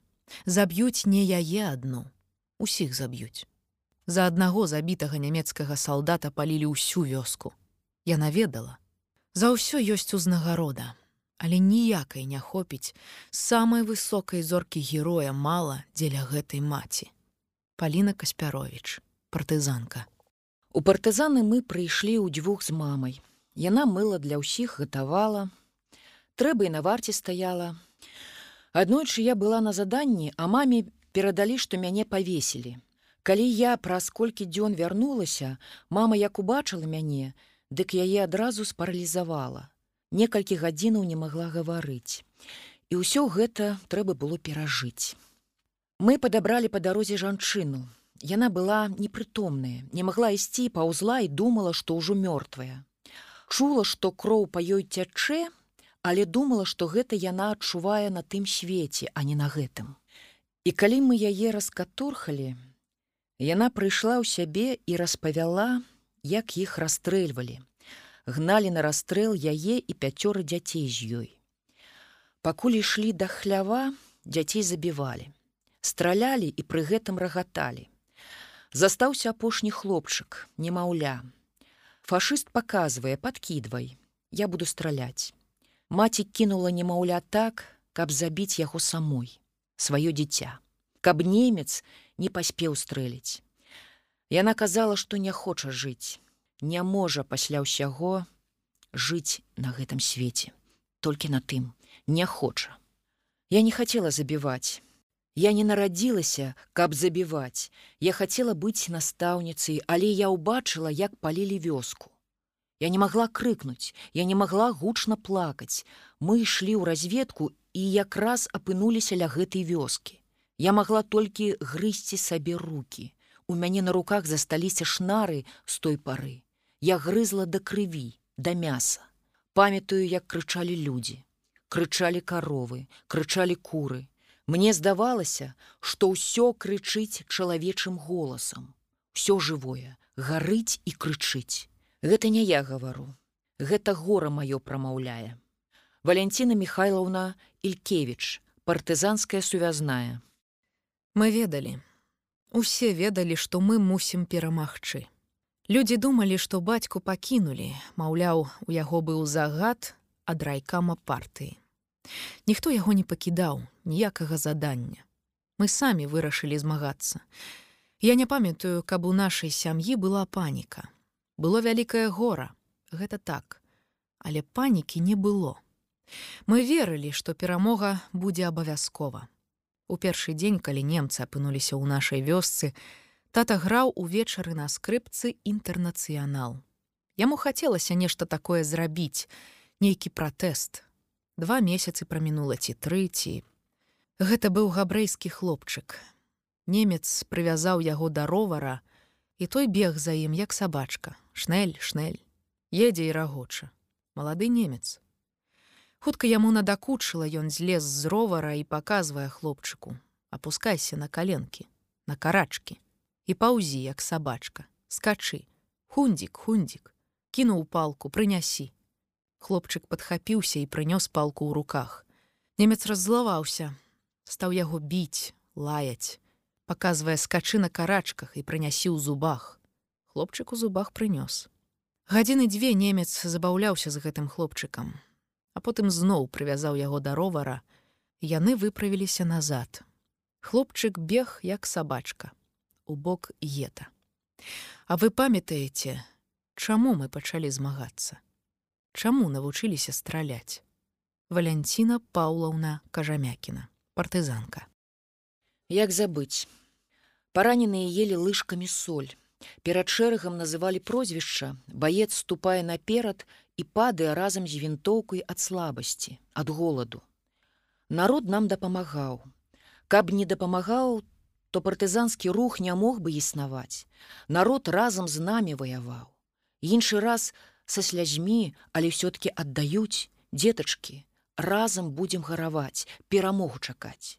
Апошнюю дробненькую бульбу адкладуць, адрэжуць хлеба. У лес нам мяхі збяруць. Адзін кажа: « Я столькі дам, другі, столькі, А ты, Іван, А ты, Маруся, Як усе, так і я, але ў мяне ж дзеці, Што мы без насельніцтва, цэлае войска ў лесе. Аднак без іх мы б загінулі. Яны ж аралі, сеялі, дзяцей і нас падтрымлівалі, апраналі ўсю вайну. Ноччу аралі пакуль не страляюць. Згадваецца, як прыйшла ў адну вёску, а там хаваюць старога чалавека. Яго ноччу забілі, жыта сеяў. Так сціснуў зярняткі ў руцэ, што выпрастаць пальцы не змаглі зернем пахавалі. У нас зброя мы маглі абараняцца, а яны. За тое, што хлеба далі партызану, расстрэл. Я пераначавала і пайшла, А калі хто данясе паліцаем, што я ў гэтай хаце начавала, ім усім расстрэл. А там жанчына адна без мужа, а з ёй трое маленькіх дзяцей. Яна ж не прыганяла нас, калі прыйдзем, і печку напаліць, і памые. Апошнім падзеліцца, ешьте хлопчыкі. А бульба ўвесну дробненькая дробненькая як гарошыны. Мы яму а дзеці на печцы сядзяць плачуць. Бо гарошынкі гэтыя апошнія. Александра никифоровна захарова партызанскі камісар 225 палка гомельскай вобласці першае даручэнне. Прынеслі мне лістоўкі. Я зашыла іх у падушку. Мама слала пасцелі намацала распарола падушку і ўбачыла тыя лістоўкі. Стала плакаць. Ты сябе пагубіш і мяне але потым сама дапамагала. Да нас часта завітвалі партызанскія сувязныя. Распрагуць коней зойдуць что вы думаеце суседзі не бачылі? Бачылі і здагадваліся. Я казала што гэта ад брата з вёскі. Але ўсе добра ведалі што ў мяне ніякага брата ў вёсцы няма Я ім удзячная. Я ўсёй нашай вуліцы мушу пакланіцца. Аднаго слова было дастаткова, каб мы загінулі уся сям'я. Варта было толькі пальцам тыцнуць у наш бок. Але ніхто, ніводзін чалавек. У вайну я так любіла людзей, што ніколі ўжо не змагу іх разлюбіць. Пасля вызвалення іду па вуліцы і азіраюся. Ужо не магла не палохацца, не магла спакойна хадзіць іду і машыны лічу. На вакзале цягнікі доўга адвыкала. Вера Рыгораўна сядова, падпольшчыца. Я ўжо плачу. Слёзы пацяклі. Зайшлі мы ў хату, а там нічога няма. Дзве голыя, габляваныя лаўкі і стол. Нават кубка, здаецца, не было вады напіцца. Усё ў людзей забралі. І толькі абраз у куце, і ручнік на ім вісіць. Сядзяць дзед з бабуляй. Адзін наш партызан зняў боты, анучы такія рваныя, Ён імі ногі абгарнуць ужо не можа. А дождж і гразішча аботы рваныя, І вось гэтая бабуля ідзе да абраза, здымае ручнік і дае яму: Детка, А як жа ты пойдзеш? А болей нічога ў гэтай хаце няма. Вера Сафронаўна Давыдова, партызанка. У першыя дні падабрала я за вёскай двух параненых. Адзін быў паранены ў галаву, у другога салдата аскепак у назе, Сама гэты аскепак выцягнула, а рану заліла газай. Не знайшла нічога іншага. Я ўжо ведала пра газу, што яна дэзінфікуе. Выхадзіла іх, падняла на ногі. Спачатку адзін пайшоў у лес, потым другі. Апошні, калі сыходзіў мне ў ногі. Хацеў мне ногі цалаваць. Сястрычка мілая, Ты ж мне жыццё ўратавала. Не было ні імя, нічога, толькі сястра, брат, Бабы збяруцца ўвечары ў мяне ў хаце, кажуць немцы, што Маскву ўзялі. Ніколі. З гэтымі ж бабамі мы падымалі пасля вызвалення калгас. Мяне прызначылі старшынёй. Было яшчэ ў нас чатыры дзяды і пяць хлопчыкаў 10-13 гадоў. Гэта мае ратаі. Было 20 коней, у іх кароста іх трэба лекаваць, не было ні колаў, ні хамутоў, Рыдлёўкамі бабы зямлю падымалі, на каровах і быках баранавалі. Бачкам хвасты падкручвалі, яны лягуць і іх не падняць. Хлопчыкі дзень барануюць, а ўвечары торбачкі свае развяжуць, ва ўсіх ежа аднолькавая, праснакі. Вы не ведаеце, што гэта такое. Семяшчаў я, абаротнік. Не чулі? Такая трава ёсць. Канюшыну шчыпалі, і ўсё гэта таўклі ў ступе. І пяклі гэтыя праснакі. Такі хлеб горкі горкі. Увосень прыйшла разнарадка. 580 кубаметраў лесу паваліць. З кім? Узяла свайго хлопчыка 12 гадоў і дзяўчынку 10 гадоў. І іншыя бабы так зрабілі. Здалі мы гэты лес. Вера мітрафанаўна талкачова партызанская сувязная распавядаюць восіб георгіевич васюкевич і яго дачка Марыя. У вайну партызанскія сувязныя атрада імя Петракова, брыгады імя ракасоўскага. Восіб Георгіевич. Усё аддаў дзеля перамогі, самае роднае. Сыны мае ваявалі на фронте. Двух пляменнікаў расстралялі за сувязь з партызанамі. Сястру маю, іх маці, фашысты спалілі у яе хаце. Людзі пераказвалі, што пакуль дым не схаваў, Стаяла яна роўненька, як свечка, і абраз трымала. Пасля вайны сонца садзіцца, а мне здаецца, нешта гарыць. Марыя. Я была дзяўчынка. 13 гадоў. Я ведала, што бацька дапамагае партызанам, разумела. Прыходзілі нейкія людзі ноччу, нешта забіралі, штосьці пакідалі. Часта бацька браў з сабой мяне. Пасадзіць на воз, сядзі і не падымайся з гэтага месца. Калі прыедзем куды трэба, ён выме адтуль зброю ці лістоўкі. Потым стаў мяне пасылаць да станцыі. Навучыў, што трэба запамінаць. Я не ў прыкмет схаваюся за кустамі і да ночы там лічу, колькі цягнікоў прамінула. Запамінаю, што вязуць, яно бачна, розная зброя, танкі ці салдаты едуць. Два-тры разы на дзень немцы прастрэльвалі кусты. А ці не страшна было. Я маленькая. Праслізну заўсёды так, што мяне ніхто не заўважыць, а той дзень я добра запомніла. Бацька два разы спрабаваў выехаць з хутара, дзе мы жылі. Пад лесам чакалі партызаны. Два разы выязджаў і два разы яго вярталі патрулі. Насунуліся прыцемкі. Кліча мяне: Марыйка, а маці ў голас не пушчу дзіця, цягне мяне ад бацькі. Але я пабегла праз лес, як ён сказаў. Я там усе сцежкі на памяць ведала, што праўда цемры баялася. Партызанаў знайшла, яны чакалі. Усё перадала, што бацька сказаў. А калі вярталася назад, ужо віднець пачало, як абмінуць нямецкія патрулі. Кружляла па лесе, кружляла і правалілася ў возера. Бацька ў пінжак, боты, ўсё патанула. З палонкі выкараскалася. Бегла па снезе басанож. Захварэла і як злегла, дык з ложка ўжо і не паднялася. Ногі адняліся. Дактароў і лекаў тады не было. Мама лекавала адварамі страваў, гліну прыкладала. Пасля вайны павезлі да дактароў, але ўжо было позна. Засталася я ляжаць. Магу пасядзець, але нядоўга. Ляжу і гляджу ў акно. Вайну згадваю. Восіп Георгіевич, я яе на руках нашу.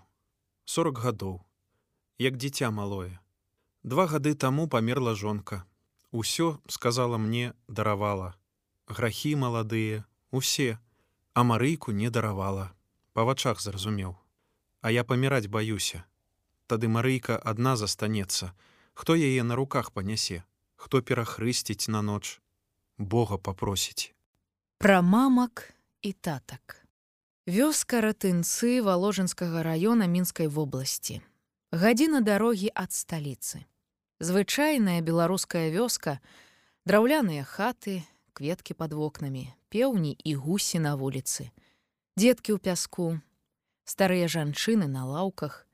Я прыехала да адной з іх, а сабралася ўся вуліца. Загаварылі, загаманілі ў адзін голас. Кожнае пра сваё, а разам пра адно і тое самае. Пра тое, як аралі, сеялі, хлеб партызанам пяклі, як дзетак аберагалі. Хадзілі да варажбітак і цыганак, разгадвалі сны і прасілі Бога заступіцца. Чакалі з вайны мужикоў. Занатавала першыя тры прозвішчы. Алена Адамаўна вялічка, Юсціна Лук'янаўна Грыгарович, Марыя Фёдараўна Мазура. А далей ужо немагчыма было расчуць сярод плачу. Ах, дачушка моя, залатая моя, Не люблю я дзень перамогі, плачу, Ой плачу. Як згадаю, ўсё яно вяртаецца. Шчасце за гарамі, а бяда за плячамі. Спалілі нас немцы, забралі ўсё да зернейка. Засталіся мы на адным шэрым камені. Вярнуліся з лесу, нічога няма, толькі каты цягаюцца. Што елі? Улетку пайду, ягадаў грыбоў назбіраю. У мяне поўная хата дзяцей. А скончылася вайна ў калгас пайшлі. І жала, і касіла, і малаціла, плух на сабе цягала замест коней. Коней не было, і іх забілі. Сабак пастралялі.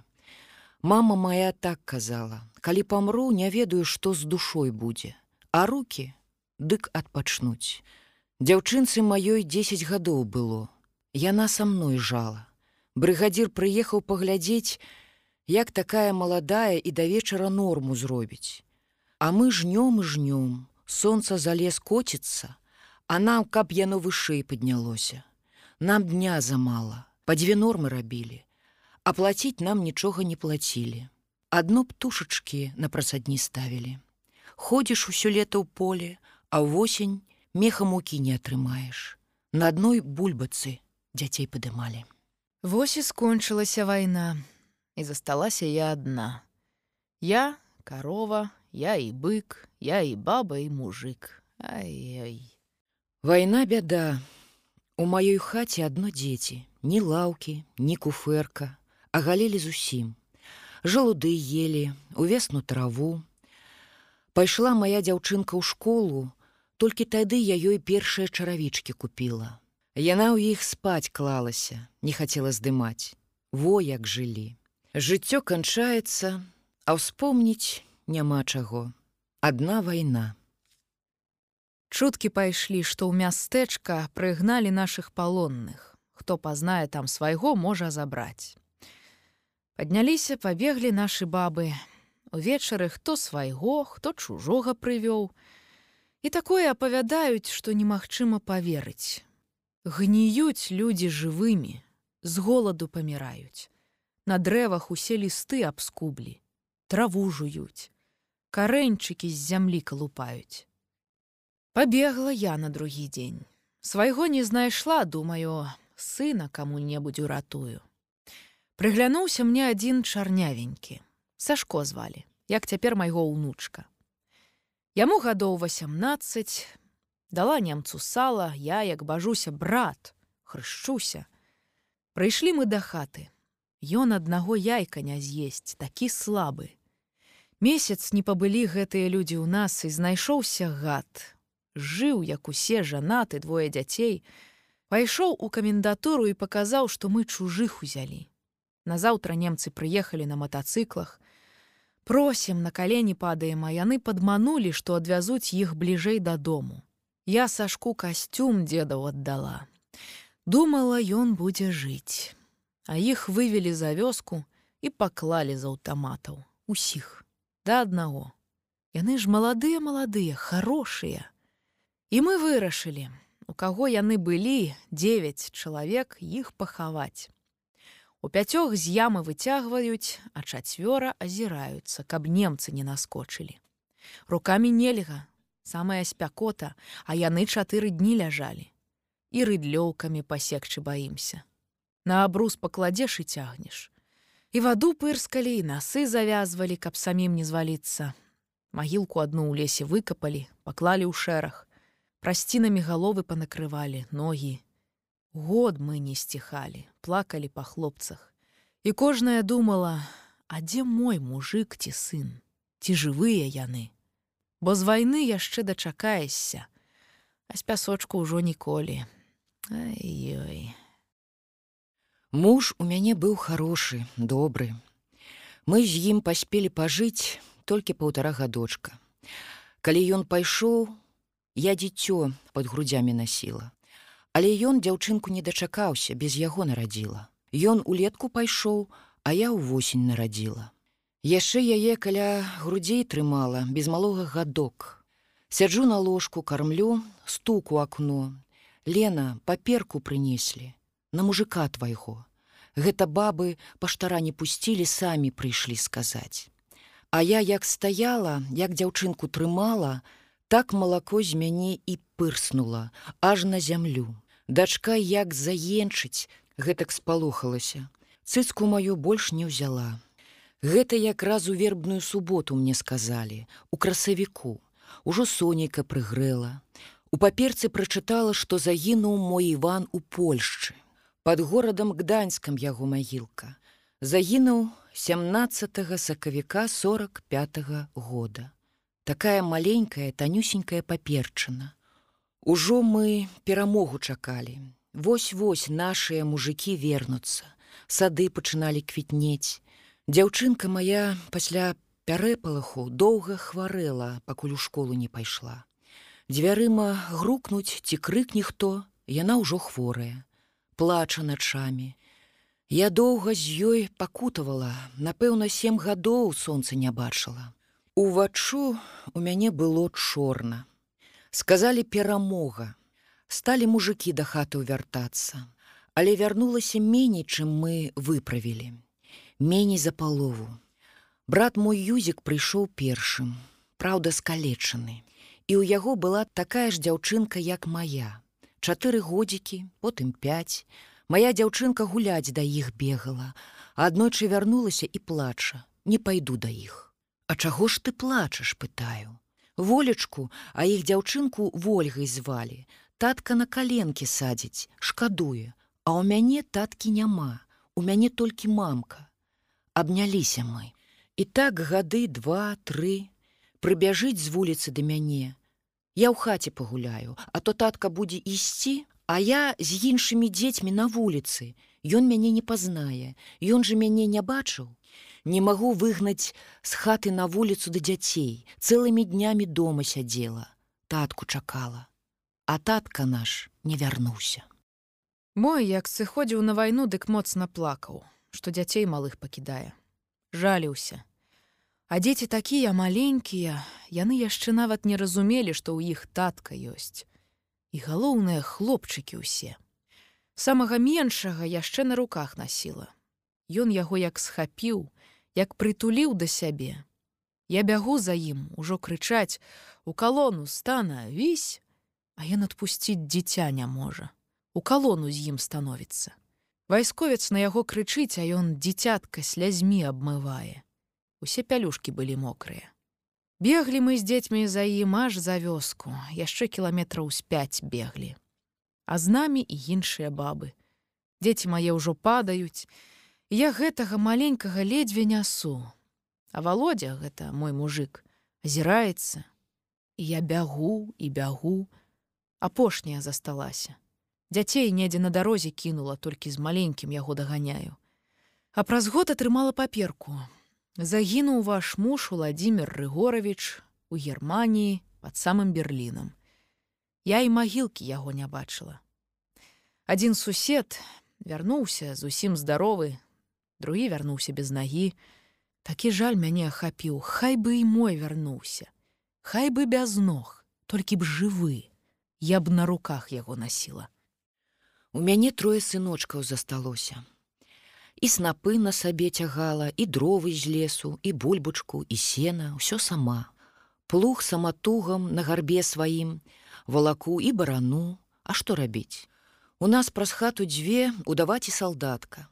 Пазаставаліся мы без мужикоў, без коней. Коней таксама на вайну пазабіралі. Дык я, я яшчэ ў перадавіках хадзіла. Дзве ганаровыя граматы мне далі, а адзін раз нават 10 метраў паркалю. Во радасць была. Маім хлопчыкам усім тром кашулі пашыла. Пасля вайны сыны тых, хто загінуў, толькі падымаліся, вырасталі. 13-14 гадкоў хлопчыкам, А яны ўжо думалі, што дарослыя, хацелі жаніцца.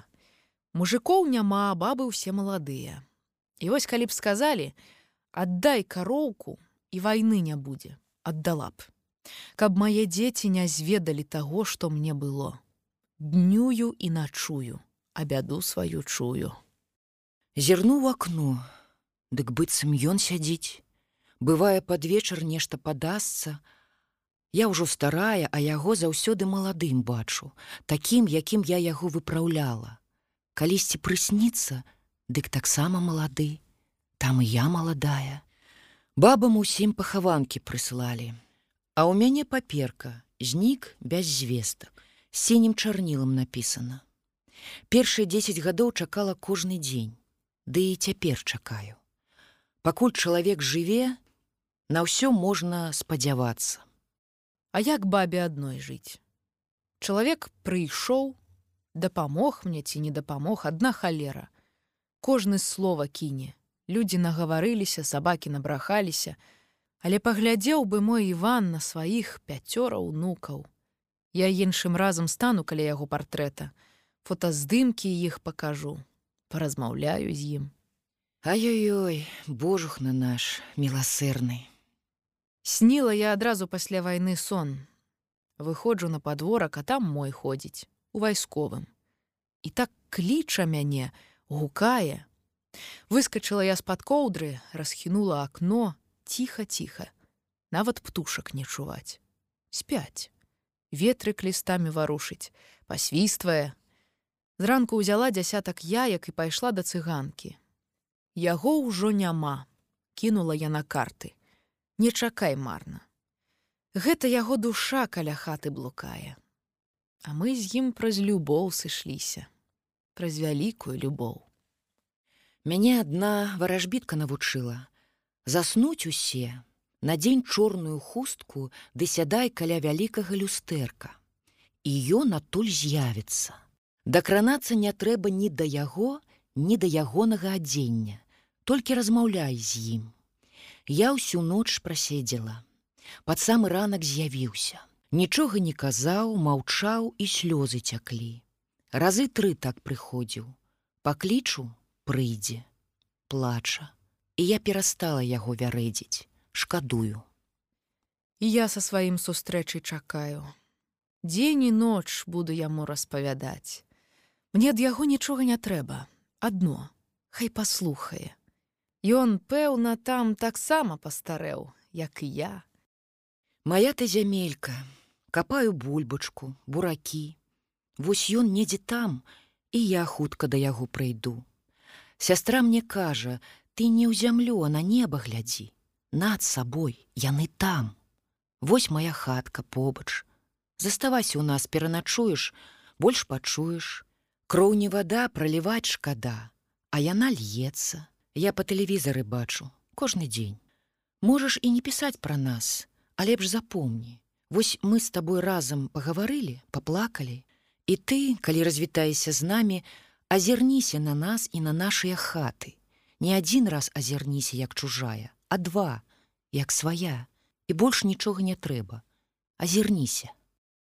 Пра маленькае жыццё і вялікую ідэю. Я заўсёды верыла. Я верыла Сталіну, верыла камуністам. Я сама была камуністкай, верыла ў камунізм. Жыла дзеля гэтага, выжыла дзеля гэтага. Пасля даклада Хрушчова на двадцатым з'ездзе, калі ён сказаў пра памылкі Сталіна, я захварэла, злегла ў ложак. Я не магла даць веры, што гэта праўда. У вайну я таксама крычала за радзіму за Сталіна. Мяне ніхто не змушаў, я верыла. Гэта маё жыццё. Вось яно. У партызанах ваявала два гады. У апошнім баі мяне параніла ў ногі, я страціла прытомнасць. А мароз быў моцны.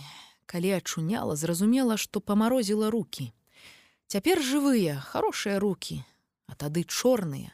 І ногі, вядома, таксама былі абмарожаныя. Калі б не мароз, можа быць, ногі атрымалася б уратаваць, але яны былі ў крыві, я доўга ляжала. Калі знайшлі мяне, паклалі разам з іншымі параненымі. Звезлі ў адно месца шмат нас, а тут немцы зноў акружаюць. Атрад адступае, прорываецца. Нас як дровы на сане пакідалі, Не было калі глядзець, шкадаваць, усіх адвозяць глыбей у лес, хаваюць. Так адвозілі і адвозілі, а потым паведамілі у Маскву пра мяне. Я ж была дэпутатам вярхоўнага савета. Вялікі чалавек мной ганарыліся, А я з самага нізу простая сялянка, з сялянскай сям'і. Я рано ўступіла ў партыю. Ног не стала. Ногі адрэзалі. Ратавалі мяне там жа ў лесе. Аперацыя была ў самых прымітыўных умовах. Паклалі на стол апераваць і нават йоду не было. Звычайнай пілой адпілоўвалі ногі, абедзве. Паклалі на стол і няма йоду. За 6 кіламетраў у іншы атрад паехалі паёт, а я ляжу на стале, без наркозу, без. Замест наркозу бутэлька самагонкі. Нічога не было, акрамя звычайнай пілы, сталярнай. Звязаліся з Масквой, каб прыслалі самалёт. Самалёт тройчы прылятаў, пакружыць, пакружыць, а сесці не можа. Усюды стралялі. На чацвёрты раз сеў, але ў мяне абедзве нагі ўжо былі ампутаваныя. Потым у Іванаве і ў ташкенце чатыры разы рабілі рэампутацыю. Чатыры разы зноў пачыналася гангрэна. Па кавалку кожны раз рэзалі. І атрымалася вельмі высока. Першы час плакала, скавытала, Уяўляла, як па зямлі буду поўзаць, хадзіць не змагу, а буду поўзаць і сама не ведаю, што мне дапамагло, утрымала, як я сябе пераканала, што праўда добрых людзей сустрэла, шмат добрых людзей. У нас быў хірург, сам застаўся без ног. Ён казаў пра мяне, гэта іншыя дактары перадалі. Я схіляюся перад ёю. Я столькі мужчынаў апераваў, але такіх не бачыў, не ўскрыкне. Я трымалася. Я звыклася быць на людзях моцнай. Потым прыехала назад у дзесну свой гарадок. Вярнулася з мыліцамі. Гэта я цяпер дрэнна рухаюся, бо старая, а тады бегала па горадзе і ўсюды пешу. На пратэзах бегала і ў калгасы ездзіла. Далі мне пасаду намесніцы старшыні райвыканкама. Сур'ёзная праца. У кабінеце не сядзела. Усё па вёсках, па палях, нават крыўдавала, калі палёгку рабілі. Граматных калгасных старшыняў у тую пару было няшмат. І калі якая адказная кампанія пасылалі на месца прадстаўнікоў з раёна. І вось Па панядзелках выклікалі нас у райкам і давалі заданне каму куды. Гляджу зранку ў акно, усе ідуць і ідуць да райкама, а да мяне не тэлефануюць. І мне неяк балюча, бо хацелася быць як усе. І нарэшце званок. Тэлефануе першы сакратар. Фёкла Фёдораўна, зайдзіце. Якая я тады шчаслівая. Хоць мне вельмі і вельмі цяжка было ездзіць па вёсках. Мяне пасылалі і за 20 і за 30 кіламетраў. Дзе бывала пад'едзеш, а дзе і пешкі, іду праз лес, звалюся, а падняцца не магу. Сумку падкладу, каб абаперціся, ці за дрэўцаў чаплюся, падымуся і далей іду. А пенсію атрымлівала, магла б жыць дзеля сябе, для адной сябе. Але я хацела жыць дзеля іншых. Я ж камуністка. Нічога ў мяне свайго няма, толькі ордэны, медалі і ганаровыя граматы. Дом дзяржава пабудавала. Дом вялікі, бо дзяцей у ім няма. Вось ён і здаецца такім вялікім. А столь такой высокай. Жывём у дзвюх з сястрой. Яна моя сястра, моя мама, моя нянька. Я цяпер старая, сама зранку не падымуся. Жывём у дзвюх, жывём мінулым. У нас прыгожае мінулае. Цяжка жылі, але прыгожа і шчыра, і мне за сябе не крыўдна, за сваё жыццё. Я жыла сумленна. Фёкла Фёдораўна струй, партызанка. Нас час зрабіў такімі, якімі мы былі. Паказалі сябе. Болей такога не будзе, не паўторыцца. А тады ідэя наша была маладая і мы маладыя. Ленін памёр нядаўна, Сталін жывы, з якім гонарам я насіла піянерскі гальштук, камсамольскі значок. І вось вайна. І вось мы такія. Натуральна, у нас у жытомеры хутка сфармавалася падполле. Я была там ад пачатку, гэта нават не абмяркоўвалася, ісці ці не ісці, страшна ці не страшна, пытання не было. Праз некалькі месяцаў нашу падпольную групу высачылі, дакладней нам здрадзілі. Мяне схапіла гестапа. Канешне, гэта было страшна. Для мяне нават страшней, чым памерці. Я баялася катавання. Катаванне баялася, а раптам не вытрываю. Кожны з нас пра гэта думаў сам насам. Я прыкладам дрэнна трываю хоць які боль, але мы яшчэ не ведалі сябе, не ведалі, якія мы моцныя. На апошнім допыце, пасля якога я трэці раз трапіла ў расстрэльны спіс, у трэцяга паліку следчага, што казаў, быццам ён гісторык паводле адукацыі было так.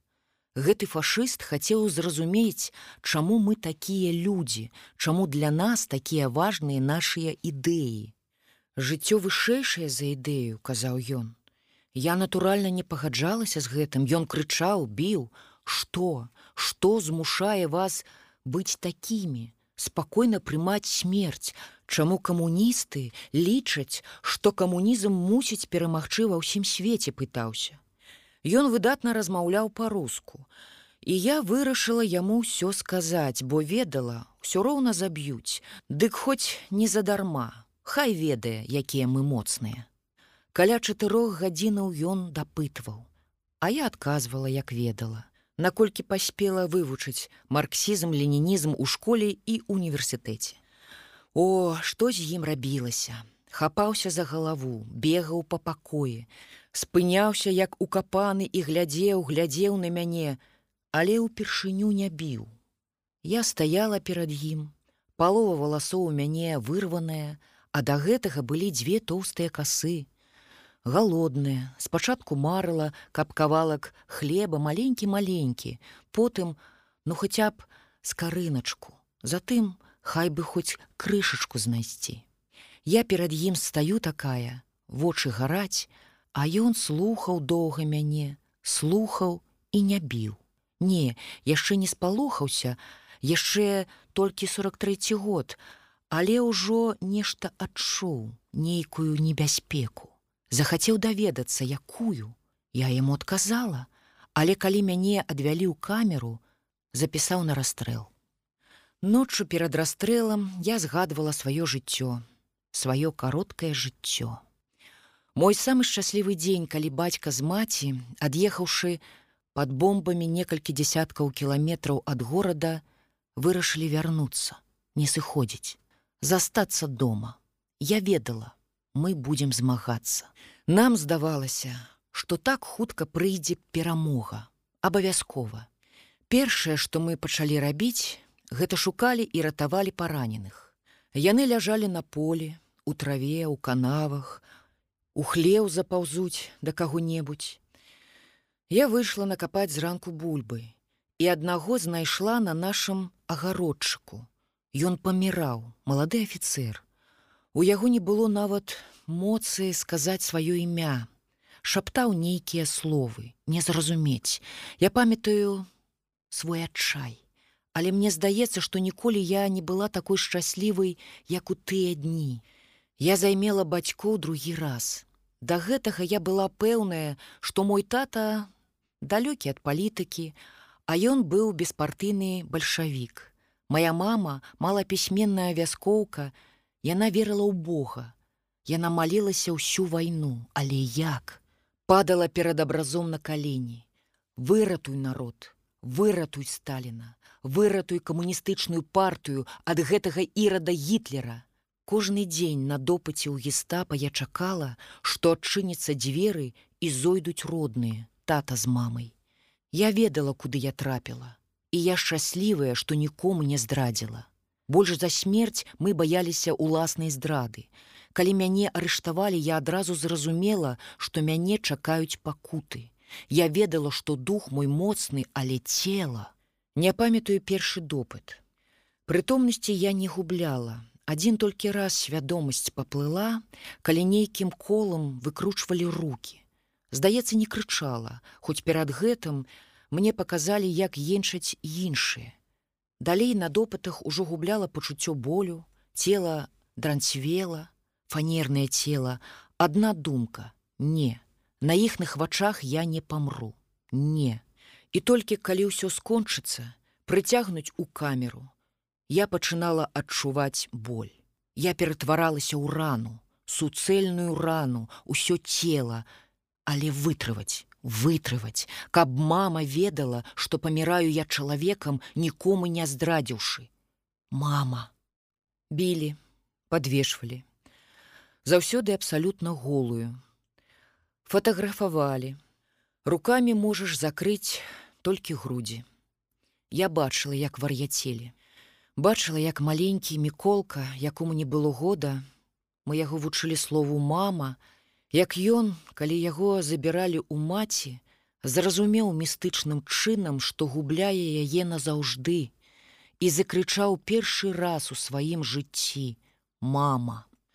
Гэта было не слова ці не толькі слова. Я хачу вам распавесці, усё распавесці. О, якіх людзей я там сустрэла.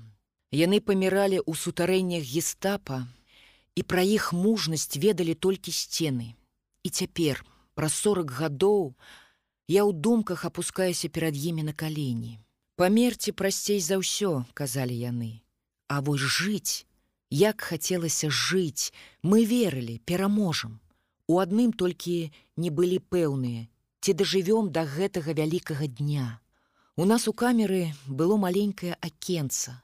Закратаванае трэба было, каб хто-небудзь цябе падсадзіў, і тады пабачыш, і тое нават не кавалачак неба, а кавалак даху. А мы ўсе такія слабыя, што падсадзіць адно аднаго не маглі. Але была ў нас Ганна, парашутыстка. Яе схапілі, калі іх скідалі ў тыл з самалёта, група трапіла ў засаду. І вось яна, уся скрываўленая, збітая, раптам попрасіла: подсадзіце мяне, я зірну на волю, хачу туды. Хачу і ўсё. Мы разам яе паднялі. Яна ўскрыкнула: дзяўчаты, там кветка. І тады кожная стала прасіцца і мяне, і мяне, і скуль толькі ў нас узяліся сілы дапамагаць адна адной. А гэта быў дзьмухавец, як яго занесла на гэты дах, як ён там трымаўся, не магу сцяміць. Кожная нешта загадала на гэтую кветку. Як я цяпер думаю, все задумалі адно: выйсці жывымі з гэтага пекла. Я так любіла вясну. Любіла, калі цвітуць вішні і каля бэзавых кустоў струменяць водар бэзу. Вы не здзіўляйцеся майму стылю, я вершы пісала. А цяпер я вясну не люблю. Гэта вайна стала паміж намі, паміж мной і прыродай. Калі цвілі вішні, я бачыла фашыста ў родным жытомеры. Я выжыла цудам. Мяне ўратавалі людзі, якія хацелі аддзячыць майму бацьку. Мой бацька доктар. Па тых часах гэта была вялікая справа.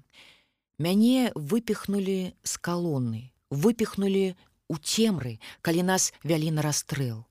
А я нічога не запомніла ад болю, рухалася як у сне, рушыла куды вялі, потым везлі. Прывезлі дамоў, а я ўся была скалечаная. Адразу высыпала нервовая экзэма. Я нават голас чалавечы чуць не магла. Пачую, адразу балюча. Мама і тата размаўлялі шэптам. Я ўвесь час крычала, сцішвалася толькі ў гарачай вадзе. Маму ні на секунду не адпускала ад сябе. Яна прасіла: « Дачушка, мне трэба да печкі, на агарод. А я трымалася за яе. Як толькі адпускала руку, на мяне зноў усё навальвалася. Усё, што са мной было. Каб нечым мяне забавіць, мама прыносіла кветкі, мае любімыя званочки, лісце каштана. Пахі адцягвалі ўвагу. Сукенку, у якой я была ў гестапа, мама трымала ў сябе. І калі памірала, яна ў яе пад падушкай была, да яе апошняй гадзіны. Першы раз я паднялася, калі пабачыла нашых салдатаў. Раптам я, што ляжала болей за год, падхопліваюся і выбягаю на вуліцу. Родныя мае, родненькія, вы вярнуліся. Салдаты на руках занеслі мяне ў нашу хату. На эмацыйным здыме я на другі і на трэці дзень бегала ў ваенкамат, дайце мне працу. Тату сказалі, ён прыйшоў па мяне: Детка, як ты тут апынулася? Хто табе дапамог? Мяне хапіла на некалькі дзён, і зноў пачаліся болі, пакуты. Я крычала цэлымі днямі. Людзі праходзілі паўз нашу хату і прасілі: « Божа, або прымі яе душу, або дапамажы, каб яна не пакутавала. Выратавалі мяне лекавыя гразі з халтуба. Выратавала жаданне жыць, жыць, жыць і болей нічога. Я яшчэ жыла, жыла як усе, жыла. 14 гадоў працавала ў бібліятэцы. Гэта былі радасныя гады, самыя самыя. А цяпер жыццё ператварылася ў бясконцыя змаганні з хворасцямі. Старасць, што не кажы, рэч нядобрая. Яшчэ адзінота. Я засталася зусім адна. Таты і мамы даўно няма, гэтыя доўгія ночы без сну. Колькі гадоў мінула, а мой самы страшны сон, Я прачынаюся спатнелая. Я не памятаю прозвішча Ганны. Я не памятаю, ці яна з браншчыны, ці са смаленшчыны. Я памятаю, як яна не хацела паміраць закіне белыя поўныя руки за галаву і ў акно праз краты крычыць: Я жыць хачу. Я не знайшла яе родных. Я не ведаю, каму пра гэта распавесці. Сафія Міронаўна верашчак, падпольшчыца. Пасля вайны мы даведаліся пра свенцам, дахау, як пасля гэтага нараджаць. А я ўжо цяжарная. Тут мяне пасылаюць у вёску падпісваць на заём. Дзяржаве патрэбныя грошы, пара аднаўляць заводы, фабрыкі. Прыехалі, вёскі няма, уся ў зямлі. У зямлянках жывуць. Выйшла жанчына нейкая там на ёй апранаха страшна глядзець. Я залезла ў зямлянку, сядзяць трое дзяцей. Усе галодныя. Яна ім нешта там таўкла ў ступцы, нейкую траву. Жанчына запытала: ты прыйшла подписывать на заём? Я адказваю так яна у мяне грошай няма але ёсць курыца пойду запытаю калі суседка. Яна учора прасіла ў мяне купіць я табе аддам і цяпер распавядаю у самой камяку ў горле. Якія былі людзі якія людзі у яе мужа забілі на фронте засталося трое дзяцей. І нічога няма толькі адна гэтая курыца — і яна яе прадае, каб мне аддаць грошы. Мы тады збіралі наяўнымі. Яна гатовая ўсё аддаць, каб толькі быў мір, каб дзеці яе засталіся жывыя. Памятаю яе твар і ўсіх дзяцей яе. Кім яны выраслі? Я хацела б ведаць, хацела б знайсці і сустрэцца. Клара Васильевна Ганчарова, зенітчыца. Мама, што такое тата? Не бачу канца гэтай дарозе. Зло мне здаецца бясконцым.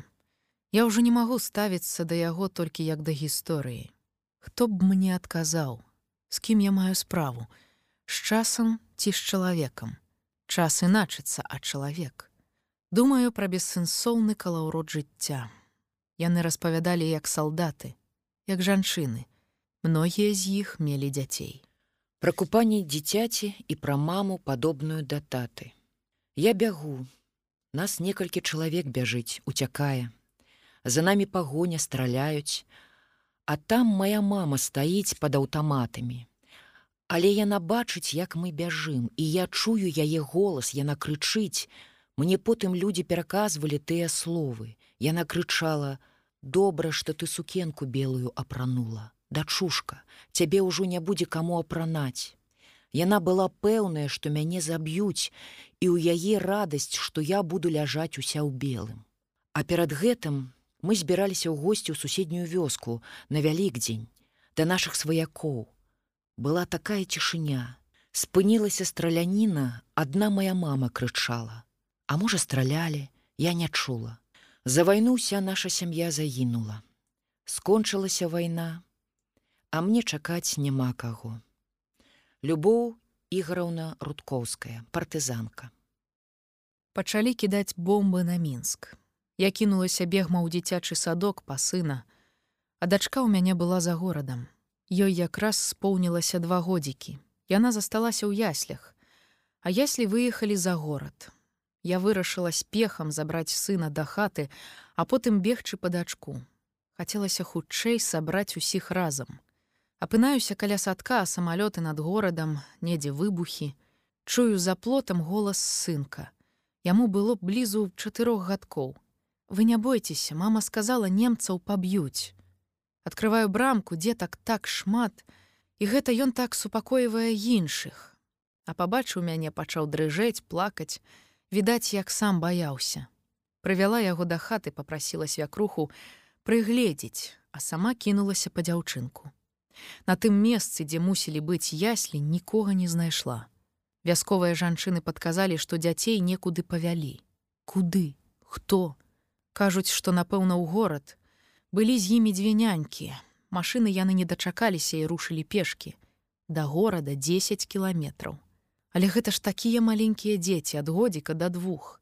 Мілая моя я шукала іх два тыдні па розных вёсках калі знайшла дом і мне сказалі што гэта менавіта тыя яслі тыя дзеці я не дала веры яны ляжаць прабачце ва ўласных выпаражненнях з тэмпературай як мёртвыя Загадчыца ясляў зусім маладая жанчына, яна зрабілася сівой.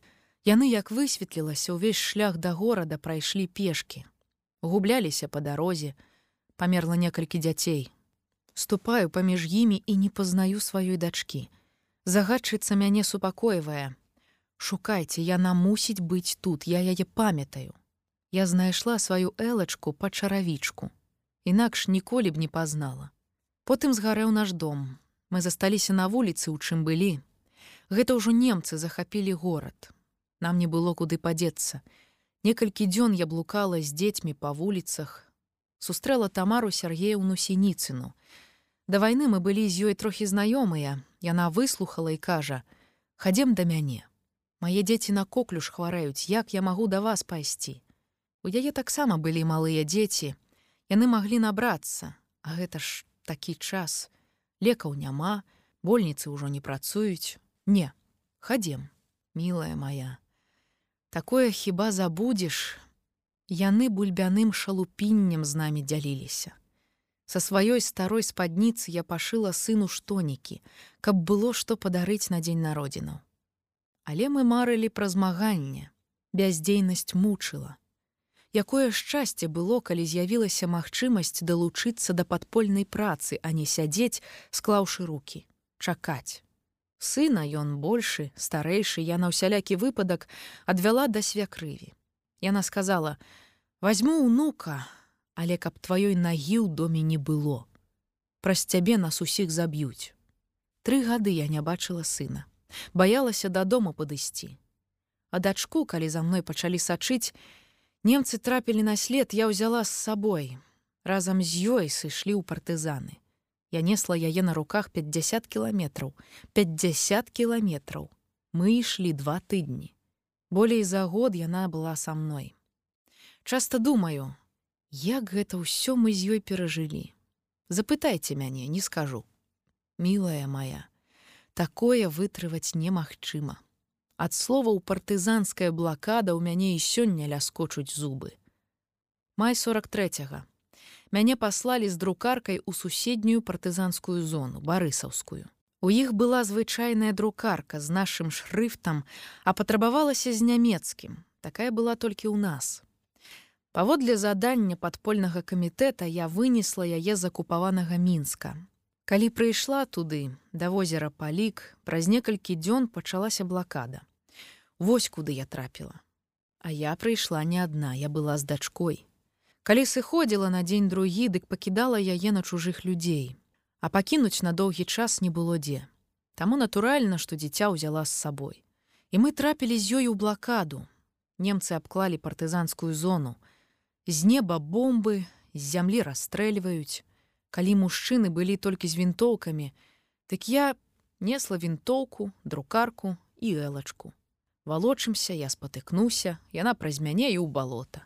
Пройдзем ізноў ляціць. І так два месяцы.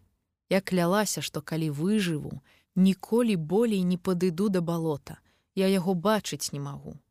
Я ведаю чаму ты не кладзешся калі страляюць ты хочаш каб нас разам забілі гэта дачка мне кажа чатыры годзікі. А я не мела моцы легчы калі я лягу дык ужо ніколі не падымуся. Партызаны іншым разам пашкадуюць хопіць давай мы дачку возьмем але я адмаўлялася. Раптам пачнецца абстрэл. Раптам без мяне яе заб'юць і я не пачую. Раптам згубіцца. Сустрэў мяне камбры хлапацін. Ну і жанчына. Ён быў узрушаны У такой калатнечы дачку пранесла і друкарку не кінула. На такое не кожны мужчына здатны. Узяў элачку на руки, абдымае, цалуе, вытрас усе свае кішэні, высыпаў ёй хлебныя крышкі. Яна запіла балотнай вадой, і на ягоным прыкладзе іншыя пратызаны павытрасалі свае кішэні для элачкі. Калі мы выйшлі з блакады, я была зусім хворая, уся ў фурункулах, з мяне аблазіла скура, а на руках дзіця чакалі самалёт з вялікай зямлі. Сказалі што калі ён прыляціць дык забярэ моцна параненых і могуць узяць маю элачку. Я добра памятаю гэтыя хвіліны калі яе адпраўляла. Параненыя цягнуцца. Элачка да мяне давай да мяне тут хопіць месца. Яны ўсе яе ведалі. Яна ў шпіталі спявала ім эх як бы дажыць ды да шлюбу жаніць бы лётчык пытае З кім ты тут, дзяўчынка? З мамай. Яна на зямлі засталася. Пакліч маму, каб яна ляцела з табой. Не, маме нельга, яна мусіць біць фашыстаў. Вось такія яны былі, нашыя дзеці. А я гляджу на яе тварыкі ў мяне спазмы, ці ўбачу калі-небудзь. Я вам яшчэ распавяду, як мы з сынам сустрэліся. Гэта ўжо пасля вызвалення. Іду дадому, дзе свякруха жыла, ано еватныя, Жанчыны ў батрадзе, што былі старэйшыя папярэдзілі. Ты, калі ўбачыш яго, ні ў якім разе не прызнавайся адразу, што ты яго маці. Ты ўяўляеш, колькі ён без цябе перажыў. Бяжыць суседская дзяўчынка. Ой, лёнева мама, а лёня жывы. У мяне ногі не ідуць далей. Сын жывы. Яна сказала, што свякруха памерла ад тыфу, а лёню ўзяла суседка. Заходжу да іх на падворак, у чым я, у нямецкай гімнасцёрцы, у зацыраваных чорных ватніках, у ботах старых. Суседка мяне адразу пазнала, але маўчыць. А сын сядзіць, босы, абарваны. Як цябе завуць хлопчык пытаю. Лёня, А з кім ты жывеш? Жыў раней з бабуляй. Калі яна памерла, я яе пахаваў. Я прыходзіў да яе кожны дзень і прасіў, каб яна забрала мяне ў магілку. Я баяўся адзін спаць. А дзе твае тата і мама? Тата жывы, ён на фронте. А маму забілі фашысты, так бабуля казала. Са мной былі двое партызанаў, хавалі сваіх таварышаў. Яны слухаюць, што ён кажа і плачуць. Тут я не вытрывала. Чаму ж ты сваёй мамы не пазнаеш? Ён кінуўся да мяне, тата, А я ў мужчынскім адзенні ў шапцы, а потым абняў з крыкам мама. Гэта быў такі крык, такая істэрыка. Ён месяц мяне нікуды не адпускаў нават на працу. Я брала яго з сабой. Яму мала было бачыць мяне. Ён павінен быў за мяне трымацца. Вось мы сядзем абедаць. Ён адной рукой учэпіцца за мяне, а другой есть. Называў толькі мамачка. І цяпер так называе: мамачка, матулечка. Калі мы сустрэліся з мужам, тыдня не хапіла, каб усё пераказаць. Я яму і дзень і ноч расказвала. Раіса Рыгораўна Хасяневіч, партызанка. Вайна гэта пахаванні. Хавалі партызанаў часта. То засаду нападкае група, то ў баі загінуць. Я вам распавяду пра адзін выпадак. Быў вельмі цяжкі бой. Тады мы загубілі шмат людзей, і я там была параненая. І вось пасля бою пахаванне. Звычайна ля магілы казалі кароткія прамовы. Спачатку камандзіры, потым сябры, А тут сярод загінулых быў адзін мясцовы хлопец. І на пахаванне прыйшла маці. Ушчала яна галашэнне, А мой жа ты сыночак, А мы ж табе хатачку будавалі, А ты ж абяцаў нам маладую прывесці, а сам вянчайся з зямелькай. Атрад стаіць, усе маўчаць, не спыняюць. Потым яна падняла галаву і ўбачыла, што забіты не толькі яе сын, а шмат маладых ляжыць.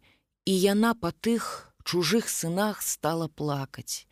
А мае ж вы сыночки родныя, А ваши ж мамачки не бачаць вас, яны не ведаюць, што вас у зямельку кладуць. А зямелька такая холодная, а на дварэ зіма лютая, Дык паплачу я замест іх усіх вас пашкадую. Мае вы родныя, родненькія. Яна толькі сказала усіх вас пашкадую, і мае вы родныя, все партызаны пачалі плакаць. Ніхто стрымацца не мог, не меў моцы атрад румзе і тады камандзір крыкнуў салют! І салют усё заглушыў і вось мяне ўразіла я і цяпер пра гэта думаю. Веліч сэрца маці. У такім горы калі хаваюць яе сына у яе хапіла сэрца каб аплакаць і чужых сыноў аплакаць як родных Ларыса лявонціўна кароткая партызанка вярнулася ў сваю вёску. Гуляюць каля нашай хаты дзеці, Я гляджу і думаю, якое ж дзіця маё. Усе аднолькавыя і стрыжаныя, як раней авечак стрыглі радкамі. Сваю дачку я не пазнала. Запыталася, хто з іх люся. Гляджу, адзін з найменшых у доўгай кашулі падхапіўся і пабег да хаты.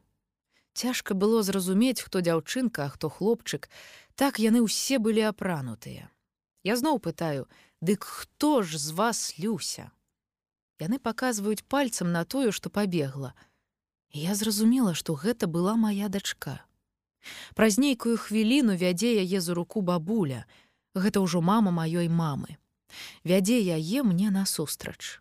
Хадзем хадзем. Мы зараз гэтую маму адлупцуем за тое што яна нас кінула. Была я ў мужчынскім вайсковым адзенні ў пілотцы і на кані. А маму дачка канешне уяўляла як бабулю як іншых жанчын а тут прыехаў салдат. Доўга яна не ішла да мяне на руки палохалася.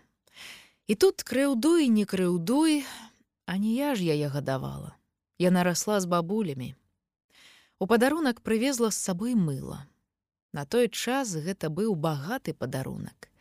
І калі пачала яе мыць, яна кусала яго зубамі, хацела пакаштаваць і з'есці. Так яны жылі. Я сваю маці памятала маладой жанчынай, а сустрэла мяне старая. Ёй сказалі, што дачка прыехала. Яна выскачыла з гарода на вуліцу, убачыла мяне, руки раскрыліла і бяжыць. І я яе пазнала, бягу да яе. Яна не дабегла некалькі крокаў, упала без сілаў. Я побач упала. Цалую маму, цалую зямлю, і такая ў сэрцы любоў і такая нянавісць. Згадваю, як ляжыць паранены немец і руками чапляецца за зямлю. Немцу балюча, а наш салдат яму. Не чапай, гэта моя зямля, твоя там, адкуль ты прыйшоў. Марыя Васильевна Паўлавец, партызанскі доктар. Я сышла на вайну следам за мужам.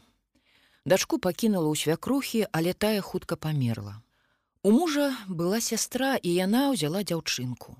А пасля вайны, калі я дэмабілізавалася, яна не схацела мне аддаваць маё дзіця. Казала ў тым сэнсе, што ў цябе не можа быць дачкі, паколькі ты кінула яе маленькую і пайшла ваяваць. Як гэта маці можа кінуць сваё дзіця, ды яшчэ такое малое. Я вярнулася з вайны, маёй дацэ ўжо было сем гадоў, а я яе пакінула ў тры. Мяне сустрэла амаль дарослая дзяўчынка. Што праўда, маленькая, яна не даядала, не дасыпала. Побач быў шпіталь, яна хадзіла туды, выступала, танчыла, ёй давалі хлеба. Яна мне потым распавяла, чакала спачатку тату і маму, потым адну маму. Тата загінуў, яна разумела. Я часта дачку згадвала на фронте. Я на яе ні на хвіліну не забывалася.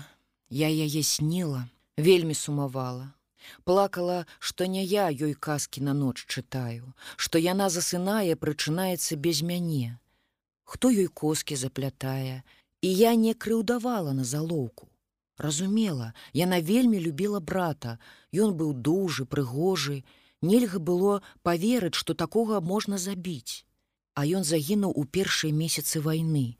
Іх самалёты разбамбілі зранку на зямлі першыя месяцы і нават першы год вайны гаспадарамі ў небе былі нямецкія лётчыкі і ён загінуў. Ёй не хацелася вяртаць тое што ад яго засталося апошняе. І яна была з тых жанчын для якіх сям'я дзеці самае галоўнае ў жыцці. Бомбы абстрэл а ў яе адна думка як гэта я дзіця сёння не купала? Я не магу яе вінаваціць. Яна казала што я жорсткая без жаночай душы. А мы ж на вайне моцна пакутавалі, без сям'і, без дому, без дзяцей. У многіх дзеці засталіся дома, не толькі ў мяне. Сядзім под парашутам, чакаем каманды на вылет. Мужчыны кураць, гуляюць у даміно, а мы, пакуль ракеты няма, сядзім, вышываем насоўкі. Мы заставаліся жанчынамі. Ведаеце, вось мой штурман. Яна хацела фотаздымак дамоў паслаць. Дык мы ёй у кагосьці знайшлася хустка, павязалі яе, каб пагонаў не было відаць. А гімнасцёрку захінулі коўдрай, і яна як быццам у сукенцы. І вось так сфатаграфавалася. Гэта быў яе фотаздымак. З дачкой мы пасябравалі і сябруем усё жыццё. Антаніна Рыгораўна Бондарова, гвардыі лейтенант, старшы лётчык. Пра чырвоны каптурок і радасць сустрэць на вайне котку. Я доўга да вайны прывыкала. Пайшлі ў наступ, і калі ў параненага пырснула артэрыяльная кроў, такога раней не бачыла, б'е фонтанам. Я кінулася па доктара, А сам паранены крычыць: куды, ты куды, перавязавай рэменем. І толькі тады я ачуняла. Пра што шкадую пра аднаго хлопчыка. Хлопчык без мамкі застаўся. Мамку забілі, Хлопчык сядзеў на дарозе каля мёртвай маці. Ён не разумеў, што яе ўжо няма. Ён чакаў, калі яна прачнецца і прасіў есці. Камандзір наш не кінуў гэтага хлопчыка, узяў да сябе. У цябе няма матулі хлопчык, але будзе шмат татаў. Так ён з намі рос, як сын палка, з сямі гадоў. Набіваў патронамі дыскі аўтаматаў ППШ. Вось вы сыдзеце, а мой муж будзе сварыцца. Ён не любіць такіх размоваў. Вайны не любіць. Але ён на вайне не быў, малады, маладзейшы за мяне. У нас дзяцей няма, я ўсё згадваю таго хлопчыка. Мог бы быць маім сынам. Мне пасля вайны ўсіх было шкада і чалавека і пеўня і сабаку. Я і цяпер не магу чужога болю трываць. Працавала ў больніцы, хворыя мяне любілі, бо клапацілася. У нас сад вялікі. Ніводнага яблыка ні разу не прадала, ніводнай ягадкі. Просто раздаю людзям. З вайны гэта ў мяне засталося. Такое сэрца. Любоў Захараўна Новік, медсястра. Тады я не плакала. Я баялася аднаго. Схопяць таварышаў. Некалькі дзён невыноснага чакання, вытрывае катаванне ці не.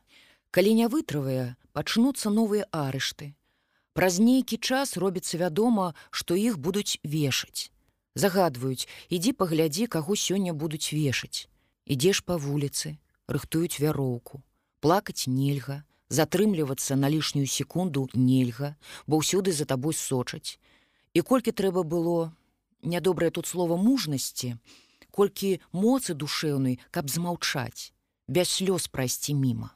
Тады я не плакала. Я ведала, на што адважылася. Але зразумела, адчула ўсё, калі мяне арыштавалі. Забралі ў турму, білі і ботамі і бізунамі. Зведала, што такое фашысцкі манікюр, руки кладуць на стол, і нейкая машынка ўтыкае табе голкі пад пазногці пад усе пазногці разам. Пякельны боль, адразу губляеш прытомнасць. Нават не памятаю, ведаю, што боль невыносны, а не памятаю. Мяне расцягвалі на бярвёнах. Можа, гэта недакладна, можа няправільна, Але запомнілася вось тут такое бервяно і тут, а цябе паміж імі кладуць. І нейкая машынка пачынае працаваць. І ты чуеш, як у цябе хрумсцяць выварочваюцца косткі. Ці доўга гэта? Таксама не памятаю. Мяне катавалі на электрычным крэсле. Гэта калі я плюнула аднаму з катаў у твар. Малады, стары, нічога не згадваецца. Яны распранулі мяне да галізны, і той падышоў і ўзяў мяне за грудзі. Я магла толькі плюнуць. Я болей нічога не магла. І я плюнула яму ў твар. Яны пасадзілі мяне на электрычнае крэсла. Я з той пары вельмі баюся электрычнасці. Помню, як мяне пачало трэсці. І цяпер нават бялізну прасаваць не магу. На ўсё жыццё гэта ў мяне. Пачынаю прасаваць і ва ўсім целе адчуваю ток. Нічога рабіць не магу, што звязанае з электрычнасцю. Можа, патрэбная была нейкая псіхатэрапія пасля вайны, не ведаю, але ўжо пражыла жыццё так. Дзіўна, чаго гэта сёння расплакалася. Тады я не плакала. Прасудзілі мяне да смяротнага пакарання на шыбеніцы. Змясцілі ў камеры смяротнікаў. Там былі яшчэ дзве жанчыны. Дайце веры, мы не плакалі, не істырылі. Мы ж разумелі, калі ішлі ў падполе, што нас чакае. І таму паводзіліся стрымана. Абмяркоўвалі паэзію, улюбёныя оперы, шмат гаварылі пра Ганну карэніну, пра каханне, але ні слова не казалі пра сваіх дзяцей. Мы пра іх баяліся згадваць. Нават усміхаліся, адна адну падбадзёрвалі. Так мы чакалі двое з паловай сутак. Зранку на трэці дзень мяне выклікалі. Мы расцалаваліся, развіталіся без слёз. Страху не было. Відаць, я настолькі звыклася з думкай пра смерць, што страх ужо расцерушыўся. І слёзы таксама высохлі. Нейкая пустэча была ужо ні пра каго не думалася. Доўга мы ехалі, я нават не ведаю колькі, бо развітвалася жыццём. Урэшце машыны спынілася і мы, нас было чалавек 20, не змаглі злезці з яе. Такія былі знявечаныя. Нас як мяхі скінулі на зямлю і камендант загадаў паўсці да баракаў. Падганяў безуном. Стаіць каля аднаго барака жанчына і корміць грудзьмі дзіця. І неяк ведаеце, і сабака і ахова усе аслупянелі і глядзяць не чапаюць. Камендант пабачыў усё гэта подскочыў выхапіў з рук маці дзіця. І уяўляеце там была калонка. Калонка ваду пампаваць. Дык ён дзіця б'е аб гэтае жалеза мазгі пацяклі малако. І я бачу маці валіцца на зямлю. Я разумею я ж доктар. Я разумею, што ў яе разарвалася сэрца. Нас гоняць на працу. Гоняць праз горад, па знаёмых вулках. Толькі пачалі спускацца, перад гэтым быў вялікі пад'ём, раптам чую голас: « Мама, мамачка, бачу, стаіць моя цётка Дар'я, а сходніку бяжыць дачка. Яны ішлі па вуліцы і выпадкова ўбачылі. Дачка як бегла, дык адразу абхапіла мяне. І вы ўяўляеце, там сабакі, яны спецыяльна вывучаныя кідацца на людзей, але ніводзін сабака не зрушыў з месца. Падыдзеш, дык яны рвуць на кавалкі, яны на гэта спрактыкаваныя, а тут ніводзін не зварухнуўся. Дачка кінулася да мяне, а я не плакала, толькі паўтарала: дачушка, Наталачка, не плач, я хутка буду дома. І ахова стаяла і сабакі, і ніхто яе не крануў. І тады я не плакала. Мая дачка ў пяць гадоў чытала малітвы, а не вершы. Тётка Дар'я вучыла, як трэба маліцца. Яна малілася за тату і маму, каб мы засталіся жывыя. У 44 13 лютага мяне адправілі на фашысцкую катаргу. Трапіла канцлагер кразет на беразе ла-манша. Увесну ў дзень парыжскай камунны французы зладзілі нам уцёкі. Я сышла ў макі. Узнагароджаная французскім ордэнам баявы крыж. Пасля перамогі вяртаюся дамоў. Я памятаю, першы прыпынак на нашай зямлі. Мы ўсе павыскоквалі з вагонаў, мы цалавалі зямлю, абдымалі. Згадваю, я была ў белым халаце, упала на зямлю, цалую яе і за пазуху жменямі кладу. Няўжо думаю я яшчэ, калі яе пакіну, такую родную. Прыехала ў мінск, а мужа дома няма. Дачка ў цёткі дар'і. Мужа арыштавала НКУс, Ён у турме. Я іду туды. І што я там чую, мне кажуць, Ваш муж здраднік, а мы разам з ім працавалі ў падполлі, у дваіх. Гэта мужны сумленны чалавек. Я разумею, што яго абгаварылі, што быў паклёп. Не кажу, мой муж не можа быць здраднікам. Я веру яму, ён сапраўдны камуніст, ягоны следчы. Ён як закрычыць на мяне. Маўчы, французская лярва, маўчы. Жыў у акупацыі, трапіў палон, завезлі ў нямметчыну, сядзеў фашысцкім канцлагеры, ва ўсіх сумняваліся. Адно пытанне, як жывы застаўся. Чаму не загінуў?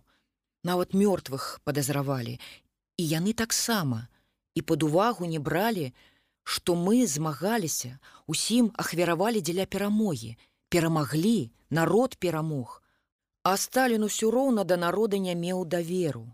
Вось як аддзячыла радзіма за нашу любоў, за нашу кроў. Я хадзіла, пісала ва ўсе інстанцыі. Мужа вызвалілі праз паўгода. Яму зламалі адно рабро, адбілі нырку. Фашысты, калі ён трапіў да іх у турму, разбілі яму галаву, зламалі руку, Ён там пасівеў, а ў 45 у анкаус яго канчаткова зрабілі інвалідам. Я даглядала яго гадамі, выцягвала з хваробаў, але нічога не магла сказаць супраць. Ён і чуць не хацеў. Гэта была памылка і ўсё. Галоўнае, лічыў ён, мы перамаглі. Всё, кропка. І я яму верыла і не плакала. Нават тады я не плакала. Людміла Михайлаўна Кашачкіна, падпольшчыца. Як патлумачыць дзіцяці? Як яму патлумачыць смерць? Іду з сынам па вуліцы ляжаць забітыя і з аднаго боку і з другога. Я яму казку пра чырвоны каптурок апавядаю а вакол забітыя. Гэта калі мы з бежанства вярталіся. Спыніліся ў маці а з сынам нешта нядобрае. Залазіць под ложак і сядзіць там цэлымі днямі. Пять гадоў яму было. На вуліцу не выгнаць. Год я з ім мучылася.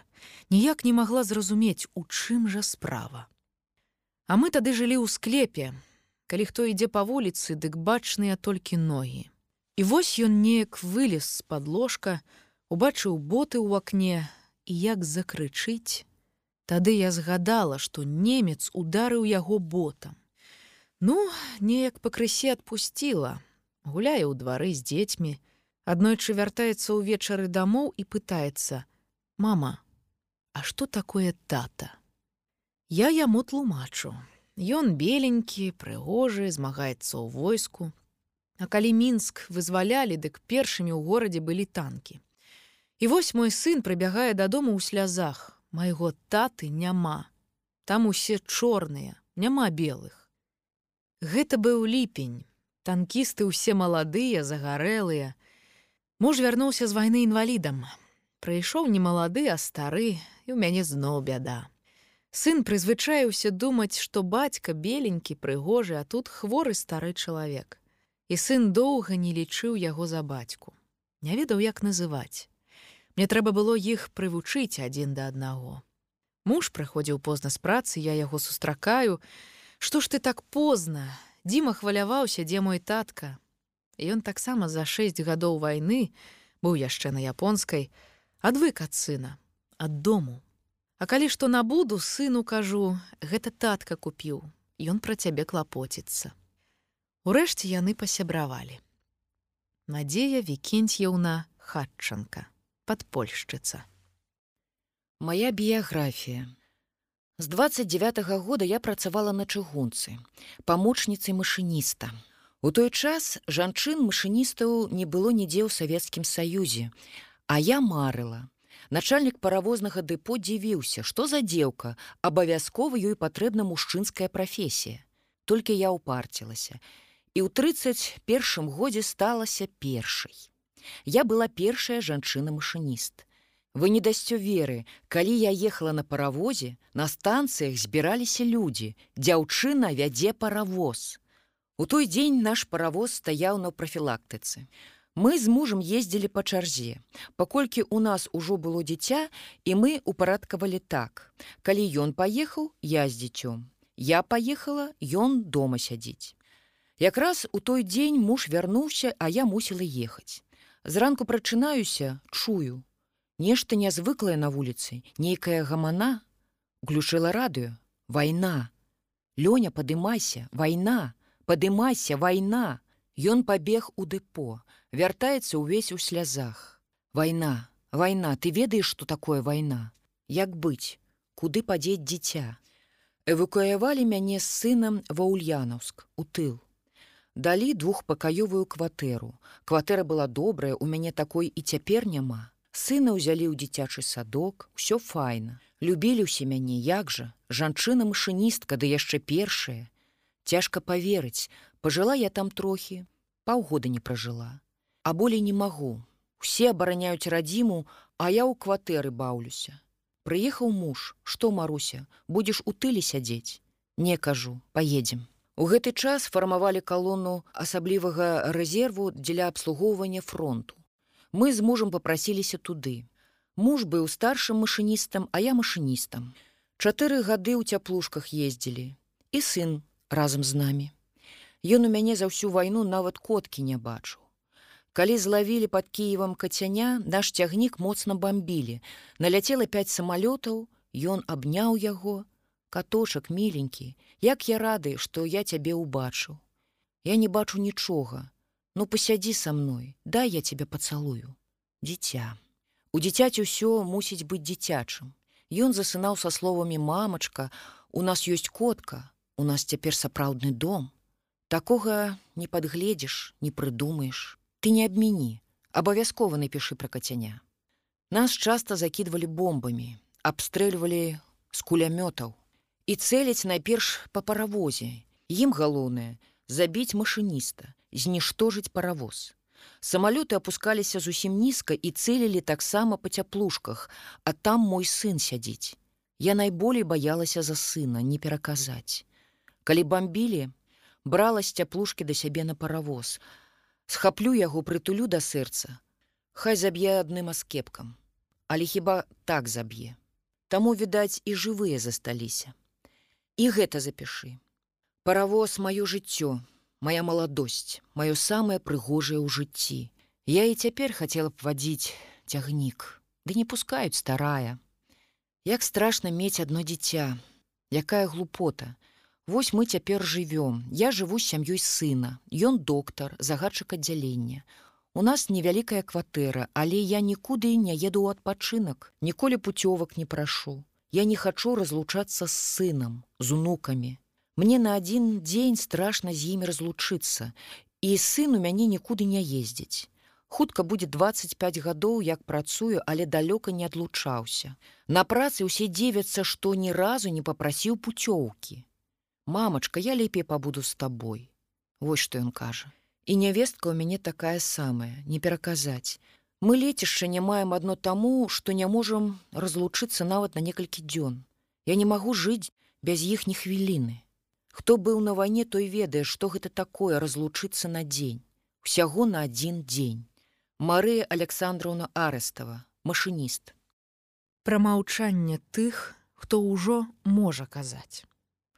Я і цяпер кажу шэптам.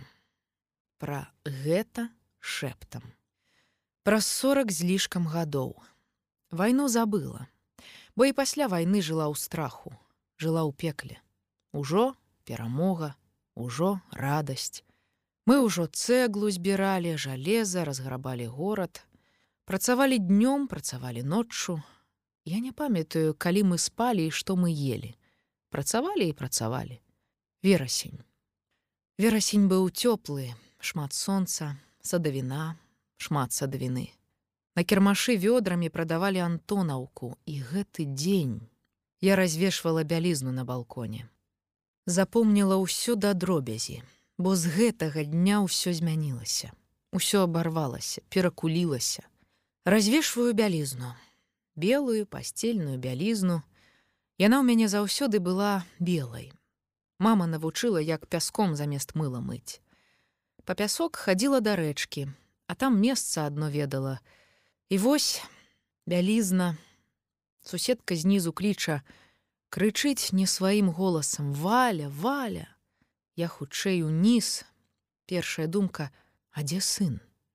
А тады ведаеце, хлопчыкі бегалі сярод развалінаў, гулялі ў вайну і знаходзілі сапраўдныя гранаты, сапраўдныя міны, падрываліся. Заставаліся без рук, без ног. Мы не адпускалі іх ад сябе. Але гэта хлопчыкі, ім цікава. Насварышся, сядзі дома, а праз пяць хвілінаў яго ўжо няма. Іх вабіла зброя, пасля вайны асабліва. Я хутчэй уніз, выскочыла ў двора там мой муж мой иван мужанёк мой каханы ванечка вярнуўся вярнуўся з фронту я яго цалую я яго кранаю гладжу гімнасцёрку руки яго вярнуўся у мяне ногі подгінаюцца ён стаіць як каменны ну ці як кардонны не усміхнецца не абдыме мяне замарожаны нейкі Я спалохалася, пэўна думаю, кантужаны, можа глухі, но нічога, галоўнае вярнуўся. Выхаджу яго, вынянчу. Ужо нагледзелася, як іншыя жанчыны жывуць з такімі мужамі. Але ім усё роўна ўсе зайздросцілі. Усё гэта вобмельгам у маёй галаве пранеслася ў адно імгненне. Ногі ў мяне ад шчасця падкошваліся, дрыжаць, жывы. Ах, миленькая моя, наша жаночая доля. Суседзі тут жа збегліся, усе радыя, усе абдымаюцца, а ён каменны, маўчыць. Хутка заўважылі, я Ваня, ванечка, пайшлі ў дом, добра хадзем. На ягоным плячы павісла шчаслівая. Уся ў радасці і шчасці, ганарлівая, сеў дома на зэдлік і маўчыць. Ваня, ванечка, разумееш? І не можа далей казаць. Заплакаў. Ваня у нас была одна ноч. Усяго одна ноч назаўтра па яго прыйшлі пагрукалі ў дзверы зранку ён курыў і чакаў ужо ведаў што прыйдуць мне сказаў мала не паспеў вызваліў румынію чэхію узнагароды прывёз а вяртаўся ў страху Яго ўжо дапытвалі, ужо было дзве дзяржправеркі. Паставілі кляймо, быў у палоне. У першыя тыдні вайны. Пад смаленскам трапіў у палона, мусіў быў застрэліцца. Ён хацеў, я ведаю, ён хацеў. У іх патроны хутка скончыліся, не тое, што ваяваць, застрэліцца не было чым. Яго параніла ў нагу, ён паранены трапіў у палон. На яго вачах камісар разбіў сабе галаву каменем апошні патрон не стрэліў на яго вачах Савецкі афіцэр у палон не здаецца. У нас няма палонных. У нас ёсць здраднікі. Так казаў таварыш Сталін. Ён ад роднага сына адмовіўся, які быў у палоне. Мой муж, мой. Следчы яму крычаў: « Чаму жывы, Чаму жывы застаўся? З палону ўцёк. Уцёк у лес да ўкраінскіх партызанаў, калі вызвалілі ўкраіну, попрасіўся на фронт. У Чэхіі сустрэў дзень перамогі, прадставілі да ўзнагароды. У нас была адна ноч. Калі б я ведала, Я яшчэ хацела нарадзіць, дзяўчынку хацела. Зранку яго забралі, паднялі з ложка. Я села за стол на кухні і чакала, калі прачнецца наш сын. Яму ўжо было 11 гадоў. Я разумела, што ён прачнецца і запытае, першае, што запытае, дзе наш татка. Што я яму адкажу? Як растлумачу суседзям, маме. Муж вярнуўся праз сем гадоў. Мы чакалі яго з сынам чатыры гады з вайны, а пасля перамогі яшчэ сем гадоў з калымы. З лагера. 11 гадоў чакалі. Сын вырас. Навучыліся маўчаць. Дзе ваш муж? Хто твой бацька? У любой анкеце пытанне, ці быў хто са сваякоў у палоне. Мяне ў школу тэхнічкай не ўзялі, калі я напісала. Падлогу не даверылі мыць. Я зрабілася ворагам народа жонкай ворага народа, здрадніка. Усё маё жыццё скалечылі. Была да вайны настаўніцай, педвучэльню скончыла. А пасля вайны цэглу на будоўлі цягала. Эх, маё жыццё. Прабачце, што нязграбна, блытана ў мяне атрымліваецца. Я спяшаюся, я бывала ноччу. Колькі начэй я ляжала адна і невядома, каму сваё жыццё пераказвала і пераказвала. А днём маўчала. Цяпер можна пра ўсё казаць, я хачу запытацца, хто вінаваты, што ў першыя месяцы вайны мільёны салдатаў і афіцэраў трапілі ў палон. Я хачу ведаць, хто абезгаловіў войска перад вайной, расстраляў і агаварыў нямецкі шпіён, японскі шпіён, чырвоных камандзіраў. Я хачу Хто верыў у конніцу будзённага ў той час, калі гітлер узбройваўся танкамі і самалётамі? Хто нас запэўніваў наша граніца на замку, А ў першыя дні армія ўжо лічыла патроны. Я хачу, магу ўжо запытаць, дзе маё жыццё, нашее жыццё. Але я маўчу. І мой муж маўчыць. Нам і сёння страшна. Мы баімся. Так і памром у страху, крыўдна і сорамна. Валянціна Еўдакімаўна М. партызанская сувязная. І яна кладзе руку туды, дзе сэрца. І нарэшце перамога. Калі раней жыццё было падзеленае для іх на мір і вайну, дык цяпер на вайну і перамогу. Зноў два розныя светы, два розныя жыцці. Пасля таго, як навучыліся ненавідзець, трэба было нанова вучыцца любіць. Згадваць забытыя пачуцці, забытыя словы. Чалавек вайны павінен быў стаць чалавекам не вайны. Пра апошнія дні вайны, калі забіваць гідка. Мы былі шчаслівыя, перайшлі мяжу радзіма вызваленыя, вызваленая наша зямля, Я не пазнавала салдатаў. Гэта былі іншыя людзі, усе усміхаліся, надзелі чыстыя кашулі, аднекуль кветкі ў руках. Такіх шчаслівых людзей я не ведала, раней не бачыла. Я думала, што калі мы трапім у Германію, дык у мяне жалю да іх не будзе. Нікому даравання не будзе. Столькі помсты настыла ў грудзях, крыўды. Чаму я мушу шкадаваць ягонае дзіця? Чаму я мушу шкадаваць ягоную маці, Чаму я не магу разбурыць ягоны дом? Ён не шкадаваў, Ён забіваў, паліў, а я, я, я, я чаму, Чаму? Хацелася пабачыць іх жонак, іх матак, што нарадзілі такіх сыноў. Як яны будуць глядзець нам у вочы, Я хацела паглядзець ім у вочы. Я думала, што ж будзе са мной з нашими салдатамі мы ўсё помнім. Як мы гэта вытрываем? Якія патрэбныя сілы, каб усё гэта вытрываць? Спыніліся ў нейкім мястэчку. Дзеці бегаюць, галодныя, няшчасныя, баяцца нас хаваюцца. Я, якая клялася, што іх усіх ненавіджу. Я збірала ў сваіх салдатаў усё, што ў іх ёсць, што заставалася ад пайка, кожны кавалачак цукру і аддавала нямецкім дзецям. Зразумела, я не забыла, я ўсё памятала, але глядзець спакойна ў галодныя дзіцячыя вочы я не магла. Ад самага ранку ўжо стаяла чарга нямецкіх дзяцей каля нашых кухняў, давалі першае і другое. У кожнага з іх праз плячо перакінутая торба для хлеба, на поясе бетончык для супу і што-небудзь для другога кашы, гароху. Мы іх кармілі, лекавалі, нават гладзілі. Я першы раз пагладзіла, спалохалася. Я, я гладжу нямецкае дзіця. У мяне зрабілася суха ў роце ад хвалявання, але хутка звыклася. І яны звыклі. Софья Адамаўна Кунцевіч, сан-інструктарка. Дайшлі да Геррманіі. Ад Масквы ішла. Я была старшым фельчарам у танкавым палку. У нас 34кі, Яны хутка гарэлі, вельмі страшна. Я да вайны не чула нават стрэлу з вінтоўкі. Недзе адзін раз далёка-далёка бамбілі, калі мы ехалі на фронт, Дык мне здавалася ўся зямля дрыжыць. 17 гадоў было. Толькі тэхнікум скончыла. Ды так атрымалася, што прыехала і адразу бой. Былі зластанка, пажар, неба палае.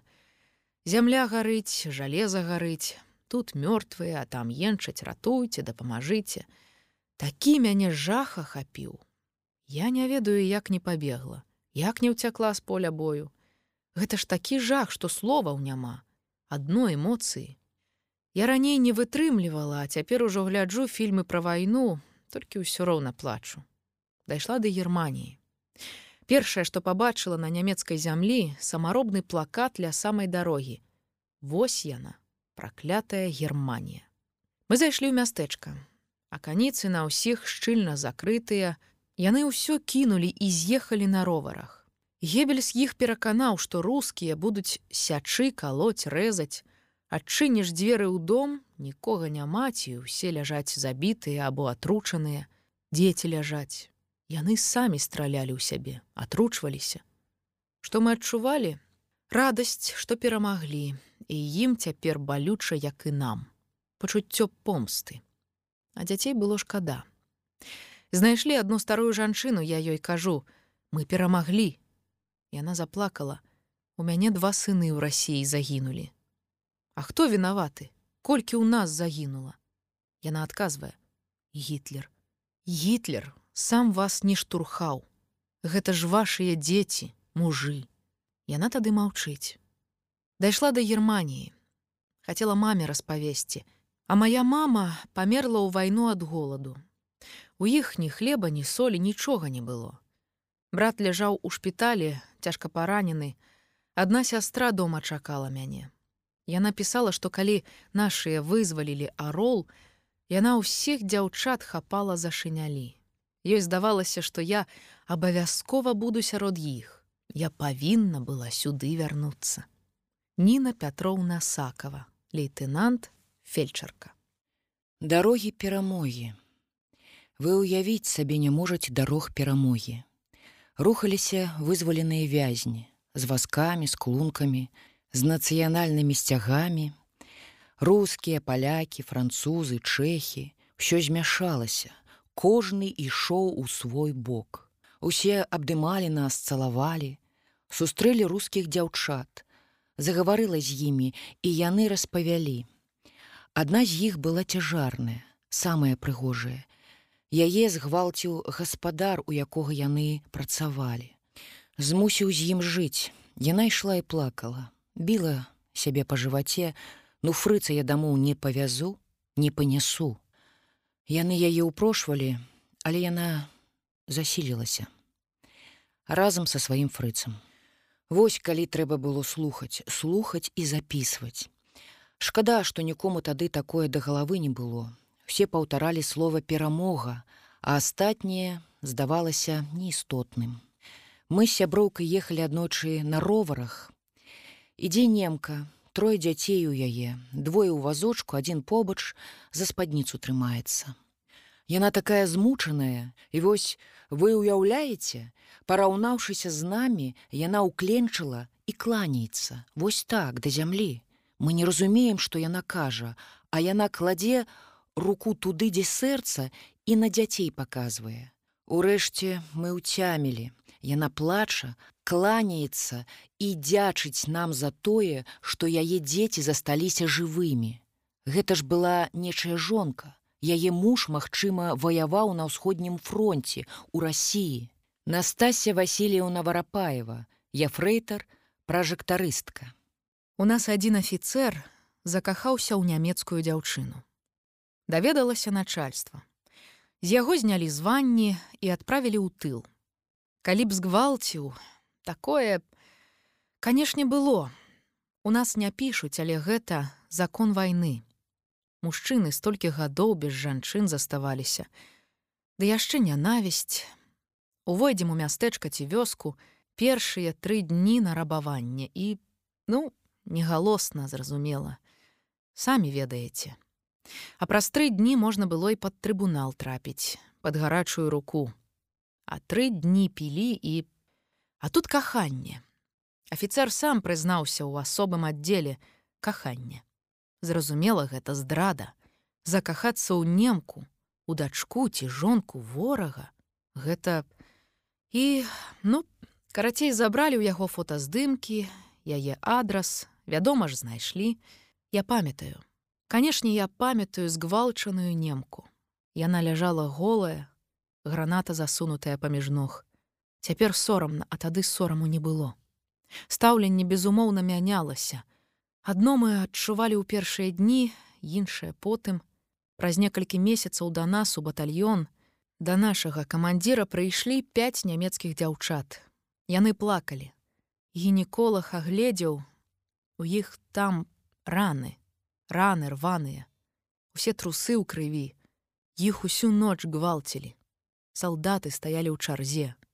Не записывайте, выключыце магнітафон, праўда. Усё праўда паставілі батальён гэтым нямецкім дзяўчатам сказалі падыходзьце і глядзіце. Калі каго пазнаеце расстрэл на месцы. Не паглядзім названні нам сорамна але яны толькі сядзелі і плакалі. Яны не хацелі. Яны не хацелі болей крыві так і сказалі. Тады ім кожнай далі пабохані хлеба усё гэта вайна канешне. Думаеце лёгка было дараваць? Бачыць цэлыя белыя дамкі з дахоўкай, ружы под вокнамі.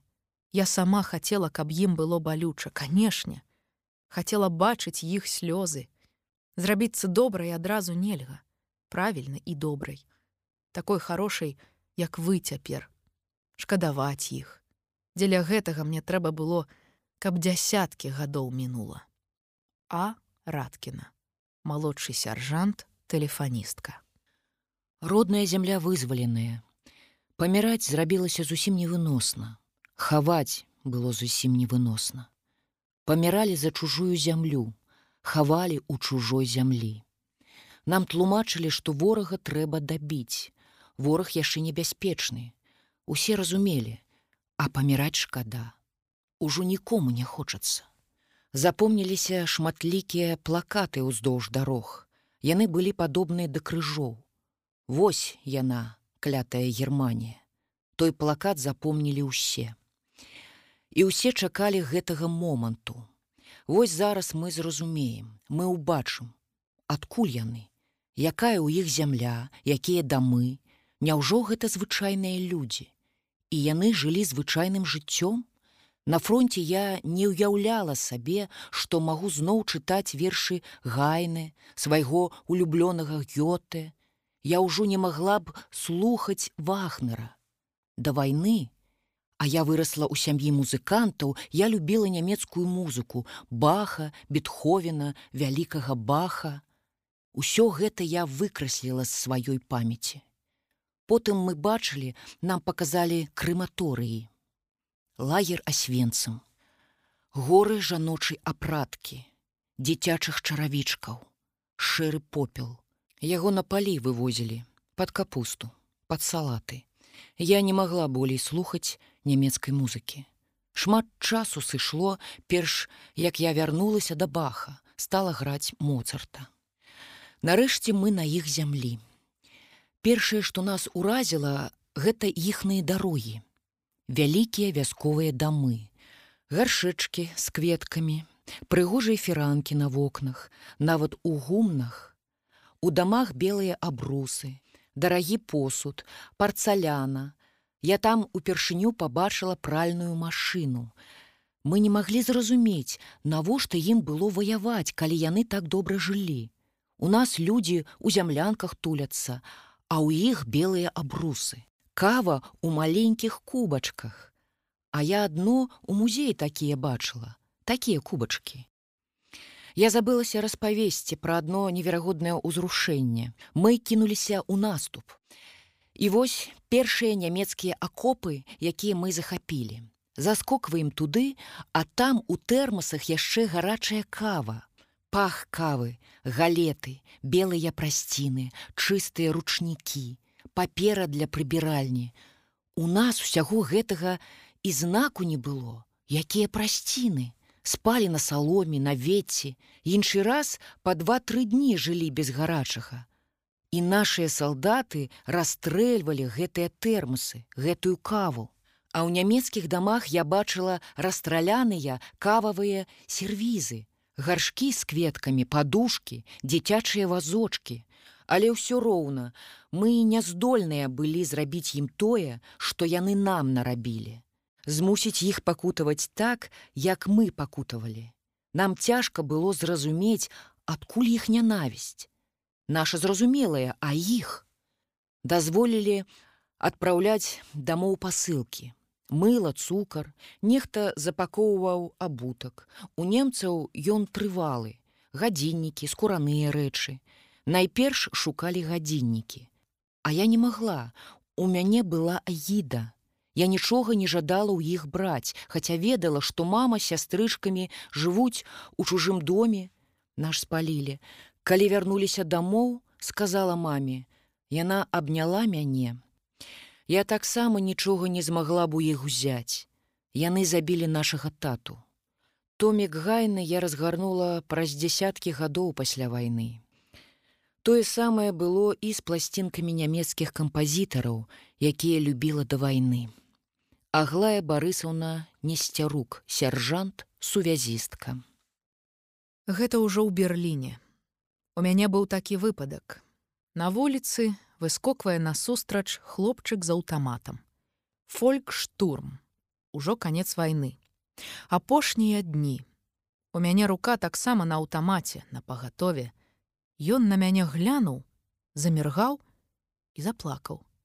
А я сабе не веру, бо і ў мяне слёзы на вачах. Мне так яго шкада зрабілася. Стаіць хлопчык з гэтым аўтаматам ідыёцкім.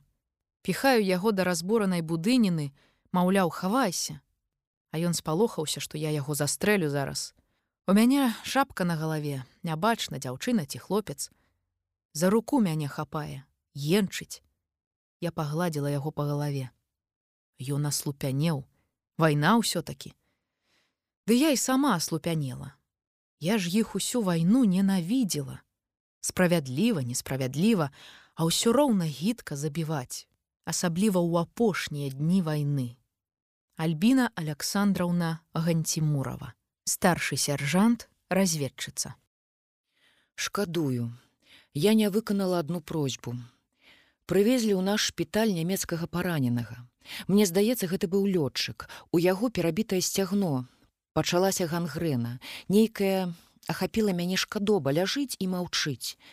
Я трохі нямецкую мову разумела, пытаю: піць даць? Не, Параненыя ведалі, што ў палаце немец, Ён асобна ляжаў. Я іду, яны абураюцца. Дык вы ворага поеце. Ён памірае. Я абавязаная яму дапамагчы. Нага ў яго ўся сіняя, нічога ўжо нельга зрабіць. Гангрэна на вачах адымае жыццё, спальвае чалавека за суткі. Даю яму ваду, а ён на мяне глядзіць і раптам кажа: Гітлер капут. А гэта 42 год. Мы пад харкавам у акружэнні. Я пытаю: Чаму? Гітлер капут. Тады я ў адказ. Гэта так кажаш цяпер, бо ў нас ляжыш. А там вы забіваеце. Ён: Я не страляў, я не забіваў, мяне змусілі, але я не страляў. Усе так кажуць, калі ў палон трапляюць. І раптам ён мяне просіць. Я вельмі, вельмі прашу фрау і дае мне пакет фотаздымкаў, паказвае, што вось яго мама, ён, яго браты, сёстры, прыгожы такі фотаздымак. На зваротным баку піша адрас: Вы будете там, будете. І гэта казаў немец у 42 годзе пад харкавам. Ды кіньце, калі ласка ў паштовую скрыню. Ён напісаў адрас на адным фотаздымку, А там быў поўны канверт. Я яго доўга з сабой вазіла, вельмі засмуцілася, калі пры моцным абстрэлі згубіла. Гэта здарылася ўжо ў Геррманіі. Лілія Михайлаўна Будко, хірургічная медсястра. Памятаю бой. Тады мы захапілі шмат нямецкіх палонных. Былі сярод іх і параненыя.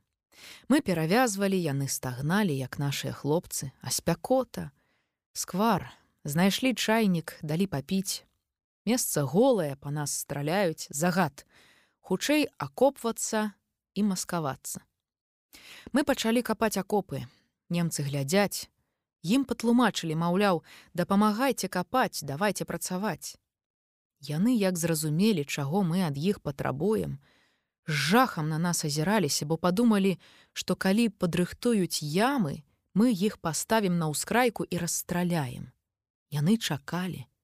Трэба было бачыць, з якой роспаччу яны капалі іх твары.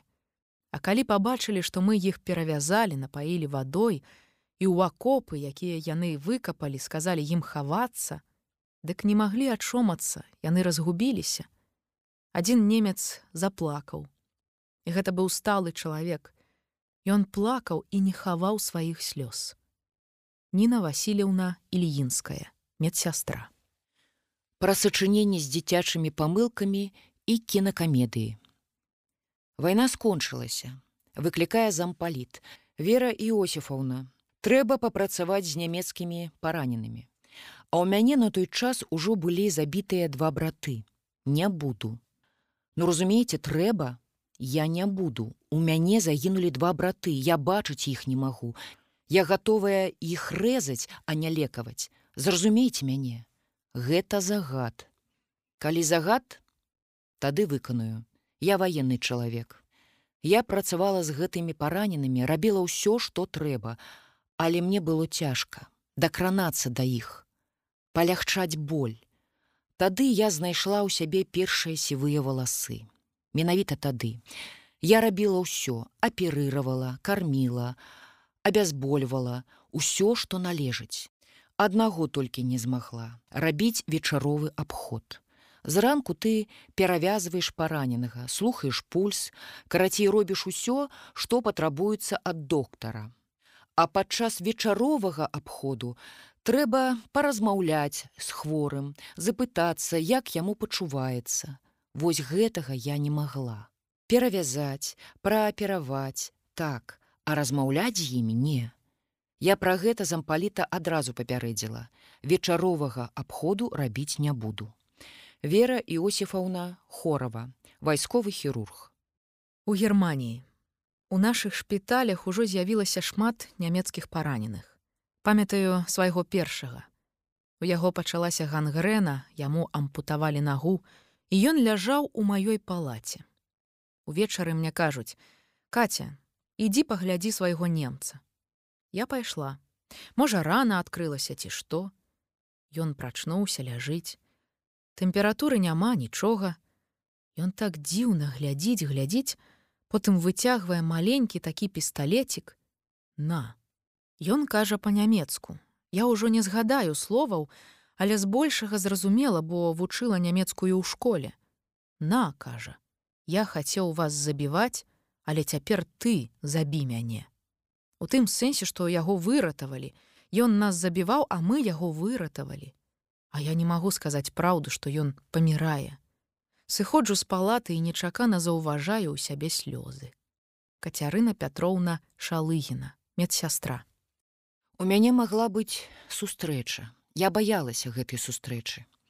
Калі вучылася ў школе, а я вучылася ў школе з нямецкім ухілам, да нас у госці наведаліся нямецкія школьнікі у Маскву. Мы хадзілі з імі ў тэатр, разам спявалі. Я ў аднаго нямецкага хлопчыка. Ён так прыгожа спяваў. Мы з ім пасябравалі. Я нават у яго закахалася. І ўсю вайну думала, А што, калі сустрэну яго і пазнаю? Няўжо ён таксама сярод гэтых? Я такая эмацыйная, з дзяцінства неверагодна ўражлівая, неверагодна. Аднойчы іду полем, толькі бой скончыўся. Сваіх забітых мы падабралі, засталіся немцы. Мне падалося, што ён ляжаў.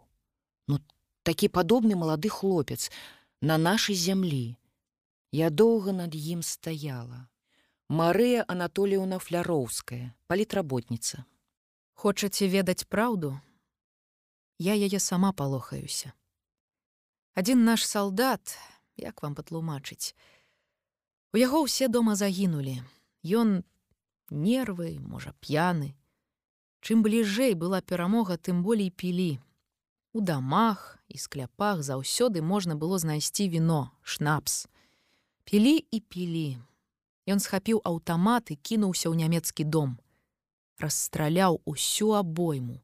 Ніхто за ім не паспеў, пабеглі, а ў доме ўжо адны трупы дзеці ляжаць. Забралі ў яго аўтамат, звязалі, а ён мацюкаецца, дайце я сам застрэлюся. Яго арыштавалі і судзілі. расстрэл. Я яго шкадавала, усе яго шкадавалі. Ён усю вайну ваяваў, да Берліна дайшоў. А ці можна пра гэта пісаць? Раней нельга было. А С зенітчыца. Вайна мяне чакала. Я адзначыла 18 гадоў, прынеслі позву, чакаюць у райвыканкамі. З сабой мець на трое сутак харчу, пару бялізны кубак лыжку. Гэта называлася мабілізацыя на працоўны фронт. Прывезлі нас у горад Наватроецк Арэнбургскай вобласці. Сталі мы працаваць на заводзе. А маразы былі такія, што ў пакоі паліто замярзала. Возьмеш у руки, а яно цяжкае, як палена. Чатыры гады без адпачынку.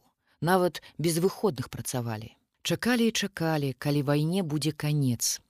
У тры гадзіны ночы шум у інтэрнаце. Прыйшлі дырэктар завода і астатняе кіраўніцтва. Перамога. А я не маю моцы падняцца з ложка. Мяне пасадзяць, А я назад падаю, цэлы дзень падняць не маглі. Ад радасці, ад вялікага ўзрушэння мяне спаралізавала, толькі наступным ранкам акрыяла. Выйшла на вуліцу, мне хацелася кожнага абняць і пацалаваць. Ксенія Клеменціўна бялко, баец працоўнага фронту. Якое прыгожае слово, перамога. Я распісалася на рэйхстагу. Напісала вугалем тым, што пад руку трапіла. Перамагла вас руская дзяўчына з саратава. Усе нешта пісалі на сценах нейкія словы, прызнанні і праклёны, перамога. У мяне сяброўкі пытаюць: кім ты будзеш? А мы ў вайну так нагаладаліся, не перадаць. Хацелася наесціся хоць раз ад пуза. У мяне мара была, атрымаю першы пасля вайны заробак і куплю скрыню печыва. Кім я буду? Натуральна кухаркай і дагэтуль працую ў сферы харчавання. Другое пытанне: калі замуж, як мага хутчэй. Я марыла, як буду цалавацца. Вельмі моцна хацелася цалавацца. Яшчэ хацелася спяваць.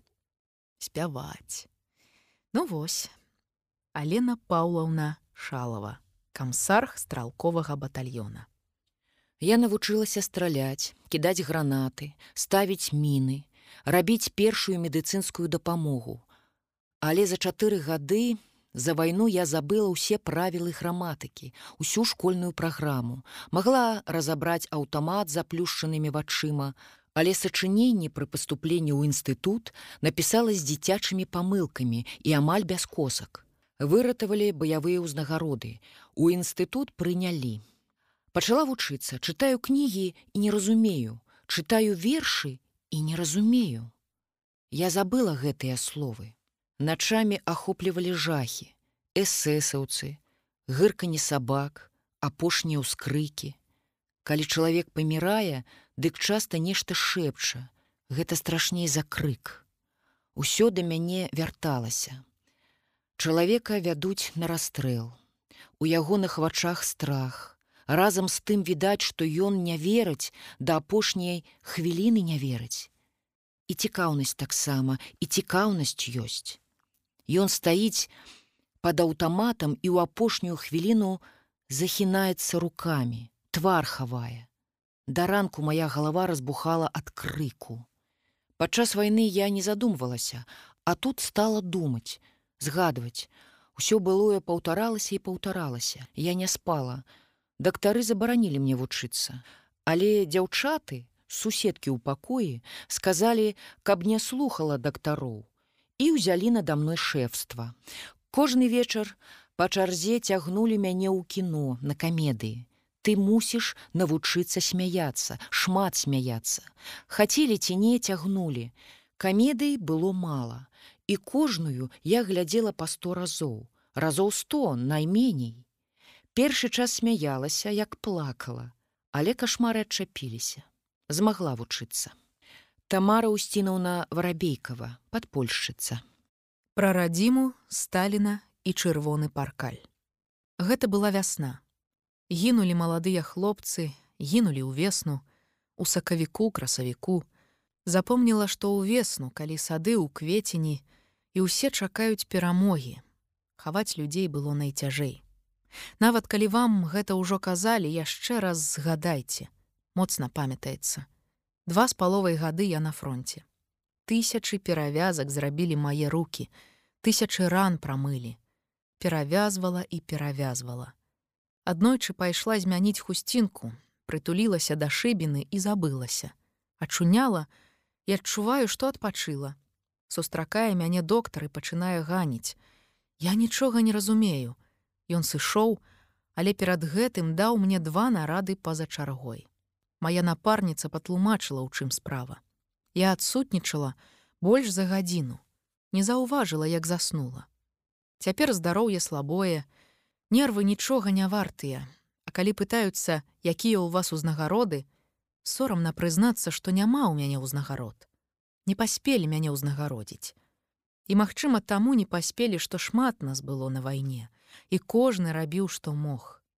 Што было ў ягоных сілах? Хіба можна ўзнагародзіць кожнага. Але ёсць у нас ва ўсіх самая вялікая ўзнагарода 9 мая дзень перамогі. Згадваецца нязвыклая смерць.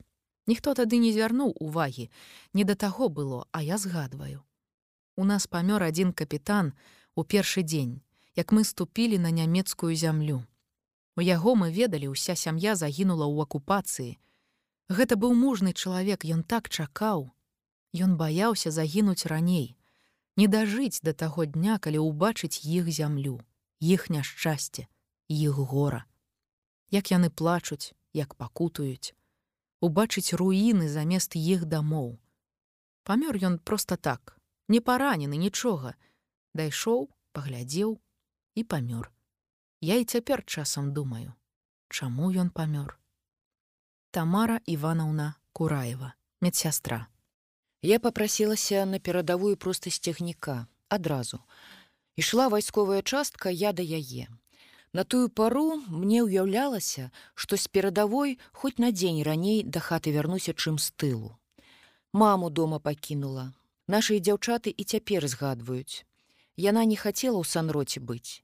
І праўда, Прыйду ў санроту, памыюся, бялізну, якую возьму і назад у свой акоп, на перадавыя пазіцыі. Пра сябе не думала. Паўзеш, бяжыш, Вось толькі пах крыві. Да паху крыві я прызвычаецца не змагла. Пасля вайны ў радзільным аддзяленні уладкавалася акушэркай, але нядоўга там затрымалася, мала. У мяне алергія на пах крыві. Проста не трываў яго арганізм. Столькі той крыві на вайне было, што болей ужо не вытрымлівала. Арганізм ужо не прымаў. Сышла з радзілкі на хуткую дапамогу. У мяне крапіўніца была, я задыхалася а пашыла з чырвонай тканіны блузку. Па руках распаўзліся нейкія плямы. Пухеры ці то ад чырвонага паркалю ці то ад чырвоных кветак рожаў або гваздзікоў я рабілася хворай. Нічога чырвонага нічога колеру крыві. У мяне і цяпер нічога чырвонага ў доме няма. Не знойдзеш чалавечая кроў вельмі яркая Ні ў прыродзе, ні ў мастакоў на карцінах я не сустракала такога яркага колеру. Сок граната трохі падобны і то не зусім. спелага граната. Марыя Якаўлеўна Яжова, гвардыі лейтенант, камандзір санітарнага ўзвода. Вох, вох, вох, ха-ха-ха, Усе вохкаюць, ды ахаюць, якая я квяцістая, расфуфыраная. А я і на вайне была такая, не вайсковая розныя бірулькі на мне. Добра, што камандзір у нас быў, як цяпер сказалі б, дэмакрат. Не з казармы, а з універсітэта. Уяўляеце сабе дацэнт, шляхетнымі манерамі, на той час рэдкая птушка. Рэдкая птушка да нас заляцела. Я люблю пярсцёнкі, хай і танныя, але каб шмат на кожнай руцэ. Люблю якасную парфуму, модную, усялякія бразготкі, розныя і шмат. У нашай сям'і заўжды смяяліся. Чаго б нашай шалёнай алёнцы падарыць на дзень народзінаў. Натуральна пярсцёнак. Пасля вайны першы пярсцёнак брат выпілаваў мне з бляшанкі з-пад кансерваў. І кулон тачыў тачыў і вытачыў з зялёнага шкла бутэлькі. А яшчэ адзін са светла-карычневага. Усё на сябе чапляю, як сарока, усё, што блішчыць. Ніхто не дае веры, што я была на вайне. Сама ўжо не веру. Мы з табой размаўляем, а ў шкатулцы ляжыць ордэн чырвонай зоркі. Самы прыгожы ордэн. Праўда, прыгожы. Мне яго спецыяльна далі. А калі сур'ёзна, дзеля гісторыі так, гэтая штуковіна ў цябе запісвае, значыць, дзеля гісторыі. Скажу вось што. Калі не быць жанчынай, дык на вайне не выжыць. Я ніколі не зайздросціла мужчынам, ні ў дзяцінстве, ні ў юнацтве, ні на вайне. Я заўсёды цешылася, што я жанчына. Кажуць, што зброя, аўтамат, пісталлет прыгожая. У ёй шмат чалавечай думкі, жарсці. А для мяне яна ніколі не была прыгожай. Я бачыла, з якім захапленнем мужчыны трымаюць у руцэ пісталлет, але мне гэта не зразумела. Я жанчына. Чаму засталася адна, Жаніхі ў мяне былі, хапала жаніхоў. Але вось адна, сама сябе забаўляю. Усе сяброўкі ў мяне маладыя, я люблю маладосць. Мяне старасць палохае болей, чым вайна. Ты позна прыйшла. Я цяпер пра старасць думаю, а не пра вайну. А штуковіна твая працуе так? Дзеля гісторыі, так? Алена Барысаўна Звягінцава, радавая збройніца. Я дома, усе жывыя. Мама выратавала ўсіх дзядулю з бабуляй, сястрычку і брата, і я вярнулася. Праз год прыехаў наш тата. Ён меў найвышэйшыя ўзнагароды, ды я прывезла ордэны два медалі, Але ў нас у сям'і галоўнай гераіні была мама. Яна ўсіх выратавала, зберагла сям'ю, зберагла дом. У яе была самая страшная вайна. Тата ніколі не прышпіліваў ні ордэнаў, ні ордэнскіх калодак. Ён лічыў, што выстаўляцца перад мамай няёмка, сорамна. У мамы ж няма ўзнагарод. Нікога ў жыцці я так не люблю, як сваю маму. Рыта Михайлаўна Акунеўская, радавая мінёрка. Я вярнулася іншай. У мяне доўга былі ненармальныя стасункі са смерцю. Дзіўныя, я б так сказала па мінску рушыў першы трамвай і я ў гэтым трамваі ехала Раптам ён спыніўся, усе крычаць, жанчыны плачуць, чалавека забіла, чалавека забіла. А я адна сяджу ў вагоне і зразумець не магу, з чаго ўсе плачуць. Я зусім не адчувала, што гэта страшна. Столькі забітых на фронте бачыла, таму і не рэагавала. Я звыклася жыць сярод іх. Забітыя заўсёды побач. Каля іх кураць, харчуюцца, размаўляюць. Яны не недзе там, не ў зямлі, як у мірным жыцці, а заўсёды тут з намі. А потым вярнулася гэтае пачуццё. Зноў было страшна, калі пабачу мёртвага чалавека у труне. Праз колькі гадоў да мяне гэтае пачуццё вярнулася. Я зрабілася нармальная, падобная да іншых. Была Ісакаўна Эпштейн, сяржант снайперка. Да вайны. Я была ў тэатры. Падчас антракту, калі запалілі святло, я яго ўбачыла. Усе яго пабачылі. Ушчалася бура апладысментаў.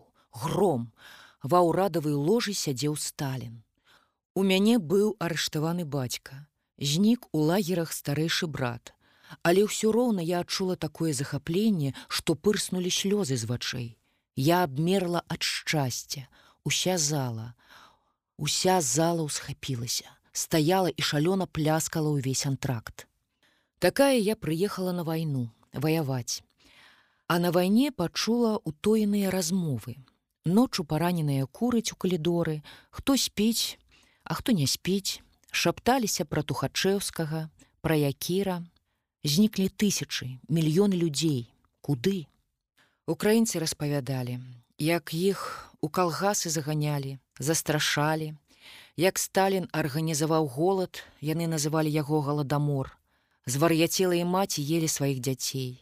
А зямля там такая багатая, што ўваткнеш галінку вярба вырасце.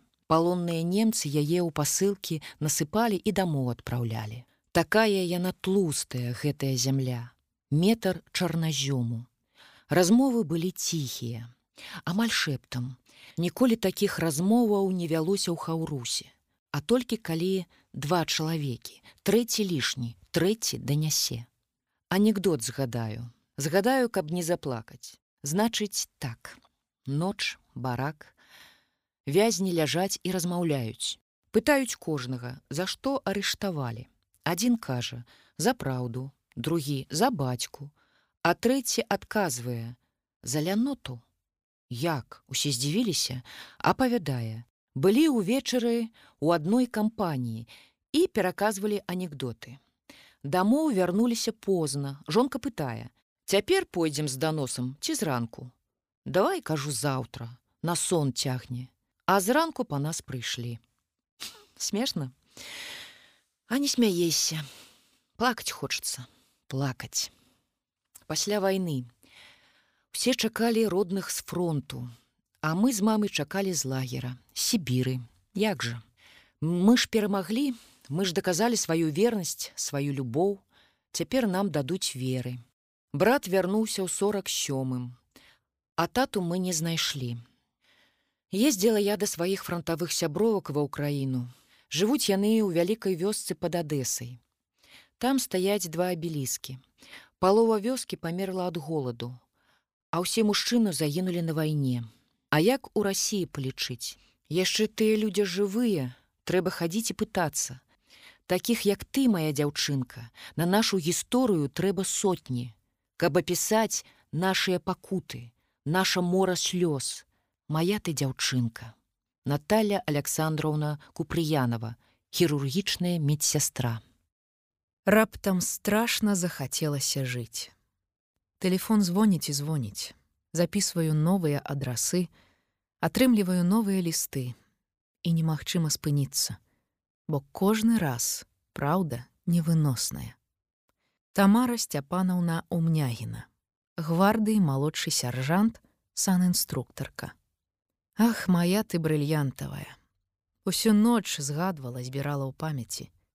Прыбегла я ў ваенкамат, спаднічка з радна, на нагах прапітаныя гумай тэпці, Яны як туфлікі зашпільваліся. Гэта была мода з модаў.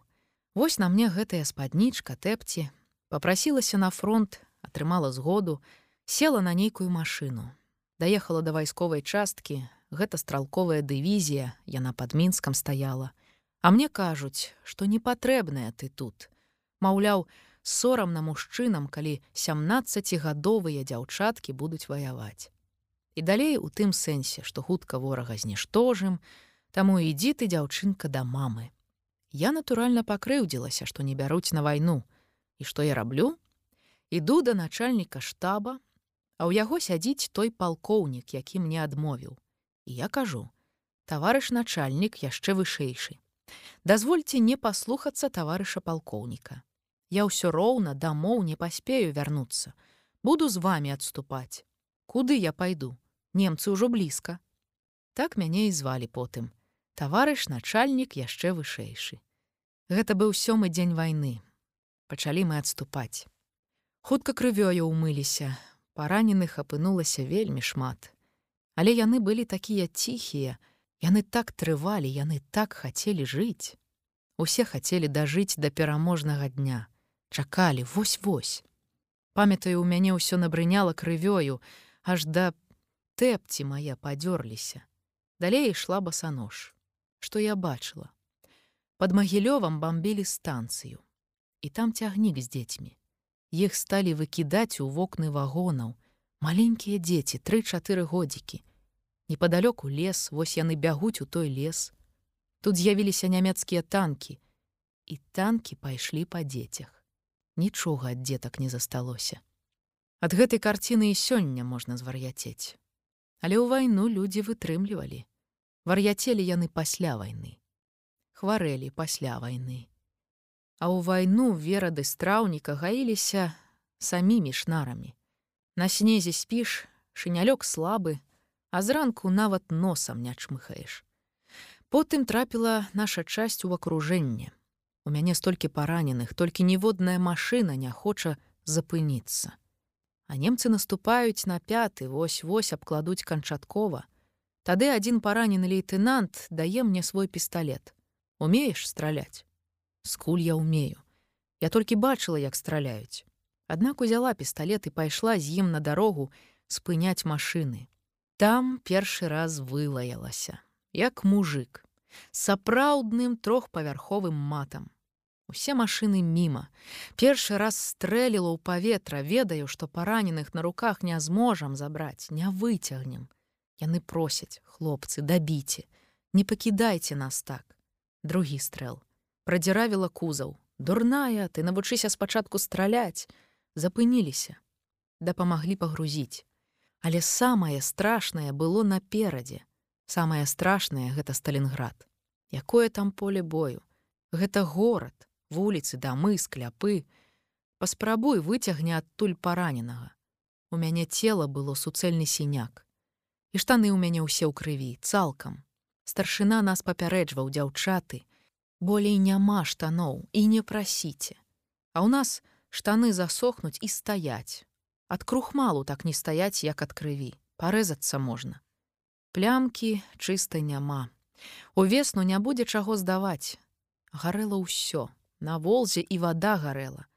Нават узімку волга не замярзала, а гарэла. У Сталінградзе не было ніводнага лапіка зямлі, не палітага крывёю, рускай і нямецкай, і бензінам, алівай. Там усе зразумелі, што адступаць далей няма куды. Нельга нам адступаць. Ці загінем усе, краіна, рускі народ, ці пераможам. Гэта ўсім стала зразумела, настаў такі момант. У голас не казалі, але кожны разумеў. Генералы салдат разумеў.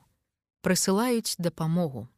Маладыя такія, прыгожыя хлопцы, перад боем глядзіш і ўжо ведаеш, што іх заб'юць. Я баялася новых людзей. Баялася запамінаць, размаўляць, Таму што сёння яны прыехалі, а праз два-тры дні іх ужо няма. Глядзіш, глядзіш на іх перад боем. Гэта ж 42 год, самы складаны, самы цяжкі момант. Быў выпадак, калі з трох соцень напрыканцы дня нас засталося толькі 10. І калі нас столькі засталося, калі ўсё сцішылася, мы сталі цалавацца, плакаць, што мы раптам жывыя, родныя адно аднаму, парадніліся. На тваіх вачах чалавек памірае, і ты ведаеш, бачыш, што нічым не можаш яму дапамагчы. У яго лічаныя хвіліны засталіся. Цалуеш яго, гладзіш яго. Ласкавыя словы яму кажаш, развітваешся з ім. Ну, нічым ты яму болей не здольны дапамагчы. Гэтыя твары ў мяне вось і цяпер у памяці. Я бачу іх усіх усіх хлопцаў. Чамусьці гады прамінулі, а хоць бы каго забыць, хаця б адзін твар. Вось жа, нікога не забыла, усіх памятаю, усіх бачу. Нам хацелася самім ім магілкі выкопваць сваімі рукамі, але так не заўсёды атрымлівалася. Мы сыходзілі, а яны заставаліся. Здаралася, забінтуеш усю галаву, а ён у цябе пад бінтамі памёр. Яго хаваюць з забінтаванай галавой. Іншы, калі на полі бою паміраў, ён хаця б у неба глядзеў. Ці памірае і просіць, заплюшчы мне вочы, сястрычка толькі акуратна. Горад разбураны. Дамы гэта, канешне, страшна, але калі людзі ляжаць, маладыя мужчыны, ты не можаш аддыхацца, ты бяжыш, ратуеш, Здаецца, што моцы ўжо няма, болей, чым на 5 хвілінаў цябе ўжо не хопіць. Але ты бяжыш. Сакавік, першая вада под нагамі. Валёнкі абуваць нельга, а яна сунула і пабегла. Цэлы дзень у іх поўзала. Пад ноч яны зрабіліся такія мокрыя, што не магла іх зняць, мусіла рэзаць і не захварэла. Уяўляеш, моя брыльянтавая.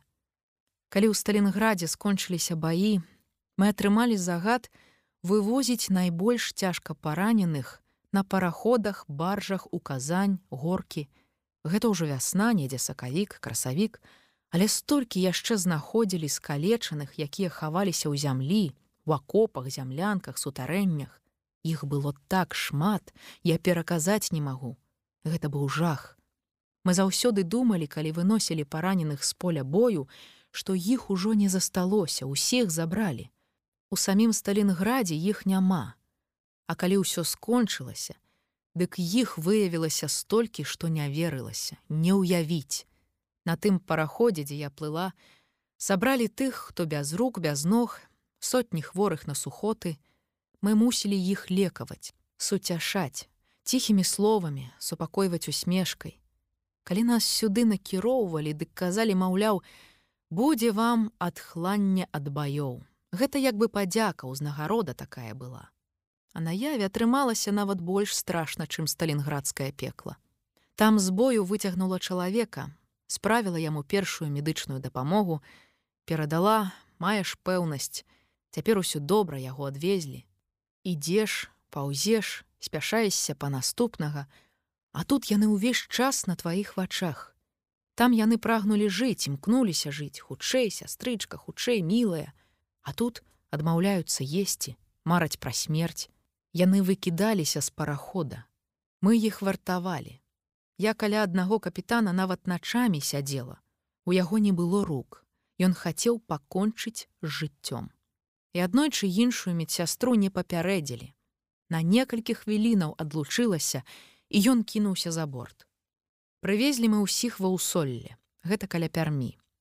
Там ужо чакалі навюткія чыстенькія дамкі, ўсё спецыяльна для параненых, як піянерскі летнік. Мы іх на насілках пераносім, а яны зубамі за зямлю чапляюцца. Здаецца, ну прыняла бы усялякага за мужа. На руках бы яго насіла. Вяртаемся на параходзе пустыя, адпачыць можна, а мы не спім.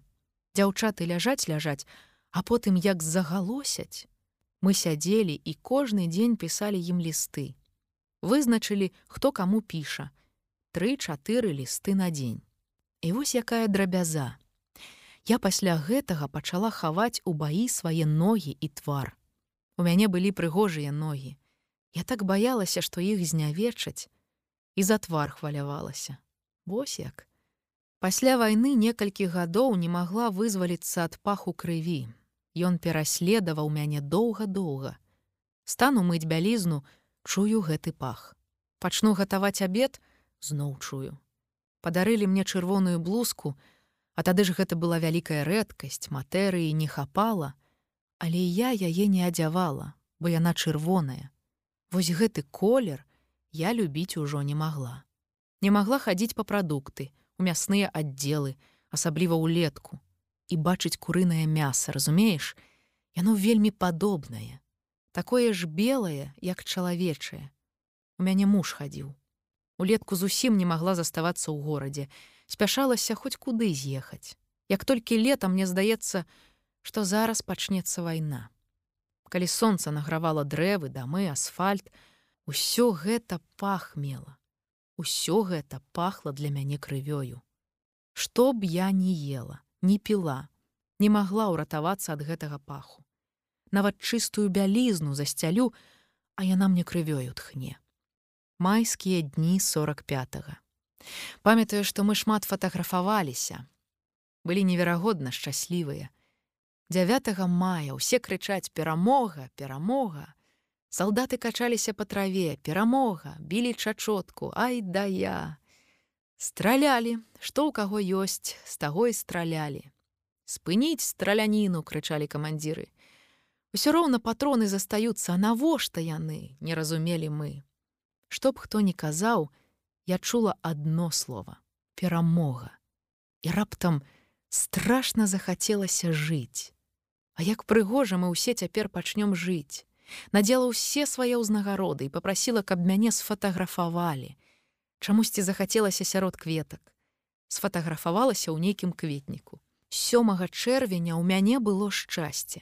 Было маё вяселле. Батальён зладзіў нам вялікае свята. Мужа я ведала даўно, ён быў капітанам, камандаваў ротай.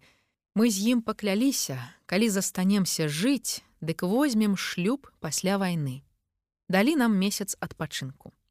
Мы выправіліся ў кінішму. Гэта іванаўская вобласць да ягоных бацькоў. Я ехала гераіняй. Я ніколі не думала, што інакш можна сустрэць франтавую дзяўчыну. Мы ж столькі ваявалі, столькі ўратавалі мацеркам дзяцей, жонкам мужоў, як раптам я зведала абразы. Я пачула крыўдныя словы, Дагэтуль, акрамя як сястрычка родная, сястрычка дарагая, нічога іншага не чула. А я не якая-небудзь была, я была прыгожанькая. Мне далі новую форму. Селі ўвечары піць гарбату, маці адвяла сына на кухню і плача. З кім ты ажаніўся з франтавой? У цябе ж дзве малодшыя сястры. Хто іх цяпер замуж возьме? І сёння, калі пра гэта згадаю, прыкра робіцца.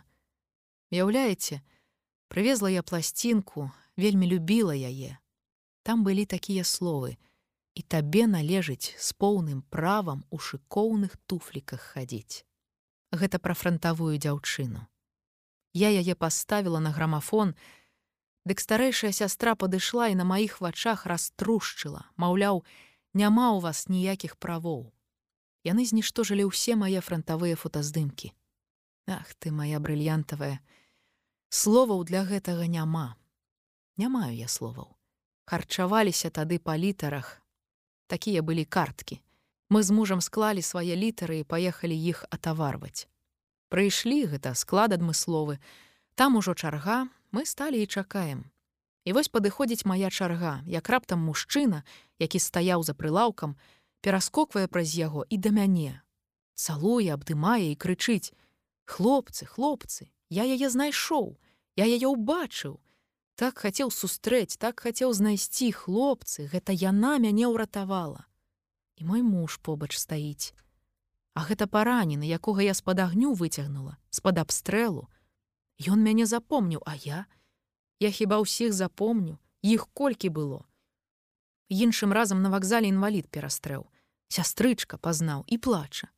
Думаў сустрэну на калені стану, а нагі адной у яго няма хапанулі мы гора фронтавыя дзяўчаты і пасля вайны нам хапіла пасля вайны ў нас была яшчэ адна вайна таксама страшная. Патроху мужчыны пакінулі нас не прыкрылі на фронте по-іншаму было. Паўзеш ляцяць аскепкі ці кулі хлопцы берагуць кладзіся сястрычка крыкне хто-небудзь і сам на цябе падае сабой закрывае і куля ўжо яго. Ён мёртвы ці паранены мяне тры разы так уратавалі. Скінеш мы мы зноў вярнуліся ў сваю частку. Там даведаліся, што нас не расфармоўваюць, мы будзем размініраваць палі. Калгасам трэба даць зямлю. Для ўсіх вайна скончылася, а для сапёраў яшчэ працягвалася.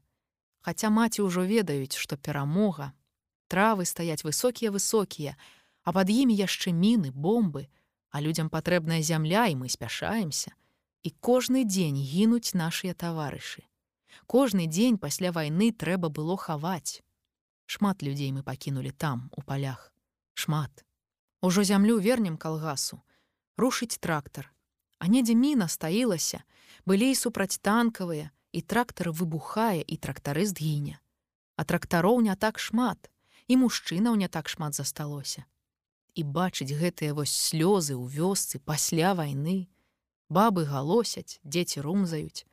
Згадваецца, быў у нас салдат пад старой русай, запамятавала вёску, Ён быў сам адтуль. Пайшоў разміноўваць свой калгас, сваё поле, і там загінуў.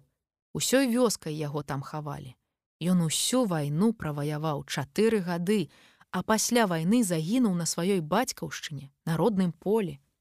Я як толькі пачну пераказваць, дык адразу раблюся хворай. Апавядае ў мяне ўнутры быццам халадзец усё дрыжыць, зноў усё бачу. Уяўляю, як ляжаць забітыя, У іх раты параскрываныя, нешта крычалі і не дакрычалі, кішкі вывернутыя, Бярвёна ў меней бачыла, чым забітых, А як страшна. Як страшна ў разаніне, дзе чалавек на чалавека са штыхом ідзе, голым штыхом. Пачынаеш заікацца. Некалькі дзён слова цалкам не вымавіць, губляеш мову. Хіба гэта зразумее той, хто там не быў. А як распавесці, з якім тварам? Ну ты адкажы мне, з якім тварам пра гэта трэба казаць. Іншыя неяк могуць, здольныя, А я не плачу, а гэта трэба. Трэба, каб засталося. Важна пераказаць. Недзе павінен захавацца наш крык, наш енк. Я заўсёды чакаю нашае свята. Дзень перамогі.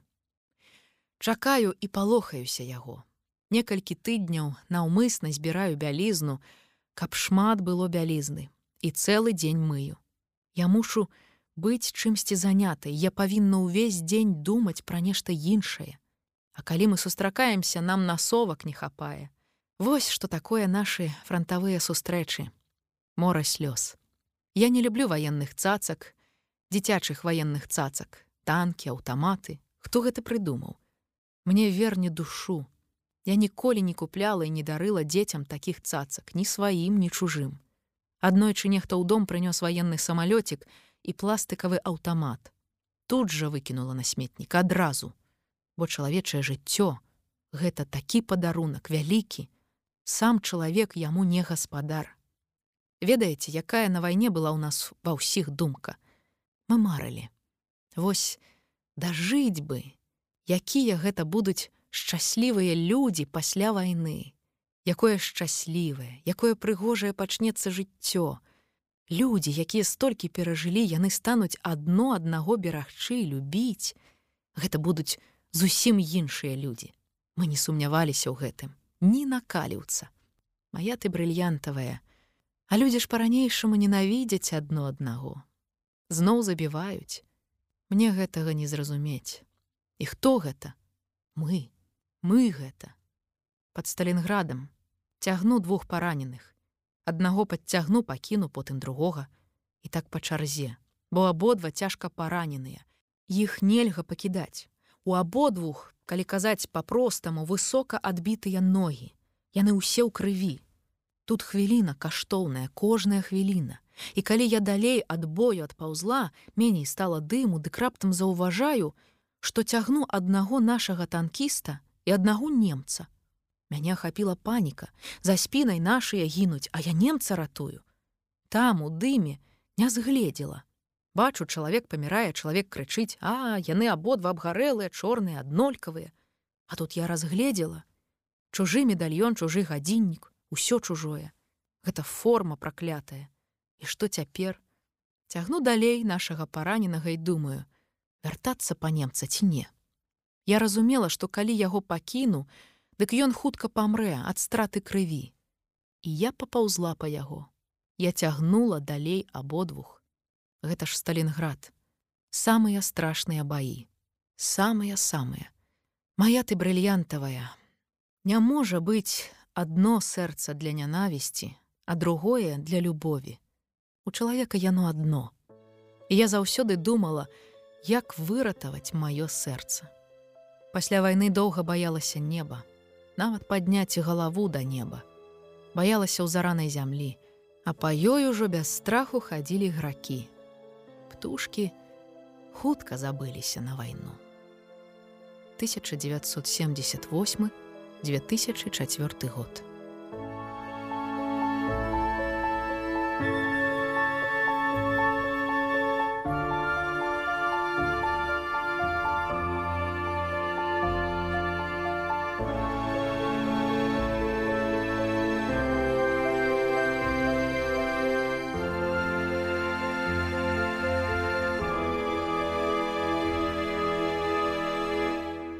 Аўдыёверсія падрыхтаваная спецыяльна для інтэрнэт-бібліятэкі камунікат.